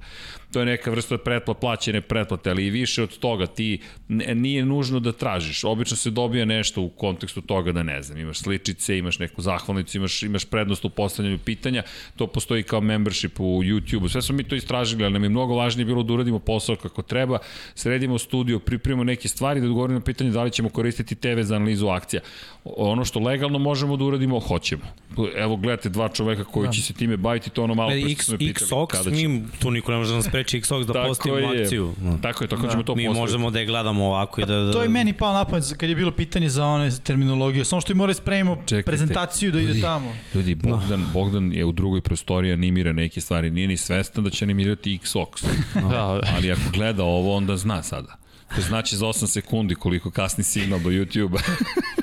Ali da, to je ideja zapravo da kroz na taj način prevaziđemo činjenicu da ne smemo da prikazujemo neke stvari, prosto nemamo, nemamo, nemamo televizijska prava, to je autorska prava, video prava, YouTube, kako god želite, internet, digitalna prava, ali hoćemo to da prevaziđemo da bismo mogli to da uradimo. I apropo pojmova, i to, tome ćemo takođe raditi. Šta je linija skrimidža, šta je... E da, ima jedno pitanje za vas dvojicu, da li možete da objasnite, čekaj, čekaj, čekaj da vidim šta je bilo pitanje, da se No, moram da nađem, naći ću u svakom slučaju. Ok. Koje je bilo konkretno pitanje. Ujh, hoćete pozdrav svima, da, to sam mislite ko je najbolji tim za Džudžua. Tim koji ima hvatača broja. Tim koji ima znači mnogo para. Znači da nisu Jetsi. Da. Iako da. se priča o njima. Pa za njega nije dobro igrački. Ni, za, ni za koga nije dobro da igra u Jetsima. Devonta Smitha? Da bi ah, Pa ne, ne može Smith odmah da bude broj 1. To on tome, njima treba i ofenzivna linija. Ja bih ciljao Penny Suola da imaš i Bektona i njega. Da, ali koji god mog draft sam gledao, svi uzimaju za Jetse Devonta Ne znam da. zašto, ja se plašim ja. zbog njegovog frejma, iskreno. Koliko god je on bica, A, frame je frame. Gledaj, mislim... Znaš ko će biti bolji po meni? U današnjem futbolu frame nije frame, jer u današnjem futbolu izađeš nekako na, nakon toga, jer prvo nema mnogo kontakta više. Dobro. Toliko. Uh, druga stvar, uh, u današnjim nekim sistemima hvatači sve manje blokiraju. Sve manje, plus on je klasičan Nix hvatač naš post fade dobija loptu u Z, onim informacijama gde je ono Z i Y, gde je ono mm -hmm. heavy run, on tu uopšte neće ulaziti u igru. Biće ti ovaj Hilton na početku svoje karijere. Druga stvar, ako neko može da nabuđi ono 5 kila, To, to, to je u NFL-u pa, kad dođeš na prvi trening kamp. Lamar Jackson imao problem, govorili su da je frame. U prvom off-seasonu je bilo 5 kila, u drugom off-seasonu 5 kila, 10 kila ovako za, za dve godine. Pa, znaš ko, ne vidi se, meni će biti Jalen Waddell, njegov saigrač, bolji da. igrač od njega. Ja ubeđen sam u to. Stvarno sam ubeđen, zato što je Waddell, pre nego što se povredio, ima bolje brojke od Devonta Smith, a bolje su mu generalno i fizičke predispozicije. I može da igra specijalni tim, to mu je najbitnije možda. Uh, mi idemo dalje, imamo pit... Aha, ne, ovo je konstatacija Nikola 28. This is when the big bucks starts rolling in. Tako je, sad, sad kao augmented reality pa padaju dolari. da li je Kansas City pogrešio potpisaši ugovor na 10 godina sa Patrickom Mahomesom? Ne. ne. Nije, nije, to uradili Nije bilo su... drugog načina da zadrže tim još dve, tri godine. Pa da, i on je stao iza toga da će pasti neki rebuild, to je da će imati neke inkrementalne rebuildove, to je da će ići gore dole, da, da i on mora da prihvati činjenicu da neće uvijek imati najbolji tim na raspolaganju ali da stoji pri Kansas City i da im neku vrstu sidrišta. Ja sam taj koji je sidr. To treba da bude franšizni quarterback, a ne ja ću da skakućem okolo na okolo. Ne, ne samo quarterback. Da, ja sam tu, slažem se. Lice franšize. Lice da. franšize, kogod Ti da. želiš da taj je. dres, njegov broj 15, se prodaje sledećih 10 godina. Tako je. Samo toga ćeš zaraditi bolesno. Otplatit ćeš bukvalno to što si mu dao. Može li komentar na svakog od vas na halftime show? Na show u poluvremenu? E, evo ga Jimmy u Jackeće, komentar. A nije to bila zadnja, ovo je politički korektna grimasa. pa ja inače ne, nisam fan halftime show, inače pošto smo radili mi odavde, a Miksa tamo iz, iz studija, mislim ne znam kako kod vas bila atmosfera, to je ovde baš bio ono vreme za Mislim, ono, kako da kažem... Slobodno reci. Polakšiti se. Ispremiti se za ono što tek sledi. To je bila nismo putnička puno. pauza. Yes. Imali smo pauzu. Yes. Tehničku televizijsku. Da, no. i nismo, bar ja nisam puno obraćao pažnju. Dobili smo fantastičan komentar uh, od, od, od jednog uh, čoveka koji nas prati, koji je rekao da je The Weeknd istračao više yardi nego Kansas City Chiefs. e, da, iskreno, ali gledaj, sasvim solidno je peo s obzirom na, na da, to, ljudi, toliko trčkanje okolo na okolo. Ja da kažem, s obzirom da on ima neke visine koje nisu baš karakteristične da. za muški izvođače. Da, meni se svidilo. Ja gotivim vikenda, mislim da mu performans bio drugačiji, zanimljiv. Meni je vikend ok, ali stvarno ne, ne, sad ne, ne, ne znam jednu pesmu da je, da je bila. Samo nisam uopšte bio fokusiran na, na halftime show, iskreno. To, to Ima, ima. Strana, da, Pazi, kad sam naučio u sklopu priprema. Ja, ne, ja znam njegove pesme, Pa, ali ne znam mislim- koje su pesme bile. To. A, pa bilo je sve hit. I znam da mi se samo nije sviđao način kako su miksovali pesme. To mi se nikad ne sviđa na Super Bowl. Zato... Gledaj, zato što, znaš, ne smeš da daviš mnogo i da ide pesma, nego imaš ono, bukvalno strofa, refren, break, Medley. strofa, da, tap, tap, tap, tap, tako je, tap, i to je to. bukvalno. Pa da. Meni se svidelo, iskreno, znam ono, radijske hitove, otprilike čuo sam negde usput u prolazu i okej, pripremio se, jel te, profesionalna obaveza, ali me ono što me obradovalo jeste da je napravio spektakl, da je zaista, i ono što smo spomenuli, uložio 7 miliona dolara da napravi nešto što ipak skreće pažnju. Ne mogu da sad svrstam to kao neki od bitnih momenta u istoriji. Audio-vizualni događaj Pa godine. da, da, ali, ali vidi, dob, stvarno je profesionalno urađen i moram priznati da me više, više mi je emotivno nekako prijelo nego što sam mislio. Mislio da će biti potpuno ravnodušan. Pa kao bilo okej. Okay. Ali vidiš, isko, evo ako znam ono što sam, što sam zapamtio i to mi je okej. Okay. Iskoristio je činjenicu da neće biti ljudi na terenu, tako? Da. Pa je izveo one svoje klonove, kako već ih nazovemo, da, da, da. koji su po celom top. terenu bili raspoređeni. Ovaj, tako da, mislim, okej, okay, koštalo ga je 7 miliona i opet kažem, nisam toliko niti gledao, niti Ako imao imaš nameru 100 da dinara gledam. i daš 7, da li ti je problem? Pa nije, mislim. E, on će i dalje zarađivati mnogo Da. od prava. Da, Mislim, da. On ima milijarde Jebe. pregleda. Ali vidi, ima jedno pitanje, sad mi je palo na pamet, on se odrekao onoliko para koliko nijedan quarterback ne želi da se odrekne da bi bio bolji u svojoj sezoni. Pa dobro, da. Prioriteti. Pristup, prioriteti, bravo. Uh, Miksa, pitanje za tebe, da li bi menjao Lamara za Dešona? Ne, znaš zašto? Za, za, govorimo o diva momentu. Nek ne bude ni približno uspešan kao Dešon, neka bude očajan igrač, mnogo je bolji čovjek. Od svih kotrbekova u ligi mlađih. Mlađa generacija, njih karakterišu ono tri, tri stvari. Živi brzo, mlad. Znaš ono, sve sad i odmah. Moram sam baciti po. ovaj, znaš ono, bukvalno su svi u fazonu pare, pare, pare, pare.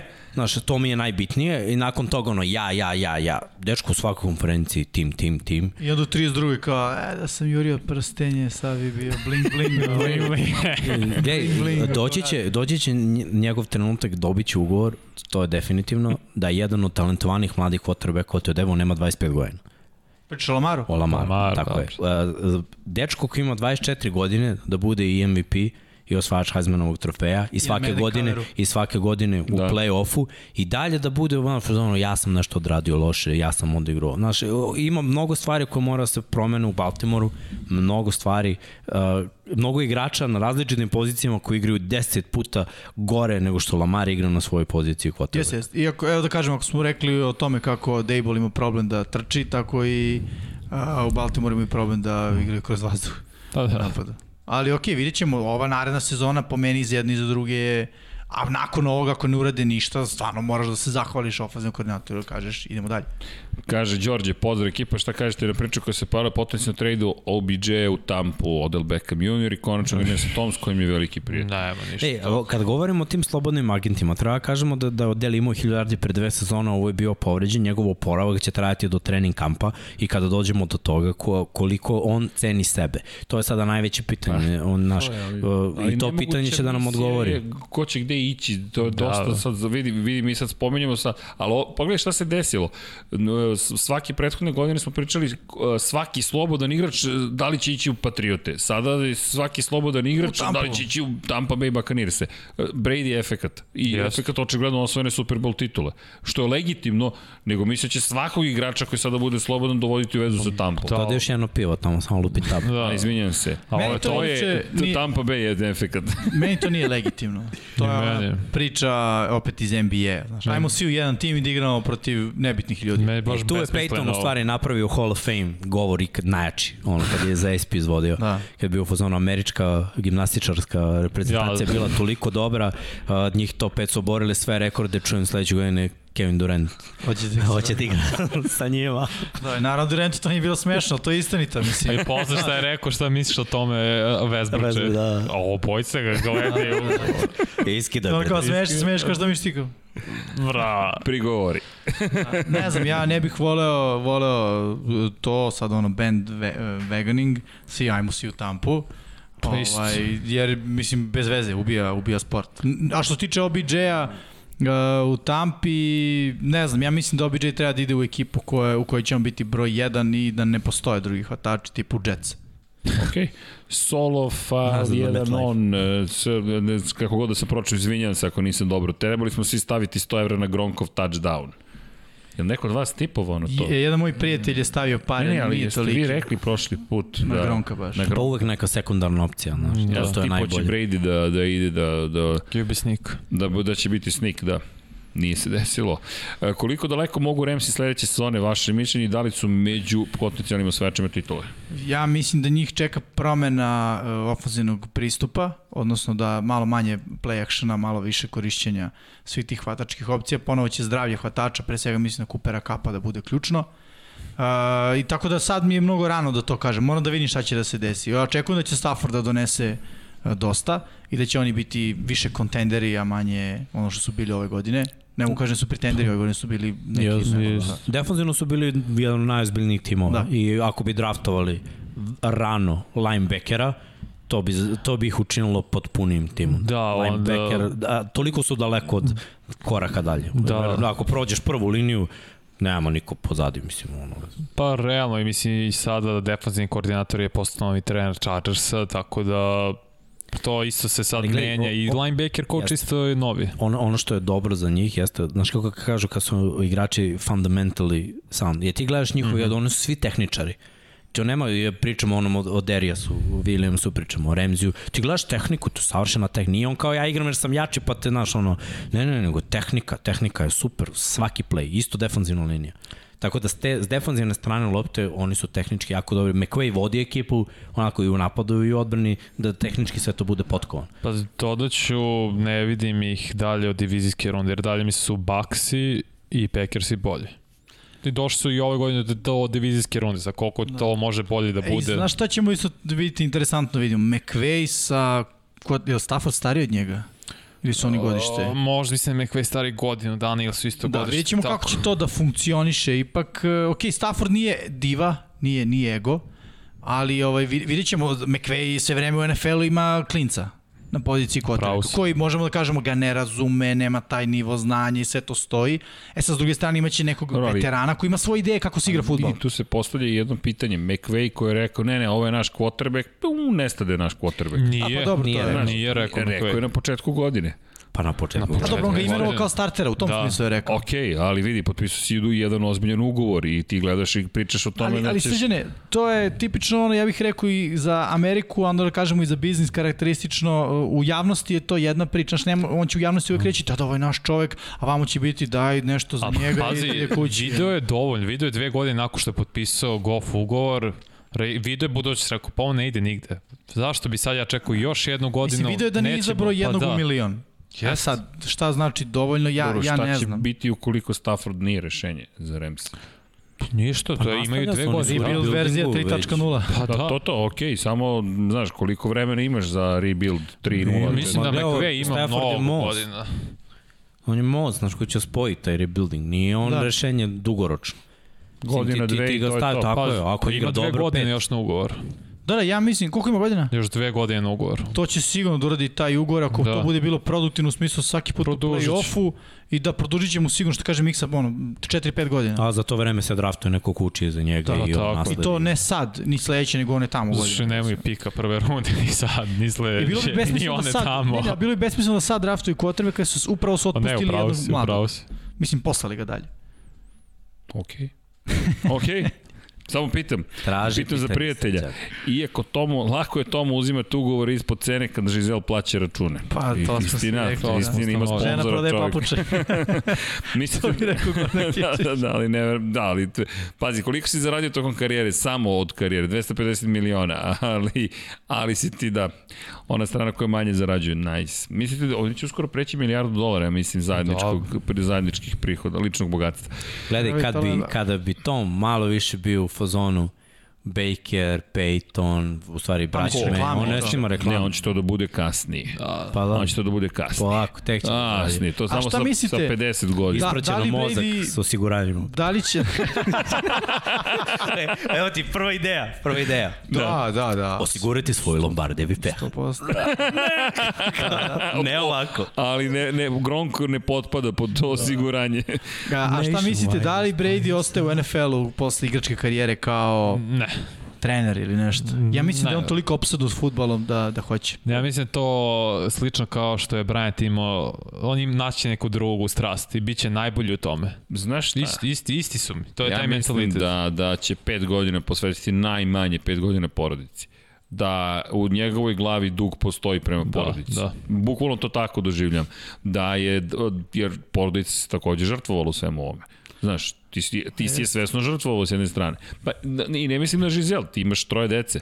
Znaš, ti tu decu... um, 3 plus 1 ili troje ukupno? Ne, troje, 2 plus 1, ako tako posmetraš, da. da. Do, dve, dvoje da, sa okay. još jedno. Da, da. Dete koje nije sa... ž- Pogreš čovjek. Pogreš čovjek. Ok, da, Bridget Mo- Moynihan, ili tako beše? Ne, moja prva, nije čak ni supruga, ali dete ima sa njom, ali ono što je meni super, on čovjek je, ne, nikad nije postavio pitanje. I lepo Da li, sad je bilo troje dece, Tako da. je, i lepo je što je Žizel kao de facto maćeha prvom detetu, ne, nema razbijanja porodice, nema priče o tome, oni su svi zajedno na terenu i kada su njena deca zagrlila Brady-a, evo, 40.000 i to pivo, nekoliko god jednog dana kad dođete ognjene u studiju na kraju univerzuma, ali ćete morati da sednete da gledamo i onda utakmice Brady-a da vidimo da li je toliko loš koliko tvrdite. Šalu na stranu, ali činjenica da ona rekla i klincu dođi. Svi su porodice, tako Da, da, da mislim da će on se posvetiti porodici. Ali, Nismo ispričali, izvini, samo nadam se kratko, jednu priču. Ono, prvi diže trofej Brady, pa njegova će. Čerka Vivian, da. Pa onda ostatak, ostatak Brady familije, pa onda Tampa Bay Buccaneersi. I to ljudi, Brady stoji gore, diže trofej, a oni su doli u publici, oni imaju fan pit.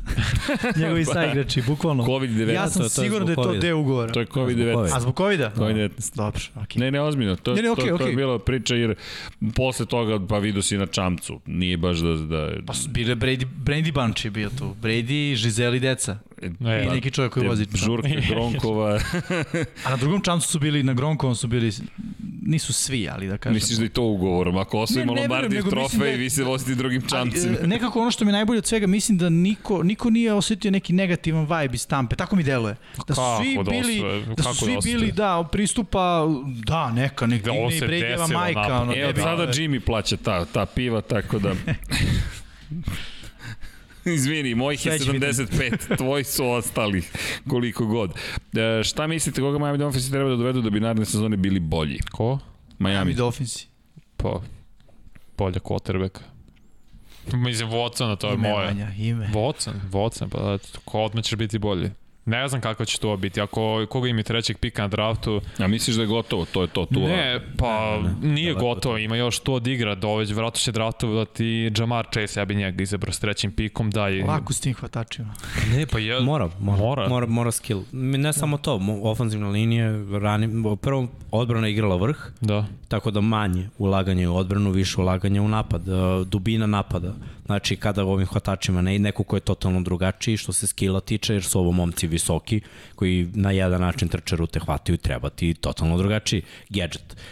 Opet, jer e, u backfieldu si imao Geskina, Da, Geskin rešenje. koji je okej, zašto ne bi imao one two punch isto jednog mladog, drugačijeg, ofanzivno linija da se pojača i tebi Tako je sad je. bitni desni tackle nego levi. Imaš trećeg i 18. izaberi Jamar Chase-a, posle izaberi jednog tekla, ne znam ko će ostati, možda ovaj Slater iz Northwesterna, nemam pojma, nisam bitno. Tako se poja, pojačavaš napad jer je bio loši. Izvinjam se, da li će Falcons se tradovati Jonesa i Rana, osloboditi Cap i tradovati Fieldsa? Po meni to najbolje rešenje za njihovu budućnost Matija. Za njih je rebuilding jako važan i sve kreće prvo od ofenzivne linije, da isto imaju nekoliko veterana, Mac, njihov centar je isto jedan od kandidata, mm -hmm. da, da se seli dalje. Onda dolazimo uh, do, do toga Gde ide Ryan, mislim, s njegovom stilom igre? Gde on može da ode i da učini neki tim bolji? Uh, da li je lice franšize nego prvo Julio? Julio je lice. Julio je ono, pra, pra, pravi vođe. Sad, koliko želiš da, do, da daš za njega, da li je bolje da on ostane? Jer on tu grupu čini boljom. Mislim, Julio je stvarno unikatan hvatač u, u NFL-u. U, sad mislim, Matt Ryan u kolce. Može, je. Njemu treba divizija koja je troma. Al treba ti- Titansi nemaju pas rush. Tako je, Te, Texansi nemaju odbranu. tako je. Uh, Jacksonville. Jackson, Ok, da, Jack- ok, za vidjet par ćemo. godina. Mladi su, Da. ali ono, A pazi, ja, on bi se u toj diviziji snašao. o, tu jedino oni imaju m, uh, mesto u kepu. Ryan nosi 37 miliona. U, ovde ste prvo čuli. Da. Ryan ide u kolce. Ryan nosi 37 miliona, ti sa četvrtim pikom pašće ti možda Fields, vrlo verovatno ako niko ne draftuje ispred, uzmi Justin Fields ako pokreni opet, ali Julio zadrži, on ti je lice franšize, on ti postavlja kulturu. Slažem se, slažem se. Ryan, I, I Julio će tog mladog hvat, kotrbeka, ako se desi, da. učiniti boljim. U smislu bit će mu ono, sigurna opcija u svakom trenutku. Učinio je Rajana boljim, znači svakog može da učini boljim. A dobri, ti si sad nije Da, toliko da, da. Nije, brate, ali gledao sam pre neki dan neki video Julio Jonesa, au, brate, one lopte. 70% lige ne bi uhvatilo one lopte. Pa dobro, jeste, jeste. Ali pričao si to i za Megatrona, znaš. Jeste. A opet je Stafford dobar quarterback. Jeste. Bolje od Rajana. E, jeste, slažem se, slažem se. Ali hm, tu su mi, šta znam. Sliči se. Ok, Ozren, bit će Patreon bez brige. To, Ozrene, veliki pozdrav iz studija na kraju univerzuma. Zatim, pitanje, čekajte samo da gledate, da, mislite da je moguće da Vat pređe u Dallas uz neki manji ugovor? Šta će radi u Dallasu? Da. Isto što je u A, nije kontender, realno. Dallas je kontender da, da uđe u playoff. Da osvoji NFC isto. To, to je već proživeo u svojih 10 godina igranja američkog futbola. Da. Jimmy Franco, još 100 dinara, opa, Jimmy je glavni sponsor večeras, da se skupimo svi sa 99 yardi i odigramo američki To ti je za fudbal. 4 piva, brate. Da odigramo američki futbol. Da, svi. E, ja sam za, ali da budemo realni ljudi. Možemo flag. Nemate svi tako je. Tako da, flag da a, ne, ne, frisbee. To je najbolji američki futbol sa frizbijem. Znači, kad držiš frizbij u ruci, ne smiješ da se krećeš, može da se krećeš samo bez frizbija. Dobacuješ na sve strane, nije bitno kako. Da, da. Ako, ja, ako smo ti ja u ekipi, ja bacim ka tebi, ne uhvatiš, padne na zemlju, onda Srđan i Miksa imaju posled. Znači, posled se menja svaki put kada ili ja presečem frizbi, presečem frizbi, presečem dodavanje frizbija kroz vazduh, ili kad frizbi padne na zemlju, tad se menja posled. To je najbolja igra i kad to mogu da igra, i ž- mislim, svi Mogu da, polovi. Mogu da igra... Može da igra i lepši pol, nežni pol, kako hoćete. Da. Suprotan pol, žene, smo slovo. Ž, tako, Ž, Da. Ž, Možda sam ja. može se- Ne, ne, ozbiljan si, to je odličan i pritom nema kontakta, mislim može da se igra i ono, Strava. na druženjima, na roštiljima. Igrao sam tako sa, sa prijateljima i, i svi su, svi, svi zavole jer je jednostavno. Jimmy, ne, ali Fran, Franco, Jimmy Sunday Da. protiv Jimmya Franka. U skuplja ekipu Franko. Samo da vam kažem, ima Matthew Stafford izbacivanje frizbija. No Luko. Oprostit će, da, da, da, da, da vidim gde su pitanja. Srđane, kako ćete raditi podcaste tokom off sezona? Ne mogu 8 meseci bez futbala. Biće. Biće, evo sad smo baš pričali, Da. biće svega, nemojte ništa da brinete. I smišljat ćemo, i šaljite ideje. E, pišite u komentarima, m, vidjet ću da možemo da ostavimo i neki post gde možete da ostavite tu komentar šta biste vi volili da vidite tokom narednih 8 meseci. Mi smo na raspolaganju, o, mi pre svega ovo volimo. Evo Da. da. nas posle 3 i po sata, Dom Pablo, pa dobro, sad, da li voli, Drži se. ne, drži se nekako. Da, dobro, stari gospodin, tako da... ne, kako je bilo? Ba, baba iz Tom i Jerry. Da. Ali dobro. Tako da nemojte da brinete. Uh, objasnite ljudima koliki je šta je uopšte salary cap u NFL-u. Hoćemo. Eto, to je dobra tema, na primjer, za jedan od podcasta. Da, ako to sada otvorimo, to Koliki će je, da... ja ne znam sad. Ove godine je bila priča 175, ali kao dižu na 185 miliona. Da. Inače, salary cap je maksimalna količina novca koju možete potrošiti za plate igrača tokom Da. sezone. A i postoje sada i razne opcije, možda pređeš te tu količinu uz Naravno, takse, derivati uvek da. postoje, ali ajde Da. da. objasnimo najosnovnije. Znači, ako je 185 miliona, imamo 53 ljudi na rosteru plus practice squad, tako? Da, e I sad- svi oni moraju se uklope u 185 Jeste. miliona za godinu. Al, ali ne za godinu. Jer kada daješ dugoročni ugovor, uh -huh. uh, smanjuješ Da, salary da, da. cap, jer veća lova ide na potpisiva bonus. Pazi. Kad potpišeš ugovor Jasno. i prolong, iz godine u godinu, na primjer, za, zašto su ovi igrači sada imaju jake udare na cap?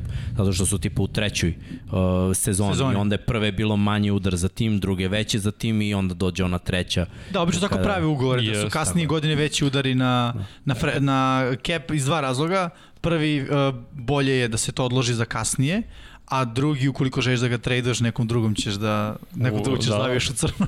Mnogo je komplikovaniji cap za NFL generalno nego u ostalim tim Jeste, američkim da. sportom, poprilično. Da, ali ovo je nekako ono najosnovnije objašnjenje. Mislim, da budem iskren, ja ne znam često kako to funkcioniše i ko Ma ima milion načina da, da se to sve... Da. Ajde, ajde. Izvinite, hoću da nas malo ovaj, ubrzam sa pitanjem da, Da, da, da. da ispoštujemo što više ljudi. Da li Tampa može da zadrži Bereta ukoliko se reši Godvira? Ne. Samo Ne. da dobro. Pa rekli smo, Bere traži ugovor, tako? Bere traži To je od Beret Pa- rekao, ne mi. Dva pitanja tu postoje. Barrett, David, Godwin u ekipi, će ih neko od njih trojice napustiti, to smo već pričali. Koga bismo mi zadržali od njih trojice, ko vam je od njih trojice najbitniji? Lavonte David. Ja bi Davida, i ako može neki način Bereta, ali ne može, onda David, apsolutno. Eto, David, to je manje više jednoglasno. E, Da, da vidimo, još, Tom još jedinu Cleveland odi da osvoji Super Bowl sa njima, ok. Salary cap smo spomenuli. Reč dve o Devinu Whiteu, please, dečko je freak.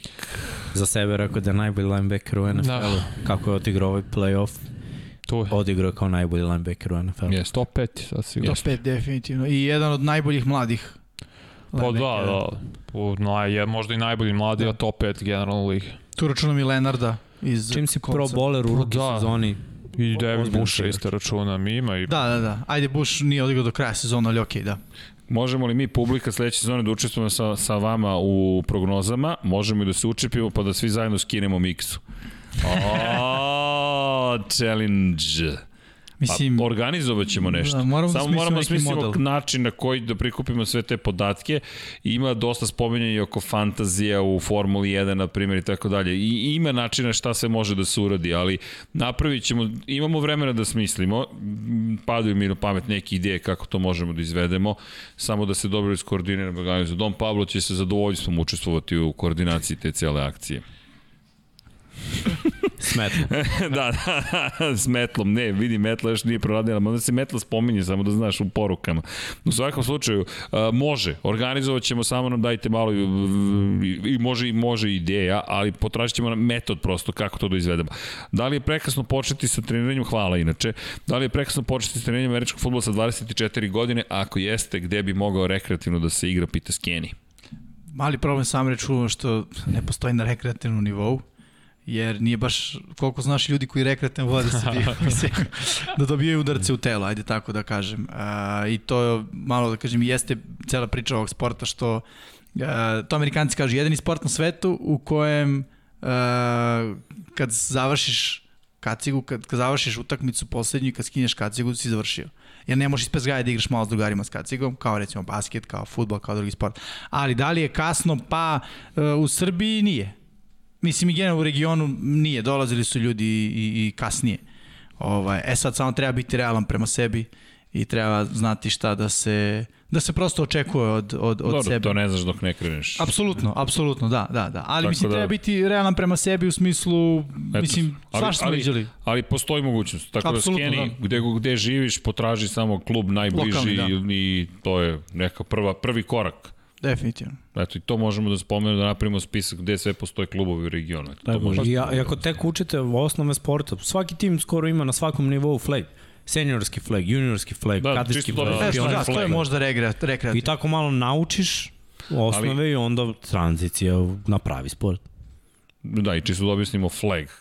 Govorimo o... Ajde, Beskontaktna verzija, Beskontaktna verzija. Oko struka se nose uh, kajš sa zastavicama koje su na čiča, kada skineš zastavicu to je umesto baranja i ovaj, uh, pravila su malo drugačije, igra se 5 na 5, ili tako? Da, igra se 5 na 5 i igra se na 4 pokušaja da osvojiš pola terena. Da, i još tim četiri što za tažan. se, eto, malo više u, u tako približiš pravom sportu kroz terminologiju. Super. Ali to je korak i korak u nekom Da. smeru. Pozdrav ekipi, najbolji prenos sa Super Bowl do sada, hvala na žitku. Dva pitanja. Hvala. Hvala, hvala. Svi su realizovali, najviše vi, mi smo druga ekipa, Vanja koji je ovde bio iza kulisa, Dom Pablo uglavnom se smejao, ali to je okej. Okay. E, hvala. I, I dva pitanja. Pod jedan, da li vidite Brady negde nakon Tampe ili penzija? I dva, šta mislite da najbolja opcija na poziciji quarterbacka za Patriote? Brady, Brady i penzija, to Tampe, više ne postoji. Da, da, Brady i penzija ne idu istu rečenicu. Ali Da. nakon Tampe, Mislim, čuli ste šta je rekao na kraju ovog Superbola kada ga je pitao uh, komu uručio trofej, kao sledeći godin, kao da, naravno, kao vraćam se. Dobro, sledeće da. ali I to je i ugovor i onda nakon toga, ako budu bili uspešni, mislim, pa i sledeće godine dođu do finala.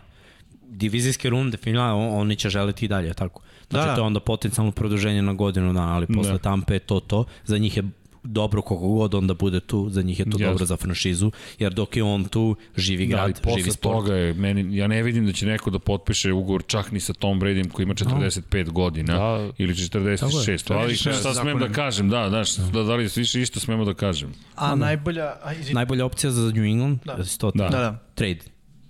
Neko ko je tu već neko vreme. Ali koga bi? Znači niko. Ima, ima, Bil to neće. e, ima, ja kažem, vrlo, vrlo moguće. Znači, neko će se rešiti mladih perspektivnih quarterbackova ili ovih starijih. Prvo, ja mislim da će oni ganjati Mariotu da bi ostali u ovom nekom stilu.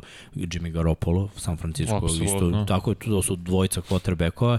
I možda u nekoj uh, teoriji, uh, aj sad da pro, po glavi promuljam neko ko je tu godinama u ligi, a ne nosi cap kao Ryan. A, ali, ok, ja se slažem, a mislim da si ti išao sa realističke strane e, šta bi bilo realno se desi, a mislim da smo imali pitanje ko je najbolji fit, tako?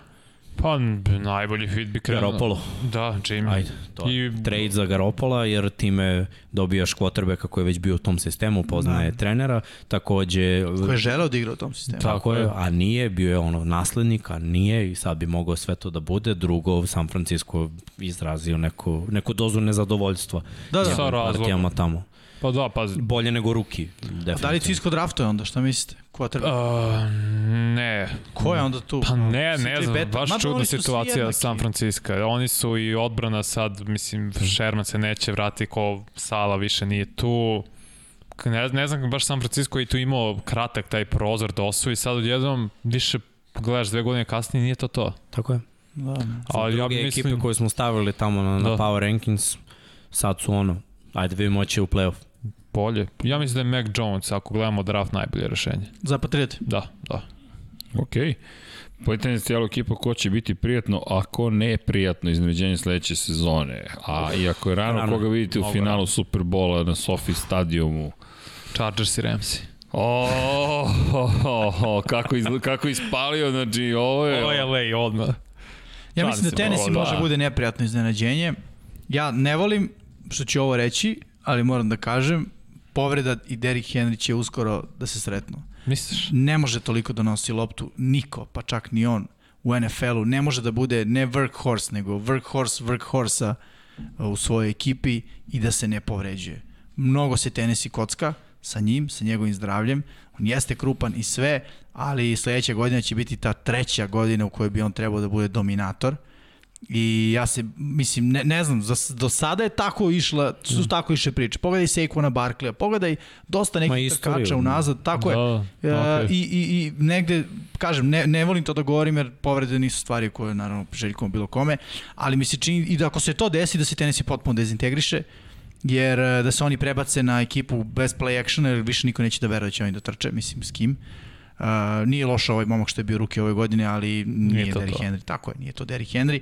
I da će onda nastati veliki, veliki problemi za, za njih. Tako da oni mogu da mi budu ovako sad na prvu loptu uh, negativno iznenađenje ako se desi povreda Derika Henrya, a bojim se da je takav neki scenario, ne možda za celu sezonu, ali nek propusti 5-6 utakmica, to je, nema play-offa za njih. To, ja ću reći Ja- Jacksonville kao najprijatnije iznenađenje. Možda Chargersima to promena trenera, to mi se nikad ne sviđa, tako možda za dve godine.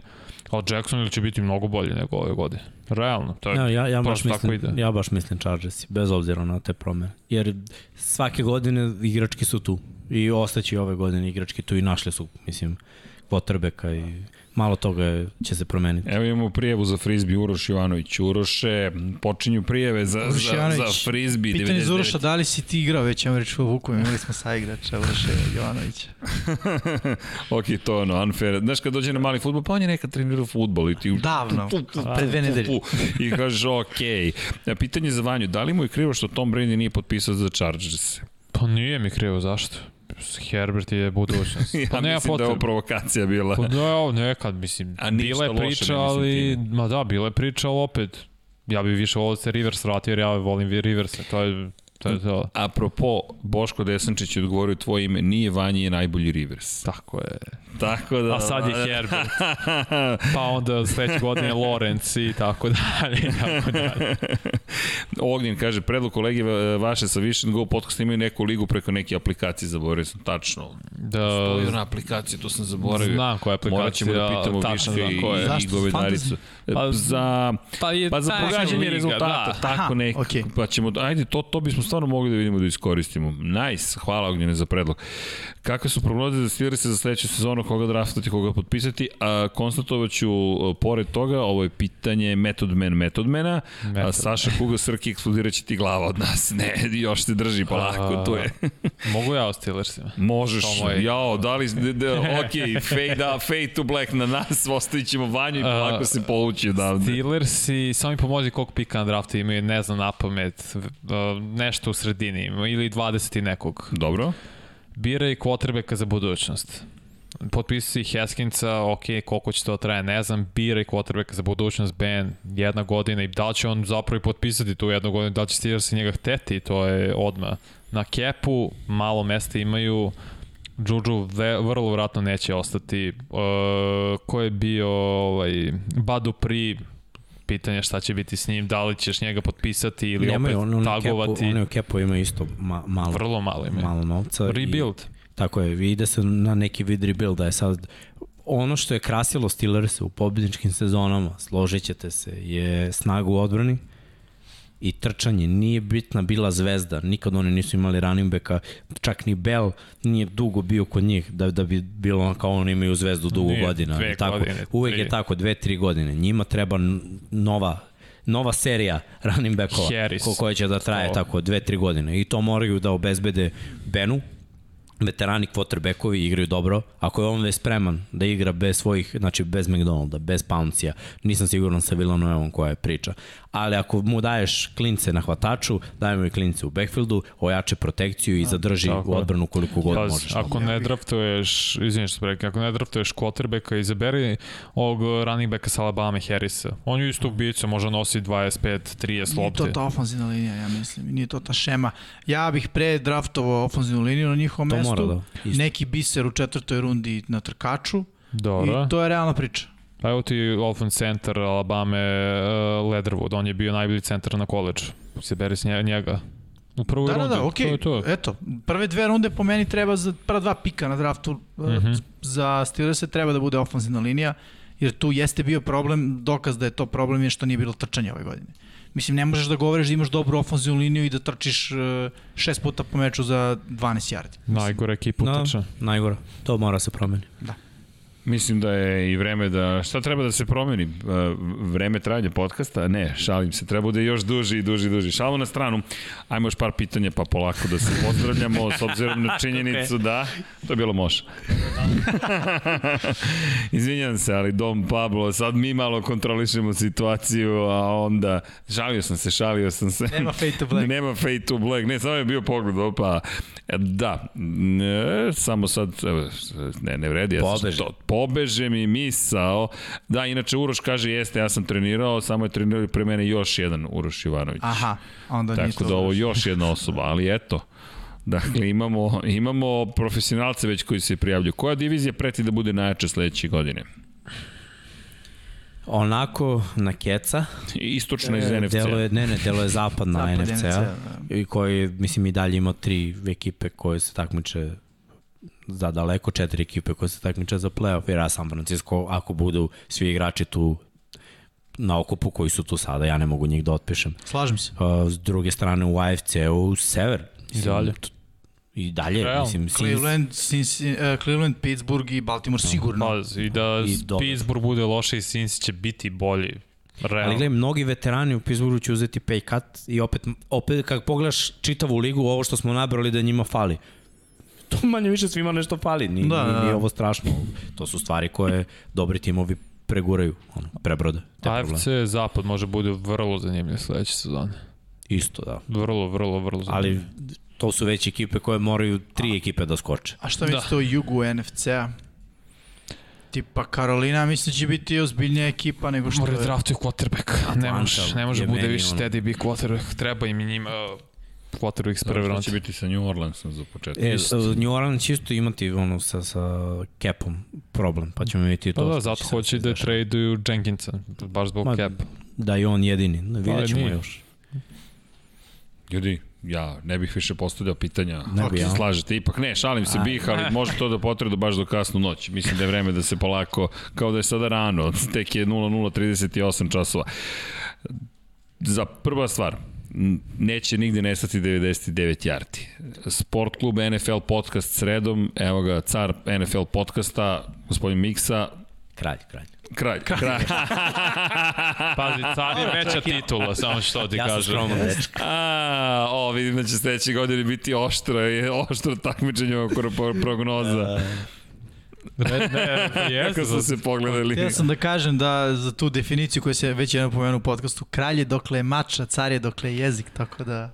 O, Bravo, bravo. o, slušaj, čuo. slu- slušaj, momci, predlog da ubacite neku voditeljku kao osveženje. E, osveženje? A kao osveženje, o... Kao petog člana ili kao 3 plus 1? Ne razumem da, šta to znači da nismo dovoljno sveži, ja zaista ne znam o čemu se ovde radi. Stavi Ne, tijaru Okej. Ne tu voditeljku, Srđane. i rešen problem. I rešen problem, evo, re, rešili smo problem. Šalo na stranu, ali da, činjenice ne od tog filma, nije da nema ništa, ne, za ovaj sto mora prvo da se dokaže znanje. Koliko da li voditeljka prate? ili voditelj, ne, prate puno, prate, šalim se, ima nekoliko devojaka koje zaista su impresivne, ali šalo na stranu, da li će biti osveženje. Čujte, malo nam to teško pada, da, da, da, da nismo dovoljno sveži. Ja vidim samo lepa lica ovde, ništa više. Tako. I mlada. O, Vanja, ovo je bilo baš kulturno, ali šalno na strane, ovo mene Pa svežina nije potresla istina. ko Jimmy, to, to implicira da nismo sveži, ništa ne spavaćemo se, ali bit će još zabavnije sledeće godine, ali neće biti ni kraj, mi sad ulazimo u međusezonu, tu ćemo da vidimo šta, šta ćemo sve da radimo i kako, nadam se da će biti svakako kvalitetno, to je prva stvar, pa ćemo da vidimo za sve ostalo, Srđan Ron, Srđan Erceg, to, aha, ovde su neki po, pohvale, to ću posle da vam odgovorim, ali hvala. Kakav ima kao jedno čeka. to, to, to, to, to. Evo, kaže čovjek lepo da sam pravi pobednik prognoze. Da, pogodi jednu i pravi pobednik. Ali vidi, to je tempiranje forme, čoveče, ja sam čekao. Pa onda je Žulo najbolje tempirao. Ne, Žulo jeste, Žulo je play-offa. A, i ti play-offa. je Žulo od prvo. Play-off Žule. Dva. Play, play-off Žulo, o, a i Super Bowl Srki.